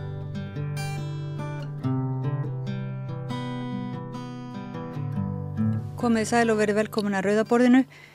Ég heiti Otni Eir og hjá mér er góður gestur Eiríkur Smári Sigurðarsson sem er rannsóknarstjóri á hugvísindarsviði í Háskólu Íslands. Verður velkomin. Já, takk fyrir. Og þú hefur verið að rannsaka og ég sá í að þú varst að halda fyrirlestur í, á þjóðaspiklinum um samfélagslegt hlutverk háskóla Mm og, og hérna eiginlega meta svona hvernig er hægt, já, meta, rannsaka hvernig er hægt að meta þetta samfélagslega hlutverk. Og þú segir að þetta hafi svona kannski komið í ljós eftir hrun að allavega háskólanir á Íslandi hafa ekki beinlinis staðið sig í því að, að veita svona viðnám uh, atbyrðum á pólitíska sviðinu. Er, mm -hmm. það, er, er það rétt? Er það vandin? Ja, ég veit ekki hvort það er beint, beint vandin, fólk eru öruglega svona ólíkar uh, hugmyndur um það. En það sem ég var að skoða sérstaklega í þessum, þessum fyrirlestri og, og, og grein sem ég byrti sem að fyrirlestri byggir á er hvernig sko, stefnumótun rannsókna á Íslandi hefur þróast uh, svona undarfarin, undarfarin ár eila frá 2006 þar sem við finnum svona fyrstu byrtu stefnur vísnutaknir á þessu Háskóla Íslands. Og, og hvernig þessi, þessa stefnumótun hefur þróast í dagsins í dag út frá spurningunni um samfélagslegs hlutverk eða samfélagslega ábyrð háskóla. Og það sem mér finnst komið ljós við að bera þetta saman er að það verður ákveðin breyting eftir hrun. Mm. það er að stefna sem að er, er gefin út vísinda og tæknar á stefna eða Háskóla Íslands fyrir, uh, fyrir hrun, það er sér 2006 hún er mjög svona já, fólk er að berja sér upp bróst og tala um að það sé besti heimi og alltaf verða ennþá meira besti heimi og, og, En hún er mjög mikið 2007 þóttum sé 2006 Já, hún er, mjög, hún, er, hún er mjög í þeim anda já. alveg svona sama hvar maður skoðar. En eh, eftir hrun 2008 að þá er náttúrulega unnin þessi rannsónaskísla alþengis og hlut af rannsónaskíslunni er svo kallega siðfræði viðauki sem að, að, að, að siðfræðingar og fleiri unnu að og þar eru skoðað og þar eru verið að skoða sko, hvernig eila stopnana kerfi á Íslandi uh, var að standa sig fyrir hrun, sko, af hverju gerðist þetta mm. og eitt af því sem þau skoða og það er eitt kapli þar sem við fjalla bara um háskólana og þau gaggrína í þessari skýslu háskólana fyrir að hafa ekki verið nógu áberandi og öflugir í ofnbjörumræðu fyrir hrun, mm. þeir hefðu ótt að vera gaggríni þau skoða meðal annars kostaða stöður við háskóluna og hvort að það hafi haft einhver áhrif en líka bara sko hræðslu fólk við að, að, að taka þátt og blanda sér í ofnbjörumræðu en eitt bendaðu á í, eh, í skíslinni sem er, er mjög svona afgerandi gaggrinni og það er svona matskerfi rannsókna sem er líka svona kvatakerfi rannsókna innan Háskóla Íslands sem er núna notaðu öllum ofnbjörum háskólum á Íslandi. Og þetta kerfi er, mér að það hefur verið gaggrind að mörgum, það er mjög svona magdreifið, það er verið að skoða byrtingar í viðkjöndum alþjóðlegum tímaritum og fyrirlestar á alþjóðlegum ástefnum og í þessu, á svo miklu leititum sem þetta virkar sem kvatakerfi að þá hvetur það fólk til þess að byrta sem er gott, minna það er það sem fólk er ansóknum verið að gera. En það er ekkert, það er enginn kvati til þess að, að, e, senda fólk út og, og, og, og taka þátt í ofnböru umræðu Þannig að þú færð ekki punkt fyrir að koma í viðtal eða... Nei, þú færð ekki punkt fyrir það og þú færð ekki þá svona bónusgreðslu í að hverju hausti fyrir að, að gera það. Nei. Og þau benda þetta sem hugsanlegt eh, sko, vandamálu í íslensku kerfi. Mm. Og ég held að það er ekkert mikið breyst þegar kemur að, að þessu kvatakerfi. Það er ennþá mjög magdrefið og, og, og er fyrst og fremst með áherslu á, e, á, á byrtingar, á, á svona rannsóknuniðustöðum. En umræðan um sko rannsóknir og háskóla, hún hefur þó verist eftir þetta eins og maður getur sko séð í byrtum stefnustjölum bæði hjá Vísintæknaræði Háskóli Íslands og annar staðar þegar núna er miklu ofara dagskrá spurningin um svona samfélagslegt hlutverk rannsókna og háskóla og, og, og hvað þeir geta gert til þess að gera okkar samfélag betra. Og er það þá eiginlega bæði þessi þáttur uh, sagt, starfsmannháskólans að taka þátt í vera opnir fyrir því ef það kallaður eftir þeirra áliti eða kallaður eftir þeirra þáttöku í samræðu og að, að, að, sjá það sem jákvægt jafnvel í einhver, einhverju umbunarkerfi en er þetta líka þá að rannsóknirna sjálf að meta að finna einhvers konar uh, kerfi til að meta samfélagslega ábyrð sjálfra rannsóknarna eða? Já og það er það sem hefur verið að, að, að eh, gerast á, á, á síðust árum. Að eh, svona, fyrsta sem að sér er að, að það farið að leggja áherslu á samfélagslega ábyrð og, og, og, og samfélagslega áhrif e, rannsókna og háskóla í stefnumótun. En það verið ekkert mikið verið gert í að leggja mat á þetta eða láta það hafa einhver, einhver svona frekari áhrif á hvernig Um, já, hvernig stofnanir og einstaklingar innan stofnana haga sér en það er vantanlega að, að, að fara að gerast mm. það er svona nýtt eh, svona nýtt módel eða deililíkan sem er í umræðu núna hjá, eh, hjá henn ofnberað hjá ráðuneytinu fyrir háskólana það tekur inn eh, meðal annars svona samfélagslegt hlutverk þá eftir að skilgreina nákvæmlega hvernig þá að meta þetta og, og, og, og mæla Það verður vantilega gert hjá gæðaráði háskólana sem er annar aðili sem er svona fylgjast með því sem að háskólar eru að gera. Um, uh, einhvers konar mat á samfélagslegum áhrifum uh, rannsókna í háskólum. Eftir Þannig að þetta er svona á leiðinni sko. Já, en þetta lítur að vera langt prójekt. Bæði, bæði er þá að, að maður getur ímyndað sér að, að hérna, styrkir til rannsókna uh, farið þá eftir því svolítið hvort að menn eru með réttu orðin hérna, mm -hmm. eins og svolítið sko, fyrirtækinu eru duglega að skreita sig með sjálfbærni og öllu svona grænu og, og stjórnvöld svo sem eru fljóta tilenga sér ákveðin orðræðu. Og ég var að tala hérna við unga umhverfið sinna um daginn sem eru uh, tóku eins og stjórnmálaflokkan í próf fyrirkostningar mm -hmm. og skoðuðu sko sem sagt lovorðin, hvort þau væri nógu græn og nógu umhverfisvæn mm -hmm og gáði engun og svo hérna áttu þess að því náttúrulega og allir áttu þess að því það er ekki nóg að skoða þau plögg, það verður líka að uh, fara eftir á og núna á miðjukjörtjömbili og vita hvort að hvort þetta eru innan tómlóvorð uh, hvernig áhrifin eru uh, á, á umhverfi þeirra áhrif þeirra aðgerða þannig að þetta vendalega þýrt að vera einhvers konar soliðis bæði bæði í bara því sem að rannsakendur segjast alltaf að gera og líka reyna að meta hvað áhrif það hefur á samfélagið? Jú, vantanlega. En þetta er svona þessi svona bransi að, að, að afla styrkjett en hans til dæmis, hann, hans, hans snýst nú alltaf um á einhvern hátum að, að vera með sannfærandi orðræðu og, og nota rétti hugdækin, það er bara svona spurning um hvaða, hvaða er mm. og uh, það hefur verið að færast meira, svona alþjóðlega hefur verið að færast meira yfir í að fólk þurfu að færa raug fyrir því að hafi áhrif með sínur náttúrulega, hvort sem eru vísindilega áhrif eða, eða samfélagslega áhrif. Það verður ekki verið svo mikið í, í hjá á, á, á Íslandi en, en, en kannski verður meira, meira um það en svo spurningin hvernig hvernig, sko, eitt er hvað hvernig leggjum við mat á það setna meir? En það sem ég hef meira áhuga á og, og það sem ég hef verið að fóst við í svona í mínum eigiransóknum er svona spurninginu hvernig við eiginlega skiljum samfélagslega áhrif, bara hvað, hvað er að tala um þegar við tölum um samfélagslega áhrif rannsókna? Mm.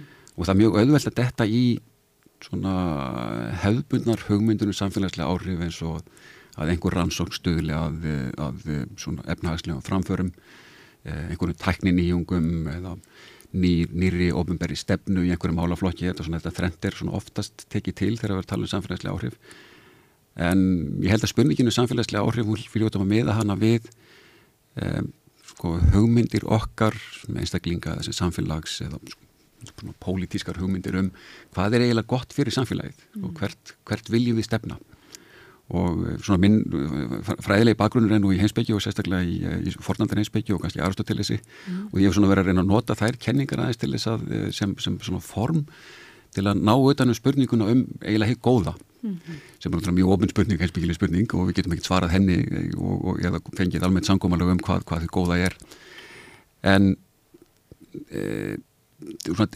eiginlega er, er tilurinn til þess að, að, að opna á önnur svör við spurningunni um hvaða áhrif er það sem við erum að leita að? Mm. eh, hvað er það svona jákvæða sem við viljum fá fram? Hvaða jákvæðu breytingar við viljum fá, fá fram á samfélagi í gegnum rannsóknir eða gegnum starfsum háskóla? Þannig að svona, svona, það sem ég hef verið að skoða.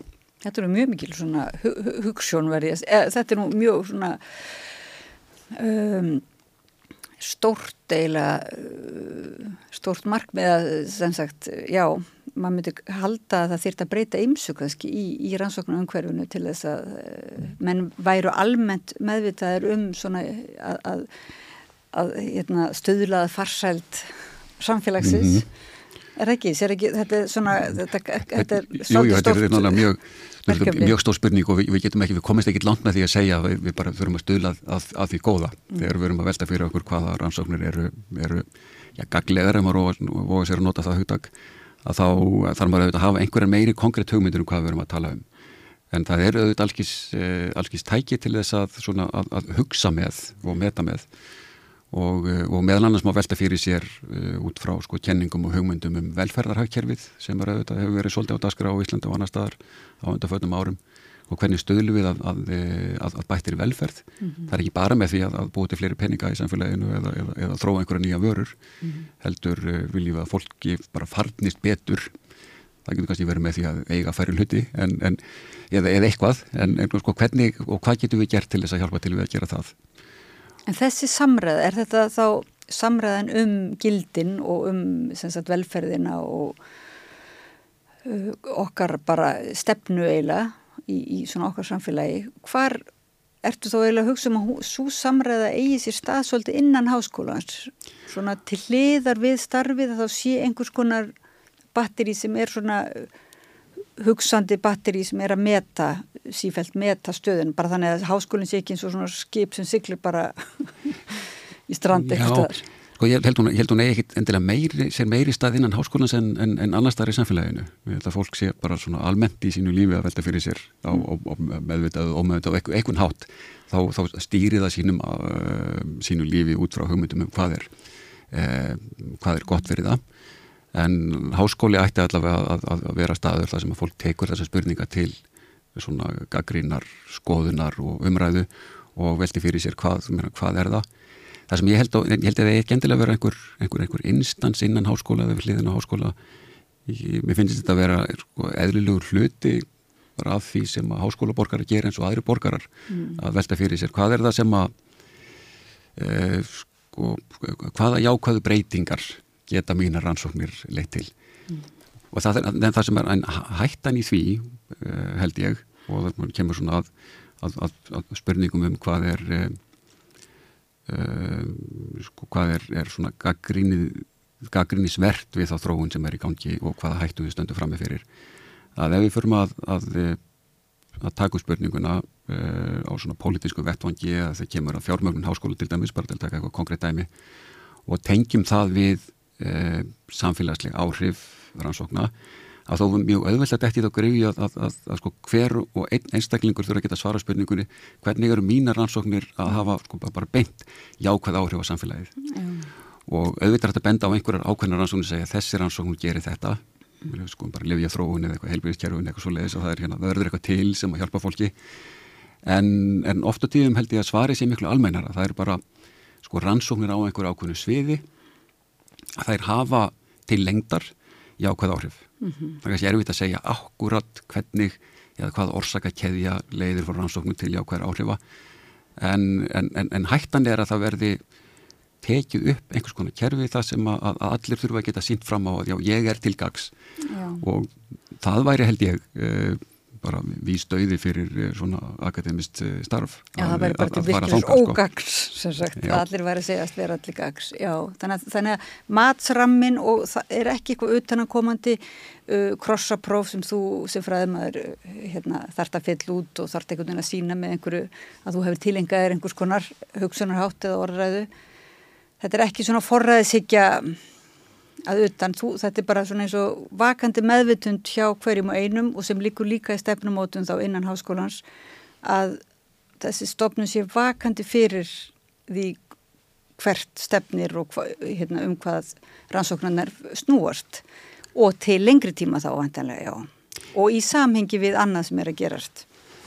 Já, það er sem er svolítið eðlilegt að, að, að, hugsa þetta þannig eða, eða, eða, eða gera þá kröfu til stofnunarinnar að hún sé vakati fyrir þessu og ég held hún sé það alveg mm. uh, það er ekki að maður skoðar bara til dæmis stefnumótun Háskóla Íslands eða stefnumótun Háskóla á Íslandi eða viðstaknar ás þessar aðilar eru mjög vakandi fyrir þessum spurningum en það sem maður sér aftur og aftur og nú er ég kannski svolítið að skoða uh, dæmi út í, út í heimi Já. þar sé þess að svona rannsónum mínar þær, þær koma svolítið upp úr um, svona evrósku rannsóknarnetti sem var að fást við hvernig metu við rannsóknir í hug og félagsvísundum og, og, og, þar var eitt svona undurhópur sem ég tók þátt í sem var að velta fyrir sér akkurat samfélagslegum áhrifum hvernig metu við það. Og það sem að gerist aftur og aftur í, uh, þegar svona matskerfi er tekinu upp til þess að, að leggja mat á samfélagslega áhrif að það verður einhver Uh, bara, svona, bara til þess að virki í, uh, í einhverju kerfi að það verður einhvers konar svona bönatalning þannig að það þarf að finna einhverja mælikvarða eitthvað sem við setjum tölur á mm. til þess að skoða, já, hvernig höfum við áhrif mm -hmm. og, og, og leiðum við fyrir að beita einhverjum svona konkrétt mælikvörðum mm.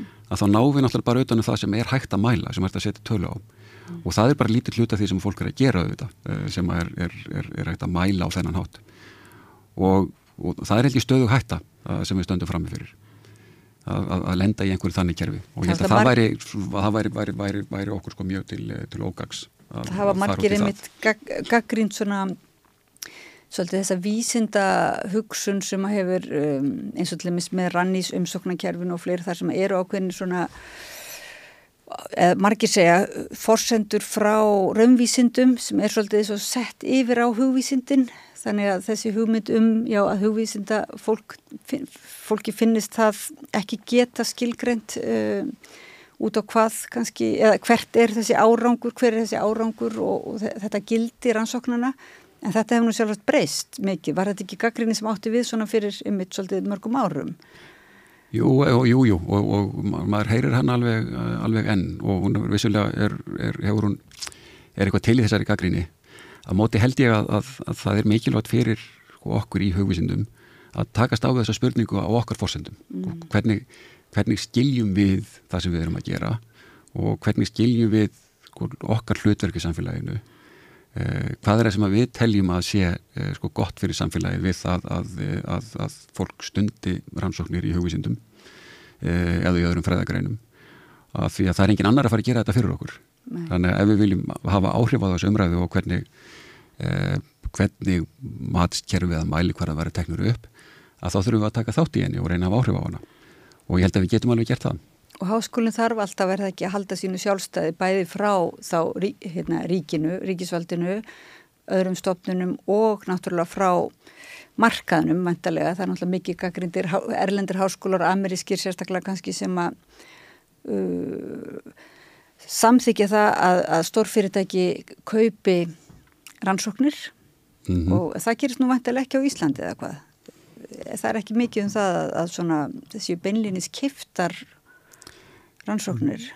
Nei, ég þóru nú ekki að segja nefn mikið um það, það held ég, held ég ekki. Nei. En eitt af því sem var gaggrind í, eh, sko, í rannsóknarskíslunu eða séfra hlutan rannsóknarskíslunar voru sko keftar stöður eða já. borgaðar stöður. Já, já. E, það sem að bankarnir meðal annars voru að, að, að borga stöður við háskóluna og uh, það þótti ekki vera nægilega tryggt að, að, að þessar stöður væru sko sjálfstæðar frá, frá fyrirtækjunum en ég held að það sé ekki, sko, ekki stunda í dag.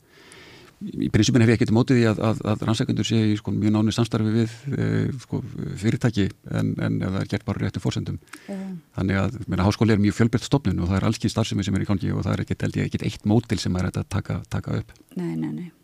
En við erum svolítið, er það ekki í þessu ekki bara post 2007 heldur líka svona post kaldastrið þar við höfum, við höfum svona uh, allavega tvö mótil mjög slæm sem sagt svona uh, hérna, nýfrálsíkju kapitalisma og svo líka svona forræðisíkju og kommunisma þar sem háskólinn mm -hmm. eiginlega verður verður, hefur verið að reyna alltaf að halda sjálfstæði sínu gagvart, vera, vera sjálfstæðstofnun gagvart svona einhverju allraðisvaldi Og hvað finnst þér að vera svona mesta eða hætta núna? Er það bara andvaraleysið eða svona, uh, eða hvað hva, hva, er svona mesta hættan fyrir háskólan varandi þetta sjálfstæði?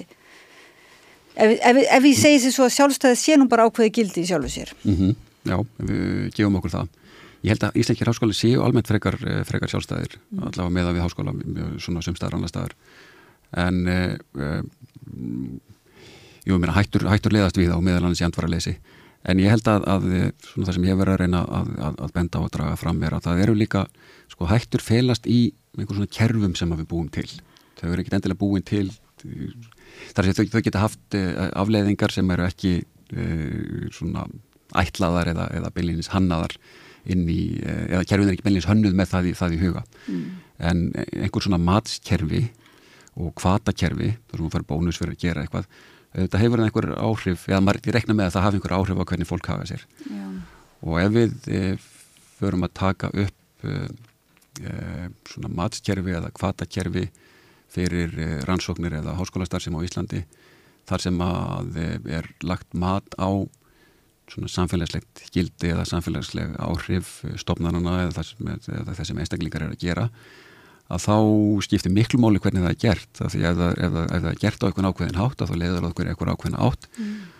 og eh, en að það er gert á einhvern annan hátt og leiður einhver aðra átt og mér langar að benda á einn samt aðilæg þessu samingi sem að hefur getur haft svolítið afgerandi áhrif á hvernig þessi mál þróast og það er gæðaráð uh, háskóla á Íslandi mm. sem er alþjóðleitt ráð sem er búið að vera starfandi í nokkur ár og þau leggja reglulega mat á starfsemi háskólana þetta gæðaráð var sko þegar það var stopnað þá var það ég er eiginlega bara svona nýlega búin að átta með almenna á þessu það var, það var stopnað svolítið undir áhrifin frá bara hugmyndum Pál Skúlasonar mm. fyrirvændi rektors og, og, og, og heimsbyggings um háskóla og hvernig gott háskóla starfið fram. Þannig að fyrsti formaður þess að gæðaráðs var eh, svona maður sem að Pál Skúla hafði unni með. Þannig að þau sjálfur starfað alþjóðlega í að meta gæði háskóla. Mm. og hugmyndafræðin þar gengur mjög út á að sko við hefum ekki að, að, að, eh, sko, skoða konkrétt bara einhverja lista yfir, yfir, yfir árangur eða byrtingar eða svoleiðis þegar við verum að velta fyrir okkur hvort háskóli sé að gera eitthvað gott. Heldur að skoða hvernig stöðlar hann sjálfur að heilbriður starfsemi svona innanbúðar mm. og þeirra hugmyndir um já ég vona þeirra hugmyndir um, um hvernig hefur meta samfélagslega áhrif séu e, svona sambarilegar að við þurfum að skoða hvernig eða þegar að gæðaráður leggur mat á hvort háskólanir sé að gera þetta vel, það er að sinna samfélagslega hlutverki sínu vel, að þá séu við ekki að skoða og leggja mat á hvort einhver ákveðin dæmi um verkefni og árangur séu góð, mm. heldur að skoða hvernig, sko, hvernig tekur stopnunin almennt á þessu.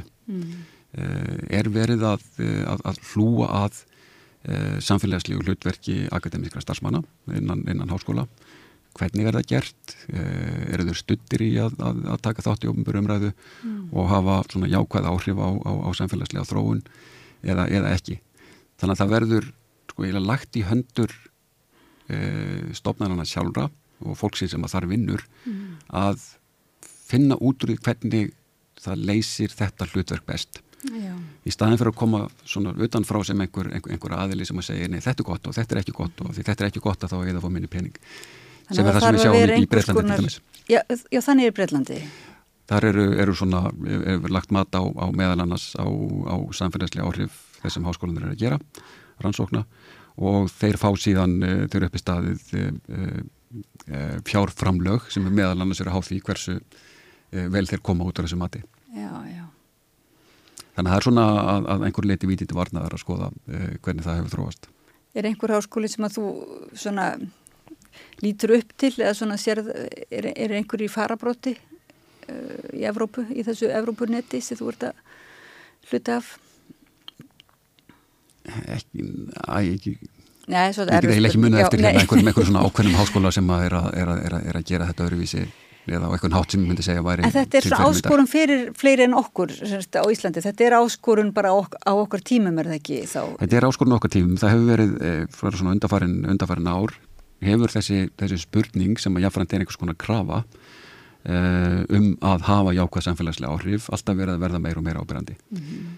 uh, bæði í svona rannsóna fjármögnun í gegnum sankjæfnisjóði en líka í bara stefnumótun um háskóla og hvernig starfsemi háskóla er, er, er metin mm -hmm. hvort sem að því fylgir einhver sko, hvort, hvort sem það hefur áhrif á, á fjármögnustofnana eða ekki en þetta, hefur, þetta er, er koma alltaf meira og meira upp og, og, og, og þetta er svona misvel gert ég hef maður sagt, þá þess að ég hérna, treystum að segja nákvæmlega hvað þetta er best gert og hvað þetta er hérna vest gert nei, nei. En, en þetta hefur verið mjög ábærandi á þetta fennum árum og þetta var ekki svona fyrir uh, svona einhverjum árum, árum síðan En ég man eftir í Fraklandu á sínum tíma þá kom upp, ég man, það er svolítið mörg á síðan í kjölfarða á eiginlega 68 kannski eða 8. áratökunum kom upp þessi krafa um að háskólan ætti að vera virkari og uh, þá voru svona risu og, og, og profesorunir ættu sérstaklega að vera virkir í að koma fram í fjölmiðlum og þá risu nú margir upp gegn því og sögðu það, það bara kallar á raunverulega gaspur. Þar þá þarf líka, þurfa líka fjölmiðlastofnaninnar að, að, hérna, að búa til öðruvísi þætti. Að, að það er ekki hægt, við getum ekki sem fræðimenn farið og fengi bara 7 mínútur eða 5 mínútur til að gera grein fyrir okkar niðurstöðum. Og það fer alltaf bara út í einhverju svona vinsældakeppni og, og, og þannig að þessi svona umræða og þá komu upp svona umræða tenging fjölmi, tengst fjölmiðla við um, háskólana sem að náttúrulega er hérna líka en, en við erum, já, fjölmiðlunum hefur svolítið raka kannski á Íslandi þannig að þá þá er spurning hvort háskólinn þurfu ekki líka vera bara þáttakandi í að byggja upp þessa auknu samræðu? Jó, hann má kannski líta á það svo. En annað sem að, að margir hafa bent á og ég hef líka rekist á í, í bara við að skoða þessi mál á Íslandi. Við tókum, ég og, og, og Elsa Haraldsdóttir, doktorsnefni, við tókum við eh, nokkur rannsangandur innan haugvísinda fyrir nokkrum árum og báðum að lýsa rannsónu sínum og, og hvernig þau tengdust samfélagin og samfélagslegum áhrifum. Og það er svona staðfestiða sem að, að e, hefur komið fram annar staðar svona alþjóðlega að þetta er ekki bara, og þegar það kemur á spurningunum hvernig tengjust við samfélaginu á einn eða annan hát í okkar rannsóknum þetta er ekki bara spurningum hvað rannsakendur eða rannsóknarstofnaðir gera, heldur hversu tilbúið er einhvern veginn samfélagið þegar maður talar um það þannig almennt til þess að, að, að taka við þessum upplýsingum mm.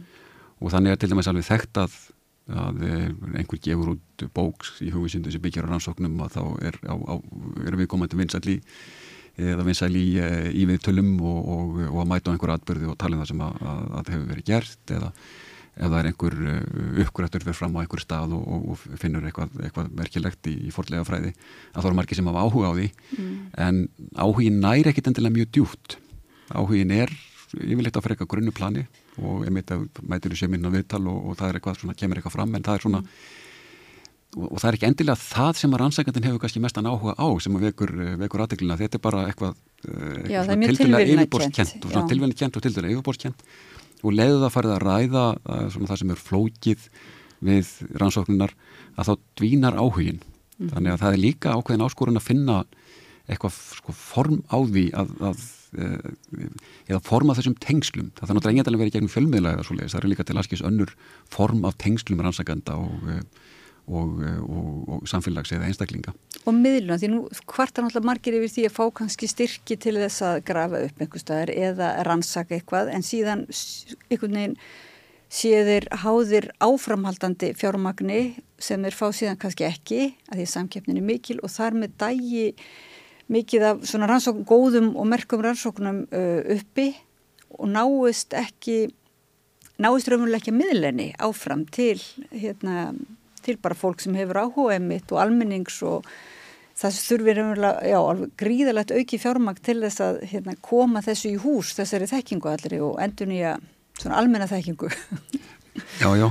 Það, jú, það getur verið svona það er ákveðin, ákveðin eh, freysting visulega að, að, að líta á að, að þegar að svona fyrstu niðurstöður komi ljós sem eru, eru svona áhugaverðar það er, eitthvað sem er, eitthvað sem er sagt eh, einhver staðar eða skrifað einhver staðar sem er já, þetta er áhugaverð að, að það sé bara nóg. Mm -hmm. og í einhver tilfellum er það kannski nóg sem er komið fram þá en, en, en í mörgur tilfellum vantar meira ráðrúm til þess að, að vinna raunverulega úr því sem er komið fram.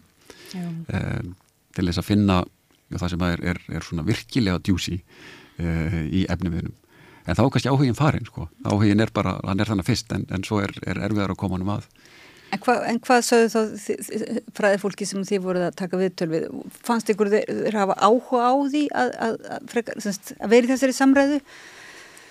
Aukinni samræðu við semst, fólk sem hefur almenningur umverulega? Já, almennt. Fólk hefur, eh, hefur, hefur almennt áhuga á því að komast í, svona, í samskipti við samfélagið, almenning, eða hvað maður kallar það.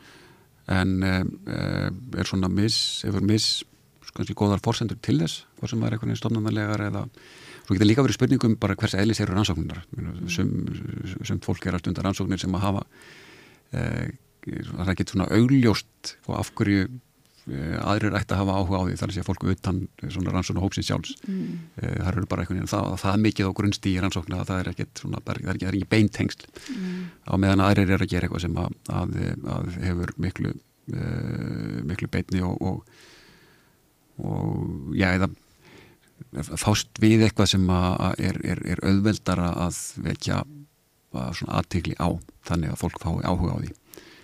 En almennt hefur fólk áhuga á þessu.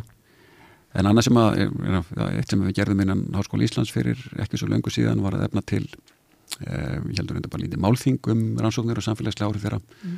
og fengum eh, svona alþjóðlega fyrirlesar að koma og, og, og, og fjalla um það en í tengslum við það málþenga þá söpnuðu við líka fyrir kvöldinu postkort þar sem báðum fólkum að senda inn uh, lýsingar á sínu rannsóknum og hvernig það tengst úr samfélaginu og hvaða samfélagslega áhrif þær hefur haft mm. og uh, fengum bara talsverðan fjölda af þessum, þessum postkortum Nó, og mjög svona fjölbreyttar hugmyndir um hvað það er sem að, að, að eða hvers eðlis áhrifin eru Já. og ég held að það sé algjört líkilatriði svona áður en að, allavega áður en að við festust í einhverju, einhverju svona kerfi til þess að meta þetta á Íslandi Mm. að það sé mjög lifandi umræða um hvað hvers eðlis eru þessi áhrif um, er, er, eru ekki dæmi um jákvæð samfélagslega áhrif að um, svona vekja aðtigli á einhverjum ákveðnum málum Mm. að um, veita fólki tæki til þess að, að hugsa um einhver málaflokk í samfélaginu á einhver nýjan hátt Mm. Sem að, að, að kemur svona samræðu áfram á einhver nýjan stað um, þá er ómögulegt að mæla þetta eða allavega mjög erfitt að mæla þetta kannski að ég er okkur skoðana kannandur um hvernig fólk hugsa um hluti og, og, og bera saman um veldi tíma en, en ég veit ekki hvað sem ekki hvað að því en er þetta ekki dæmi um, um samfélagslega áhrif Jú. sem myndur svona illa passa inn í eitthvað, eh, eitthvað Heimsbyggin náttúrulega eins og nefndir Pál Skúlason náttúrulega þá, ég mann á þessum tíma þegar heimsbyggin varð allt í hennu ekki, var ekki lengur svona bara sérsvið einhverja sérfra, uh, sérvitringa heldur uh, var talað um heimsbyggina sem er mitt áhugavert nám fyrir þá sem vildu tengjast bara inn á mjög mörg önnur svið og svona mitt tæki til að hugsa og svo leiðis. Svo var verið að segja mér um daginn að þetta væri aðeins uh, þetta væri ekki lengur uh, svona almenn skoðun. Núna væri það aftur komið svo litið svona fyrir þá sem vildu vera í sínu hotni. Heimsbyggin væri aftur komin eitthvað út í hotn. En En mér heyrist þú vera að, að segja að, að, að segja að þessi matskvarði skapa, skapati greinar, hugvísindi, uh, sérviskuleg svið, að þau geti raunverulega alveg haft uh, jákvæð áhrif á samfélagið. Það þurfi bara að meta rannsóknindar og, og þe- þessi mælikværi þarf þá að vera ansi flottur sagt, eða, og ekki þröngur. Já, eða, einmitt, ég held að það sé kannski leikil, leikilatriðið um, hann þarf að vera hann þarf að vera opinn og hann þarf líka að geta verið þess eðlis að, eða mæli kvarðin eða, eða leiðinar til þess að meta þetta mm. þurfa að vera þannig að það geta þróast yfir, yfir tíma til dæmis að þetta sé ekki fest í, fest í stein að það sé haft eh, sko, eitthvað raunverulegt samráð við, við, við rannsækendur en líka við hagaðil út í samfélaginu um hvaða er sem að telst til eh, svona jákværa rannsókna í, í út frá svona samfélagslegum spurningum. Þannig ég held að það sé aðalatrið um heimsbygginga, það finnast auðvitað heimsbyggingar sem að, og hafa alltaf sem eru bara eitthvað í að, að, að fást við eitthvað mjög þröngt sérsvið og, og, og í sínu hotni en, en á meðan eru líka aðrir sem eru að, starfa bara miklu svona beitna í uh, svona samspili við uh, samfélagið. Og hvort vekja er jákvætt. Já. Við þurfum líka á, á svona nördunum að halda sem að eru, hvort sem er heimsbyggi eða í, í lífræði eða eitthvað annar staðar Já, já, sem eru bara fást við eitthvað mjög spesifíkt sem að einhvern tíman mannski kannski mun, mun, mun leiða til einhvers, einhvers góðs. Allavega getur hatt áhrif innan heimsbyggingar almennt sem að síðan hefur áhrif út í, uh, út í samfélagið. Þannig og við hefum alls ekki að, að, að bara fara að hampa öðrum hópnum á kostnað hins Nei. við hefum frekar að skoða hvað er það, það maður bara heimsbyggið sér dæmi hvað er það við heimsbyggina sem að, gerir að hún hefur eitthvað gildi fyrir samfélagið Já. Og þetta samspil þá, sagt, þá, þá þi- þú ert að hugsa um hvarða sem tekur ekki bara einmitt einn punkt og eitthvað þröngt, heldur sér sjálft samspilið innan stopnunarinnar og innan samfélagsins alls. Þetta hljómar svona eins og bara áhugaverðasta verkefni sem í háskólanum sem Já, er í gangi. Áhugavert og, og það er hérna og, ég veit að það er áhuga á þessum, þessum spurningum innan, uh, innan háskólans. Og, eh, og, og það er bara verið að vinna að því núna að, að finna einhverja leiðir til þess að, að, að meta þetta og bæði til þess að eh, bæði svona uh, fyrir stofnunar sjálfa en líka til að breyðast við yttir þrýstingi af því að hann er vissilega til staðar. Og, og, og við þurfum að finna einhverja leið til þess að, eh, að, að já, við þurfum að finna leið til að breyðast við honum á, á svona jákvæðinu og uppbyggilegan hátt þar sem við sínum raunverulega hvað við erum að gera gott. Hvað er ytri þrýstingur? Já, það, það sá, eða það sem að er, það sem að náttúrulega líkur fyrir er að það verður uh, tekið upp nýtt uh, svona fjármögnunamódel fyrir háskólana. Mm. Það er uh, bara í, eða var í samráði uh, á, hjá Alþingi. Ég mun ekki nákvæmlega hvað þetta mál er, mál er statt, en það er allavega komnir, komin drög að nýju kerfi til þess að meta svona árangursmeta starfsemi háskólana og það á að tengja það við fjármögnun háskólana. Mhm. Það verður svona fasað inn í gegnum einhverja ár þannig að e, það eru tegunda veitir þrýstingi að sem verður að taka upp nýtt mótel til þess að fjármagna háskóla. Vá, það er mikið í húfi. Vissulega mikið í húfi þar. Það væri nú gaman að fá að fylgjast með þessu, þessu rannsóknarstarfi hjá ykkur hérna, viltu koma hérna, ef við fengjum ykkur að punta fyrir að koma hinga að, hérna á samstöðuna. Alveg óháði. Óháði, já. Mm -hmm. Eirikur Smári Sigurðarsson, rannsóknarstjóri á hugvinnstasviði Háskólu Íslands. Kæra þakki fyrir að koma og segja okkur frá samfélagslegri ábyrð háskólana. Kæra þakkir. Taktu þátt í vali á stopnun ársins 2023 á sameiki.is. Hlítur þinn vinnustæður verlaun. Sameiki. Já, þetta var síðasta viðtalið við rauðaborðið í kvöld og í þessari viku því að morgun er förstudagur og þá er ekki rauðaborðið um kvöldið, heldur er rauðaborðið klukkan 16 í beinni útsettingu á útarpi og sjónarpi. E, það kallum við vikuskamt, þá fáum við hingað uh, skemmtilegt fólk til að ræða um, um frettir vikunar. En uh, rauðaborðið er búið í kvöld og ég bara eftir að minningur á það að þið getið gerst áskrifundur, þá eru þið virkið þáttakandur í uppbyggingu samstöðunar. Þið farið inn á samstöðum.is, það er nappu sem ástandur áskrift, eða ítið á hann, þá getið skráðu okkur fyrir 2000 krónum eða 4000 krónum eða 8000 krónum, allt eftir í hvað þið viljið eða getið. Uh, samstöðun er umverulega byggð upp á þessum framlugum. Það eru margir sem að leggja lítið til og okkar draumur er það að með því getum við síðan byggt upp eitthvað stort og mikilvægt. Sjáum til hvernig það gengur en ég þakka fyrir í kvöld og segi góða nótt. Segðu það á samstöðinni.